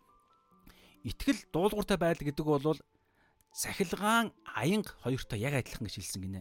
Юу гэсэн үг вэ гэхээр аа юу гэсэн үг вэ гэхээр цахилгаан захихад нөгөө нэг та янз бүрийн юуны физикийнх нь үзэгдлээр та ингээл хоёр инээрийг хоорондоо мөргөлдөөл ингээл та захилгаан ингээл нэг юм гарлаа штэ. Яг энэ одоо нүдэнд харагдаж байгаа. Захилгаан захих үед гарцаагүй аянга дуугардаг. Дуу нь гардаг. Захилгаан захид аянга заавал гардаг. Тэрнтэй адилхан захилгаан бол итгэл гэж гинэ. Цахилгаан мэт цахилгаан мэт итгэл гарахад оо яна гараараа зөгчлөө. Захилгаан мэт итгэл гарахад зайлшгүй дуулууртай байдал сонсогддог. Зайлшгүй дуулууртай байдал ингэж аа гадагшигаа илэрдэг. Аянга сонсогддог гэсэн үг. За энэ дээ маш сонирхолтойгоор яаж байгаа гэхээр Ром номын маш тодорхой бүлэг бүтэц ажиглагдаж байна. За энийг бол би анзаарсан шүү. Ариун сүнс надад энийг харуулсан. Гэхдээ би өөрөө харцсан ч бас биш. Яагаад вэ гэхээр өмнөх нөгөө нэг гарчгүй биднес судалсан судалсан шүү дээ. Тэр гарчиг дээр ч угаасаа иймэрхүү ойлголт байгаа. За би би гаргаагүй юм байна. Нэг энэ номон дээр байсан. Дөрөв би харуулсан. Энэ энэ номон дээр байгаа байхгүй юу? Энэ номон дээр юу гэж байгаа вэ гэхээр би харуулчих. Энэ номон дээр чинь гэж байгаа. Нэгээс 11 дугаар бүлэг дуустал юунд итгэх вэ гэдгийг одоо харуулсан байна гэж энэ гарчиг хэлж байна. Энэ Life Application Bible Study гэдэг энэ ном дээр. Тэгэнгүүтлээ 12-оос 16 дээр тэр итгэсэн зүйл зүйлээ яаж үйлдэх вэ? Итгэсэн зүйл, итгэсэн хүн нь яаж амьдрал дээр тэр итгэсэн хүнийх нь амьдрал нь гадагш илэрхэх вэ гэдэг нэг ийм агуулга байна. Гэхдээ саяны цахилгаан аянгатай хамааралтай надад яг адилхан уялдаа нь харагдсан байхгүй. Тэгэхээр юу гэхээр а итгэл буюу одоо түрүүний ярьж байгаа цахилгаан дуулууртай байдал бол аянга ялгаа байхгүй. Яг тэр нөгөө нэг итгэл нь аянга те авралын итгэл гэдэг үг маш чухал. Яг авралын итгэл биш итгэлүүд бас байгаа байхгүй. Өөрийгөө мэхэлдсэн хуурамч итгэлүүд. Тэр утгаас сатан Яков дээр хүртэл байгаа дээ. Чөтгөр хүртэл Есүс итгэдэг гэж байгаа дээ. Түүнийг Бурхны хүү гэдэгт цорын ганц Бурхан гэдэгт чөтгөр хүртэл итгэдэг. Гэхдээ тэр нь авралын итгэл биш, амьдралын эзнээ болгоогүй итгэл. Харин бидний итгэл болохоор жинхэнэ авралын итгэл, амьдралын итгэл гэдэг амьдрал дээр илэрдэг итгэл. Тэгэхээр энэ нь болохоор яг цахилгаан. Тэгэхээр энэ талаар энэ захилгаан бидний амьдралд захилгаан мэд итгэл бий болгохын тулд бүгдээрээ Ром 1-ийн 1-ээс 11 дэх бүлгийг судална гэсэн үг. Харин 12-оос 16-ыг судлахдаа юуг судлах вэ гэхээр тэр захилгаан мэд итгэлээс аяандаа гарах аянга мэт тийм үр дагавар нөлөө нөлөө нь дуулууртай байдлаар илэрдэг. Заавал гардаг. За энд энтэй хамааралтай нэг их над бодогдсон сүүлийн ишлэл өнөөдрийн үзэх сүүлийн ишлэл. Еврей 11-ийн 1 дээр итгэл бол найддаг зүйлсийн маань бодит байдал, харагдахгүй зүйлсийн маань баталгаа. Энэ итгэл чинь нөгөө нэг цахилгаан мэт аян цахилгааны цахилгаан гэдэг байгаа. Англиараа бол те lightning гэдэг байгаа те аян гэдэг нь бол thunder thunder thunder те. Тэгэхээр энэ хүү цахилгаан мэт итгэл нь юу гэхээр авралын итгэл. Жинхэнэ биднийг дахин төрүүлсэн Энэ итгэлээс зайлшгүй дуулууртай байдал үйлс гардаг гэсэн үг. Тэгэхээр та одоо ингэ боддоо дуулууртай байдал зайлшгүй гардаг. Дуулур үйлсийн дуулууртай байдал зайлшгүй гардаг тэр итгэл бол ингээ уншихаар танд юу бод харагдаж байна. Итгэл бол найддаг зүйлсийн маань бодит байдал. Буюу юунд найдаж байгаа юм? Энэ дэлхий дээр бид ялалттай амьдрах болно. Энэ дэлхий дээр Библиэлд биднийг юу гэж хэлсэн? Тэр байр сууриндаа би хүрх болно. Эсвэл тэ энэ дэлхий дээр бурхан намайг тэ Мата 6 дээр бол бор хоол бор шуунуудыг яаж тижээдэг шиг та нарыг та нар бор шуугнуудаас илүү ирэх юм. Тийм учраас та нарыг хэрэгтэй хэрэгцээтэй зүйлээс чинь ханхахгүй гэж үгээл гих мэдчлэн янз бүрийн а Библиэлд хэлэгдсэн мөртлөө бодиттой болоогүй найдаж байгаа зүйлсүүд байгаад байгаа. Тэгээ аврал байна. Янз бүрийн ойлголтууд. Тэр бүх ойлголтууд чинь найддаг зүйлсийн маань бодит байдал буюу бид жинхэнэ Библийн дагах буюу Ром 1-ээс 11-р бүлэг. Энийг судлаад яг тэр ойлголт чинь бидний дотор байгаад тэрний дагуу үйлс дуулууртай байдал гардаг тэр итгэл болвол зайлшгүй бидний найдаж байгаа зүйлс маань бодиттой болж ирдэг гэсэн үг байхгүй юу? Тэгэхээр Ром номыг бүрэн судлаад энэний дагуу бид шийдвэрээ хэрэгжүүлэлтээ гаргаад дуулууртай байдлаар гимшилт, улаалт бүх юмтайгаа ингээд явхад зайлшгүй өөрчлөлт гарна гэсэн. Зайлшгүй. Бурхан бол худалч биш. Бурхан бол үнэн 18 мөн чанарын нэг. Тэгэхээр биднээс шалтгаална гэсэн. Тэгээд итгэл бол найддаг дуулууртай байдлаар байдлын үр дагавар үүсийн үр дагавар гаргадаг итгэл бол гэсэн үг. Найддаг зүйлсийг манд бодиттой болгодог зайлшгүй. Тэгээ харагдахгүй зүйлсийн манд зайлшгүй баримт дотлогоо баталгааг бидний амьдралд бий болгодог. Тэр нь юу юм? Жишээ нь би яг аврагдсан хүн, би яг дахин дүрсэн хүн гэдгийг хинч намайг харахгүй шүү дээ. Йохан 3 дээр байгаа Никодемд ярилцах үед дахин төрүүлсэн хүн салхитай яг адилхан гэж ярьж байгаа. Харагдахгүй. Гэхдээ яг дахин төрүүлсэн хүн энэ жинхэнэ ихтгэл мөн байгаа бол харагдахгүй зүйлсийн баталгаа заавал надад болон эргэн тойронд маань бурханд маань энэ дэлхийн ертөнцид зайлшгүй баталгаа нь орж ирдэг. Би дахин төрүүлсэн хүн мөн л бол зайлшгүй харагддаг. Тэгэхээр жинхэнэ ихтгэл мөн үү биш үү гэдгээс шалтгаалаад байгаа байхгүй юу? Би яг итгэж миний амьдрал дээр Библиэлд болж байгаа амлсан зүйлс миний амьдрал дээр би болж гин үгүй юу гэдг нь надад жинхэнэ итгэл байна уугүй юу. Тэгэхээр тэр жинхэнэ итгэл нь юунд итгэдэг итгэл вэ гэдэг гэхээр Ром 1-ийн 1-ээс биш ээ Ром 1-ээс 11 дугаар бүлгийг судлахад гарч ирнэ гэсэн үг. Онцгойлон Ром а 1-ээс 8 дугаар бүлэг шүү. 9 10 11 нь бол одоо хажуугийн тэмдэглэл гэдэг юм уу те энэ авралын төлөвлөгөө нь Израильчууд яаж оролцож байгаа талаар гарч ирж байгаа. За ингээд ерөөд өнөөдөр хэсэг болж байгаа боловч би нэг зүйлийг орхицсан та анзаарсан бол тэр нь юу гэхээр аа энд нэг хоёр ойлголт байна те. Паул шүү дээ те. Энэ хоёр хоёр ойлголтыг яриад өндөрлөө. Орхицсон учраас. Юу гэхээр Паулийн апостолик үйлчлэл нь болохоор ямар үйлчлэл вэ гэхээр Есүсийн түүлийн зорилгыг хэрэгжүүлэх үйлчлэл байхгүй юу? Есүсийн зорилгыг хэрэгжүүлэх хэрэгжүүлэгч илч. Та бүгдээ санаж байгаа бол еврей биш үүс 1-8 дээр хэлсэн шүү дээ Есүс. Дахин төрснийхаа дараа нь те харин ариун сүнс та нар дээр ирэхэд дахин төрснийхаа дараагаар нь яг өргөхтгөөс өмнө 12 элч нартаа те. Харин ариун сүнс та нар дээр ирэхэд та нар хүчийг олж тэгээд Ерусалим бүх Юудэ Самар тэр хотгоо дэлхийн хязгаар хүртэл миний гэрч болно дэлхийн хязгаар. Тэгэхээр энэ дэлхийн хязгаар болоход энэ 11-ээс үндэ бол энэ 11-ээс за Петр за ер нь бол дараагаар нь бүгдээрээ яг Паулийн энэ хүүлчлээс хойш дараагаар нь бүгдээрээ тархдаг л да. Гэхдээ хамгийн л явсан нь Паул ахгүй юу? Үүс 9 дээр гарч байгаа Паул. Тэгэхээр Паул яг өөрөө ч гэсэн Паулыг түрүүн Үүс 9-ийн 15 дээр хэлсэн шүү дээ 15 16 дээр би харь үндэстнүүдийн түүнийг харь үндэстнүүдэд өөрийнхөө нэрийг тунхаглуулах сонгосон саваа буюу илчээ болгож байна гэж хэлсэн шүү дээ. Тэгэхээр Паулийн үйлчлэл бол яг ингэж харагдаж байгаа. Тэгээ дээр нэмээд агуу захирамж Матай 28-ын 19 дээр байгаа. Иймээс та нар яв бүх үндэстнүүдийг дагалдуулахтун бүх үндэстнүүдийг 12 элт нартаа ингэж агуу захирамж өгсөн. Тэгээ энэ нь Паулаар хэрэгжсэн байхгүй юу? Тэгэхээр Паул ингэж өөрийгөө гаргаж ирж байгаа. Тэгээд тэгсэн мөртлөө Паул Паултай бүгдээ 9-оос 11 дээр илүү дэлгэрэнгүй харна. Юу харах вэ гэхлээр хэдийгээр Паул хариу үндэстнүүдэд үйлчилж явсан ч гэсэн түүний зүрхэнд нь түүний зүрх буюу Есүсийн зүрхэнд гэсэн үг байхгүй юу? Бурхны зүрхэнд гэсэн үг. Паулын зүрхэнд үргэлж еврейчүүд нь байсаар байсан. Тэгээ энэ дээр бүгдээрээ Ром 9-оос 11 дугаар бүлэг дээр маш дэлгэрэнгүй харна. Дамаа 11-ийн сүүл хэсэг дээр За ингээд ерөөхдөө өнөөдрийн хэсэг болж байна. Бас нэг юм дутуу байгаа нь юу гэхээр энэ дээр ингэсэн шүү дээ. Аа тав дээр түүний нэрийн төлөө бүх харийнхны дунд гэсэн. Тэ итгэлийн дуулууртай байл. Тэгэхээр түүний нэр гэдэг нь юу ярьж байгаа гэхээр Есүс Христ гэдэг нэр шүү дээ. Тэгэхээр Есүс Христ гэдэг энэ нэр чинь ямар нэр вэ гэхээр Есүс гэдэг үг чинь өөрөө аврагч гэдэг үг. Матай 1:21 дээр байгаа та уншаараа дэлгэрэнгүй байгаа. За Христ гэдэг нь түрүү хэлсэн, тослогдсон, томилогдсон. Тэгэхээр а аврагч байхаар томилогдсон нэг л гэсэн үг. Тэгэхээр аврагч л гэдэг утгатай байхгүй. Тэгэхээр түүний нэрийн төлөө буюу авралын төлөө гэсэн үг. Авралын төлөө итгэлийн дуулуурыг бий болгохын тулд. Тэгэхээр Паул болон элчнэр бүгдээрээ авралын төлөө хариу үндэстнүүд рүү, дэлхий дахин руу, бүх үндэстнүүд рүү, Иерусалим, Юдэ, Самар тэр их дэлхийн хязгаар хүртэл рүү дуудагдж байна. За тэгээд тэр дуудлаганд нь үйлчлэлийг нь аваад ивэл өрөөлөг нь хүртээд аврагдсан хүмүүс нь ч гэсэн өөрсдөө авралыг авж гин. Чаашаа тэд нар бас цаашаага үргэлжлүүлээд бусдад ч гэсэн авралыг дамжуулна. Түүний нэр гэдэг чинь юм. Тэгээ энэ аврал нь а Ром 3-ын 3-аас 5 даар дэлгэрэнгүй гарна. Зөвхөн Есүс дамаа Ром 3 ихний ахс дээр зөвхөн Есүс Христэд итгэх итгэлээр л аврагдана. Ийм ярьж байгаа шүү. За тэгээд сүүлийн ишлэлийг нь уншаад өндөрлөе. Аа бурхан тайрлагдсан. За 6 5-аас 6-аас уншиж дээ. Тэдний дунд та нар ч уу Есүс Христийг болохоор дуудагдсан. Энэ хари хүмүүсүүдтэй итгэлийн дуулуурыг бий болгох, итгэлийн дуулуурыг өөрийнхөө дотор бий болгох тэр хари үндэстнүүд дунд та нар ч гэсэн Есүс Христийг болохоор дуудагдсан. За сүүлийн ишлэл. Одоо энэ хүлэн авахч те.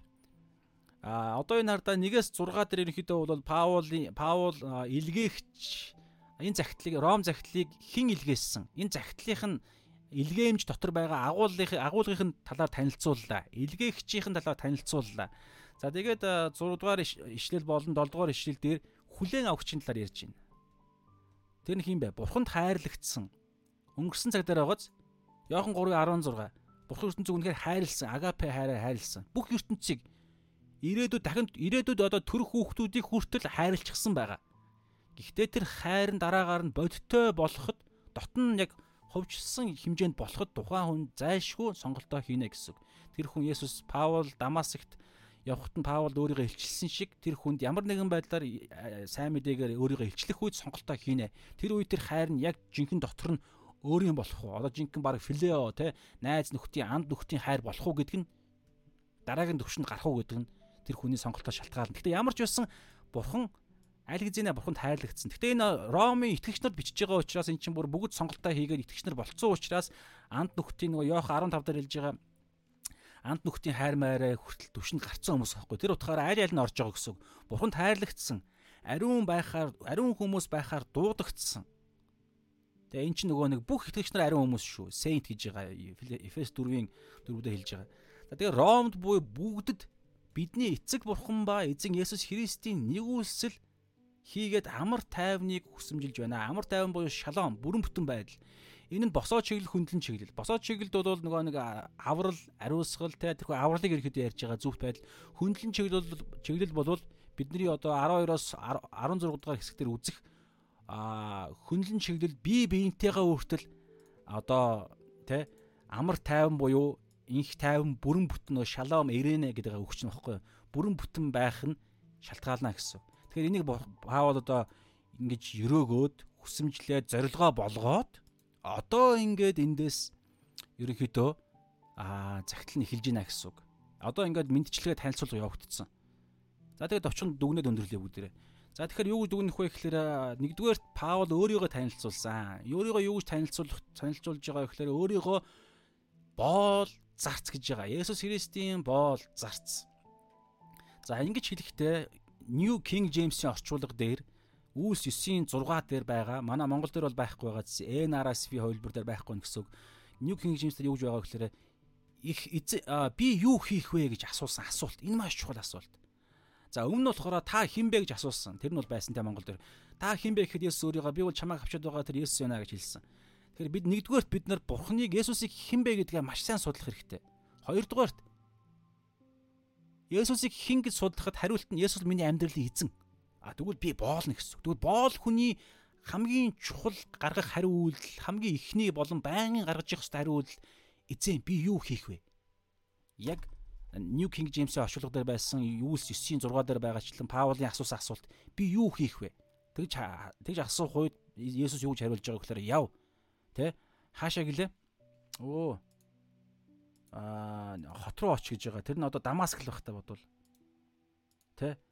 аа 9 дээр 6 дээр бос хотод оч Дамаск байх л да. Юу хийх ёстойг чинь чамд хэлнэ гэж. За энэ асуулт ма. Тийм учраас бүгдээрээ бидний амьдралын зорилго бол үргэлж Есүсийн үгийг нь судлаад түүний үгээр л амьдрах нь бидний амьдралын зорилго. Энэ бол зарцын амьдрал, боолын амьдрал. Тэр зарц боол байна гэдэг чинь Филиппойдор түрүү юу ярьлаа?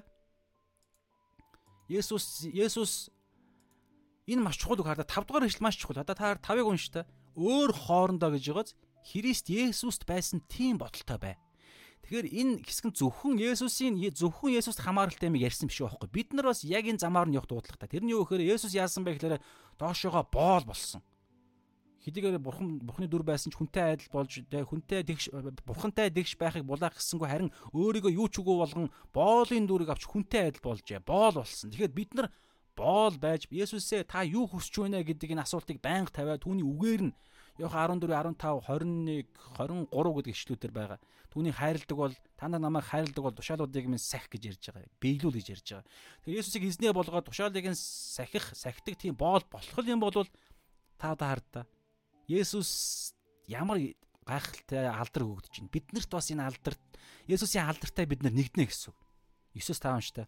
Тиймээс ч бурхан үлэмжийн дээдээр түүнийг өргөмжилсэн бөгөөд алив нэрээс дээд нэрийг түүнд сойрхов. Энэ нь Есүсийн нэрд тэнгэрт, тэнгэрт, газар дээр, газрын доорх бүгд өвдөс өгдөж бурхан эцгийн алдрын төлөө Есүс бол Христ гэж Христ Есүс Христ бол эзэн гэж хэл бүхэн хүлээн зөвшөөрөх учраа ажээ. Даниэл 7 дээр байна уу? Бага. Христ хүний дүд хүний дүр төрхтэй нэгэн эртний нэгний хажууд ирээд мөнхөд хаанчилж байгаа хүний дүр төрхтэй Есүс хэлж штэ. Тэгээд түүнтэй хамт үе үеийн итгэгч нар бүгд мөнхөд хаанчилж байгаа.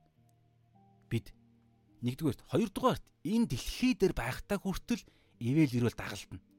Ингиж бид нар доошогоо Есүстэй адилхан бусдын төлөө өөрийгөө золиосож амьдрах юм бол энэ дэлхий дээр амьдарч байх хугацаантаа хүртэл Бурхан биднийг өргөмжилнө. Бурхан биднийг хангана өрөөнө. За энэ би нэг ишлэгээс харуулаа өндөрлөе. Тэр ишлэн юу гэхээр Матай 19-ийн 29 За эдгээр ишлүүдийг чэйтэлчүүл биднэрт маш чухал шүү. Одоо ингээд надтай баан хамт явж байгаа хүмүүс уг ингээд анзаарч байгаа. Би үе үе дандаа нэг хэдийн ишлэл яриа яваад байгаа. А гэхдээ ингээд Библийг судлах тусам энэ хиш та баан ярьдаг дурддаг ишлэлүүд нэмэгдэнэ гэсэн үг байхгүй. Одоогийн байдлаар те би Матай Йохан судалсан учраас энэтэй хамааралтай ишлүүд баан орж ирдэг. Гэхдээ мэдээж бос ишлүүд орж ирдэг л да Эфес, Эфес, Еврей, Меврэгээ. За 29. А энэ чи бүлгэн 19. За энийг яриа тэгэж инкэ өндөрлөө. За Матай 19:29. Хэрвээ бид Есүстэй адилхан өөрийгөө боол болгож Паултай адилхан Есүсийн боол болгож түүний үгэнд дуулууртай байвал өөрийгөө золиословол гэсэн үг.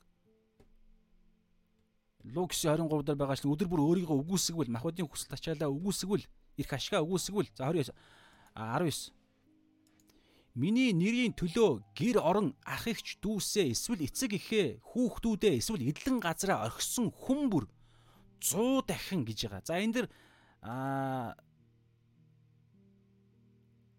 энэ дэр Лук дээр Лук 13-ын 30 дээр байна уу? Та харчаарай. Лук 22-ын 30 дээр байна уу? Энэ дээр яг адилхан хэсэг. Гэхдээ энэ дээр нэг үг нэмэгдэж байгаа. 100 дахин гэхдээ энэ үед гэж гарч ирж байгаа. Лук дээр байгаа байхгүй энэ үед. Матай дээр энэ энэ үед гэж байхгүй. Зүгээр Матай дээр бол зөвхөн аа тэр нь байхгүй байгаа. За бүгдээрээ Матайгаа уншия. Миний нэрийн төлөө гэр орон ах эгч дүүсээ эсвэл эцэг эхээ хүүхдүүдээ эсвэл эдлэн газраа орхисон хүн бүр 100 дахин ихийг хүртэх бөгөөд мөнх амийг хүртэх болно гэж байгаа. Энэ дээр Лук дээр болохоор энэ үед 100 дахин ирэх үед мөнх ам гэж байгаа байхгүй юу? Яг нь Лук дээр бол 100 дахин гэж байхгүй өчнөө ихээр гэж байгаа. Энэ үед өчнөө ихээр ирэх үед мөнх амийг гэж байгаа. Тэгэхээр энэ хоёр ишлэл ингээ хамт хамтд нь ингээд үзэхээр Есүсийн төлөө, Есүсийн алдрын төлөө, Есүсийн загалмайн зорилгын төлөө бусдын авралын төлөө, бусдын их ашигын төлөө гэсэн үг. Одоо хүмүүсийн төлөө өөрийнхөө одоо гэр орон ах эгч дүүсээ эсвэл эцэг эхээ хүүхдүүдээ эсвэл эдлэн газараа орхих гэж ярьж байгаа боловч ерөнхий цаад санаа нь юу гэж хэлдэг вэ? Хам сэдвэр юу гэж хэлдэг вэ гэхээр хамгийн гол зорилгоо болгохгүй. Яг сонголт ирэхэд би өөрийнх тэр хүнийг илүү сонгодог. Өөрийнхөө их ашигыг золиосолдог. Өөрийнхөө их ашиг нь миний амьдралын гол зорилго биш гэж үздэг гэсэн санаа ийм ингэж золиосолдог ийм байвал энэ үед энэ дэлхий дээр амьдарч байхдаа саяны ярьсан бүх зүйлсүүдээ 100 дахин илүү аавна. Ирэх үед мөнх амиг аавна гэж байгаа. За ийм гайхалтай зүйл ярьж байгаа. Энэ гайхалтай зүйлийг ямар үед өгөх вэ гэхээр бид боол байж чадвал яг л Паул шиг би эзэн юу хийх вэ гэдэг асуултыг асууж чадвал чадвал гэж угаасаа дахин төрсөхгүй угаасаа ингэж асуухыг хүсдэг байхгүй юу. Би яг чадвал гэд биднээс хамаарах юм шиг ярьж байна. Та гол юм байгаа та дахин төрсөн бол угаасаа энэ мөн чанар ороод ирцэн байгаа.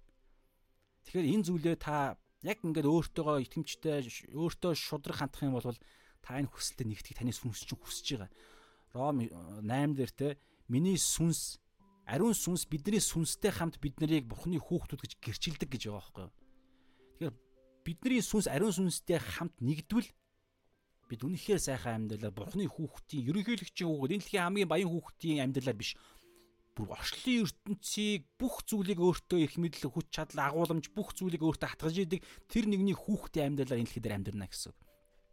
Тэгээ Паул энэ дээр ерөөхдөө бол сайн мэрийг танилцуулсан, сайн мэрийг танилцуулахдаа нэгд гурван юм ярьсан. Нэгдүгээр а эртнээс иш үзүүлэгдсэн хуучин гэрээ юдизмын суурин дээр хоёрдугаарт энэ дэлхий дээр ирсэн үйлчлэл Тэ энэ дэлхий дээр хүн болж ирээд дэлхий дээрх үйлчлэл нь ярьж байгаа. Энэ бол Есүсийн аврагч гэдэг тодорхойлолт нь. Хоёрдугаар тэнгэр дэх үйлчлэл яригдж байгаа. Хоёр дахь үе шат нь үйлчлэлийн хоёр дахь үе шат. Энэ дээр бол ариун сүнсний хүчээр бурхны бурхны хүү болж бидний эзэн болсон. За энэ дээр нэг юм яриаг юм товч ганцхан үгэлбэр хэлээ. Тэрний юу гэхээр Есүс одоо ч гэсэн амьд байгаа учраас үргэлж бид нарыг годомжинд хаан ч явсан бидний эзэн болж чаддаг. Тэгээд боол хүн үргэлж эзнийхээ хараан дор байгаа. Тэр утгаараа бид хаан ч явсан Есүсийн үгээр явж гин үгүй үгүй юу гэдгийг эзэн маань биднийг өгүүлж мэдж гинэ гэсэн үг. Тэр утгаараа эцсийн өдөр Матадлогийн 21-оос 23 дээр байгаа. Тэр өдөр эзэн минь эзэн минь гэсэн бол Тэнгэрийн хаанчлал орохгүй. Харин Тэнгэрт хэцхийн хүслийг үйлдэгчл Тэнгэрийн хаанчлал орно. Тэнгэрт хэцхийн хүслийг Есүс л хэлсэн. Тэгэхээр Есүсийн үгийг гэсэн үг байхгүй юу? Есүсийн үгийг буюу Есүс эзнийхээ үгийг үйлддэг хүн Тэнгэрийн хаанчлал орно. Өөрөөр хэлбэл Есүсийг эзнээ болгоод эзнийхээ үгээр явдаг хүн Тэнгэрийн хаанчлал орно гэж хэлсэн. Харин ёс бусыг үйлдэгч тэр өдөр би тэтгэх хүмүүсүүдийг зайл гэж хэлнэ гэж хэлж байгаа. Тэгсэн чинь тэтгэх хүмүүсүүд олноороо те би гайхамшиг үйлцгийг иш үзүүлсэн номлосон ингээ те чөтгөрүүдийг хөөсөн гэсэн чинь би та нарыг танихгүй ёс бусыг үйлдэгч надад зайл гэж хэлнэ гэж. Яагаад гэвэл Бурхан үргэлж Есүс үргэлж эцгийн баруун гарталд амьд байгаа учраас яг одоо таныг энэ цагийг энийг үзэл сууж байгаа таны дотор юу бодогдож байгаа. Энэ цагийг дуусаад яах ихийг чинь бүгдийг харж байгаа. Тэр болгоныг чинь эзэн хараад эцсийн өдөр Тэгж ингэж явж явж байгаад эцсийн өдөр яг яг өөх өдрөө та өөхөө дуусахад ямар төлөв байдалтай өөх вэ гэдэг чинь маш чухал. Есүсийн дотор итгэсээр байгаад, үгийг нь сахисаар байгаад, сахиж чадахгүй бүдрэх үедээ гэмшсээр байгаад, үргэлжлүүлэн аврал зүвт байдлын цагаан хувцсыг нь өмссөөр байгаад. Ингэж Есүсийн дотор явсаар байгаад нэг өдөр өөхөд Тэгээд шүүлтийн өдөр ирэх үед Есүс биднийг хараад миний боол гэж хэлнэ гэсэн. Миний дотор олдсон нэг. Тийм учраас Тэнгэрт үйлчлэл ярихад бидний Ром 10-ын 9 10 дээрх эзэн гэдэг ойлголт ярьдаг байхгүй. Есүс Христийг үхсдээс амилсан гэдэгт нь зүрхэндээ итгээд аврагдан буюу эхнийх нь энэ ойлголт эхнийх нь үйлчлэлт нь итгээд аврагдана. А итгээд зөвтгөгдөн. Тэгээд түүнийг амаараа эзэм гэж хүлээн зөвшөөрөөд аврагдана буюу үргэлжлүүлээд Есүсийг бурхан дахин амилсан учраас одоо ч гэсэн миний айжууд дээрээс энэ цагийг хийгээд энэ лайв хийж яхад миний дээр эзэн намайг харж байгаа учраас би Есүсийн үгийн дагуу л би ярих ёстой. Үгийн дагуу л би одоо итгэмжтэй байх ёстой гэд үйлдэж байгаа үйлдэх энэ төлөв байдал чи анх итгэх үед надад би болсон гэсэн үг байхгүй юу. Тэгээд тэрийг хараад ариун сүнсээ надад өгсөн гэсэн үг. Ирээдүг минь хараад би 2003 онд итгэсэн. Баптизм хүрсэн. Тэр үеэ би итгэсэн гэрэхэд яг туртай. Тэгэхээр 2003 гэхээр ч одоо 18 жил болох гэж байна.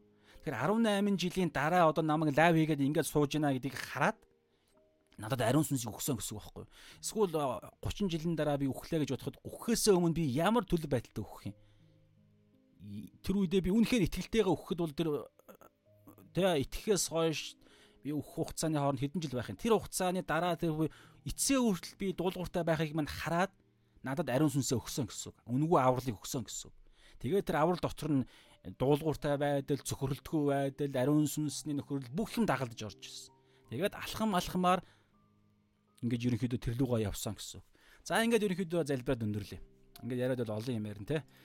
Эзэн энэ цагийн төлөө би талархаж чинь тэгээ 2 цаг 36 минут болсон байна. Тэгээд Тэгээр урт болсон ч гэсэн бид таныхаа үгэнд дуулууртай байж яг одоо надад анхааруулж энэ зүйлийг заавал дуулах дуусгах ёстой а гэдгийг надад анхааруулж байгаа энэ дуулууртай энэ үгэнд л дуулууртай байх гэж хичээж байгааг та бас анзаарж байгаа гэж найдаж байна. Хэдийгээр би богинохон хийхийг хүсэж байгаа ч гэсэн яалтчгүй эзэн та олон зүйл надад санагдж байгаа сануулж байгаа учраас эзэн би дамжуулж байна. Тэгээд та бас хамгаалаарай бид бүгдийг гэж элдв янзын ойлголтуудаас тэгээд бас та улам илүүгээр бид нарыг та чадваржуулаарай эзэн. Тэгээд олон талт үннүүдийг та зааж өгөөч. Тэгээд сонсож байгаа хүн бүрийг та байгаа байгаа газарт нь ивэж өрөөж өгөөрэй. Тэгээд дараагийн 3 дахь өдрөөс эхлээд бид Ром 1-ийн 10 биш Ром 1-ийн 8-аас эхлэх болно. Тэгээд та биднийг хамгаалаар Есүс нэрээр амен. За хамт ирсэн хүмүүстээ баярлалаа тэгээд хамт хүн байс байс эсгээ сайн мэдэхгүй байна удаа явсан учраас өөх дөрвөн хүн хамт байгаа гинэ. Ундаг биш. Ман дөрвөн хүний үнэхээр Есүсийн нэрээр өрөөж шүү. Мэдээж дараа нь сонсох хүмүүс ч гэсэн байгаа. Гэхдээ бусд нь өрөөл байхгүй гэж хэлээгүй энэ угаасаа яаж бодсон. Би өөрөө ч гэсэн энийг ингээд дуустал сонсч чаддгүй. Ихтэрхий урт явж байгаа ойлгож байгаа. Тэгэхээр энэ дөрвөн хүнийг би үнэхээр ер бүсгүй хүн гэж бодож байна. Ярддаг хүндээ бол амархан өнгөрдөг байхгүй. Сонсдог хүнд үнэхээр хэцүү. Гэхдээ би яг энэ цаг яагаад ингэ явж байгаа гэхээр та зүгээр ингээд таслал маслаад ч хамаагүй газар суурин дээр яригдсан цагийг ингээд нэг хид хид хуваагаад ч хамаагүй нь ярьж байгаа зүйлийг ингээд сонсоосоо гэдэг утгаараа ингээд би үлдээгээд байгаа шүү. Тэрнээс суурин дээрээ сонсно гэдэг бол боломжгүй байхаа би сайн мэдэхгүй байна. Гэтэ энэ дөрөв хүн сонсч чадсан байна Есүсийн дэд өрөөж байна. За тэгээд сайхан амраараа шалаа. А түрүүний залбирлын сэдвийг та бодоод залбирж өгвөл талархах шүү. Нөө ESV Study Bible-ийн авахын төлөө залбирж өгөөрэй. За баярлалаа. Сайхан амраараа шалаа.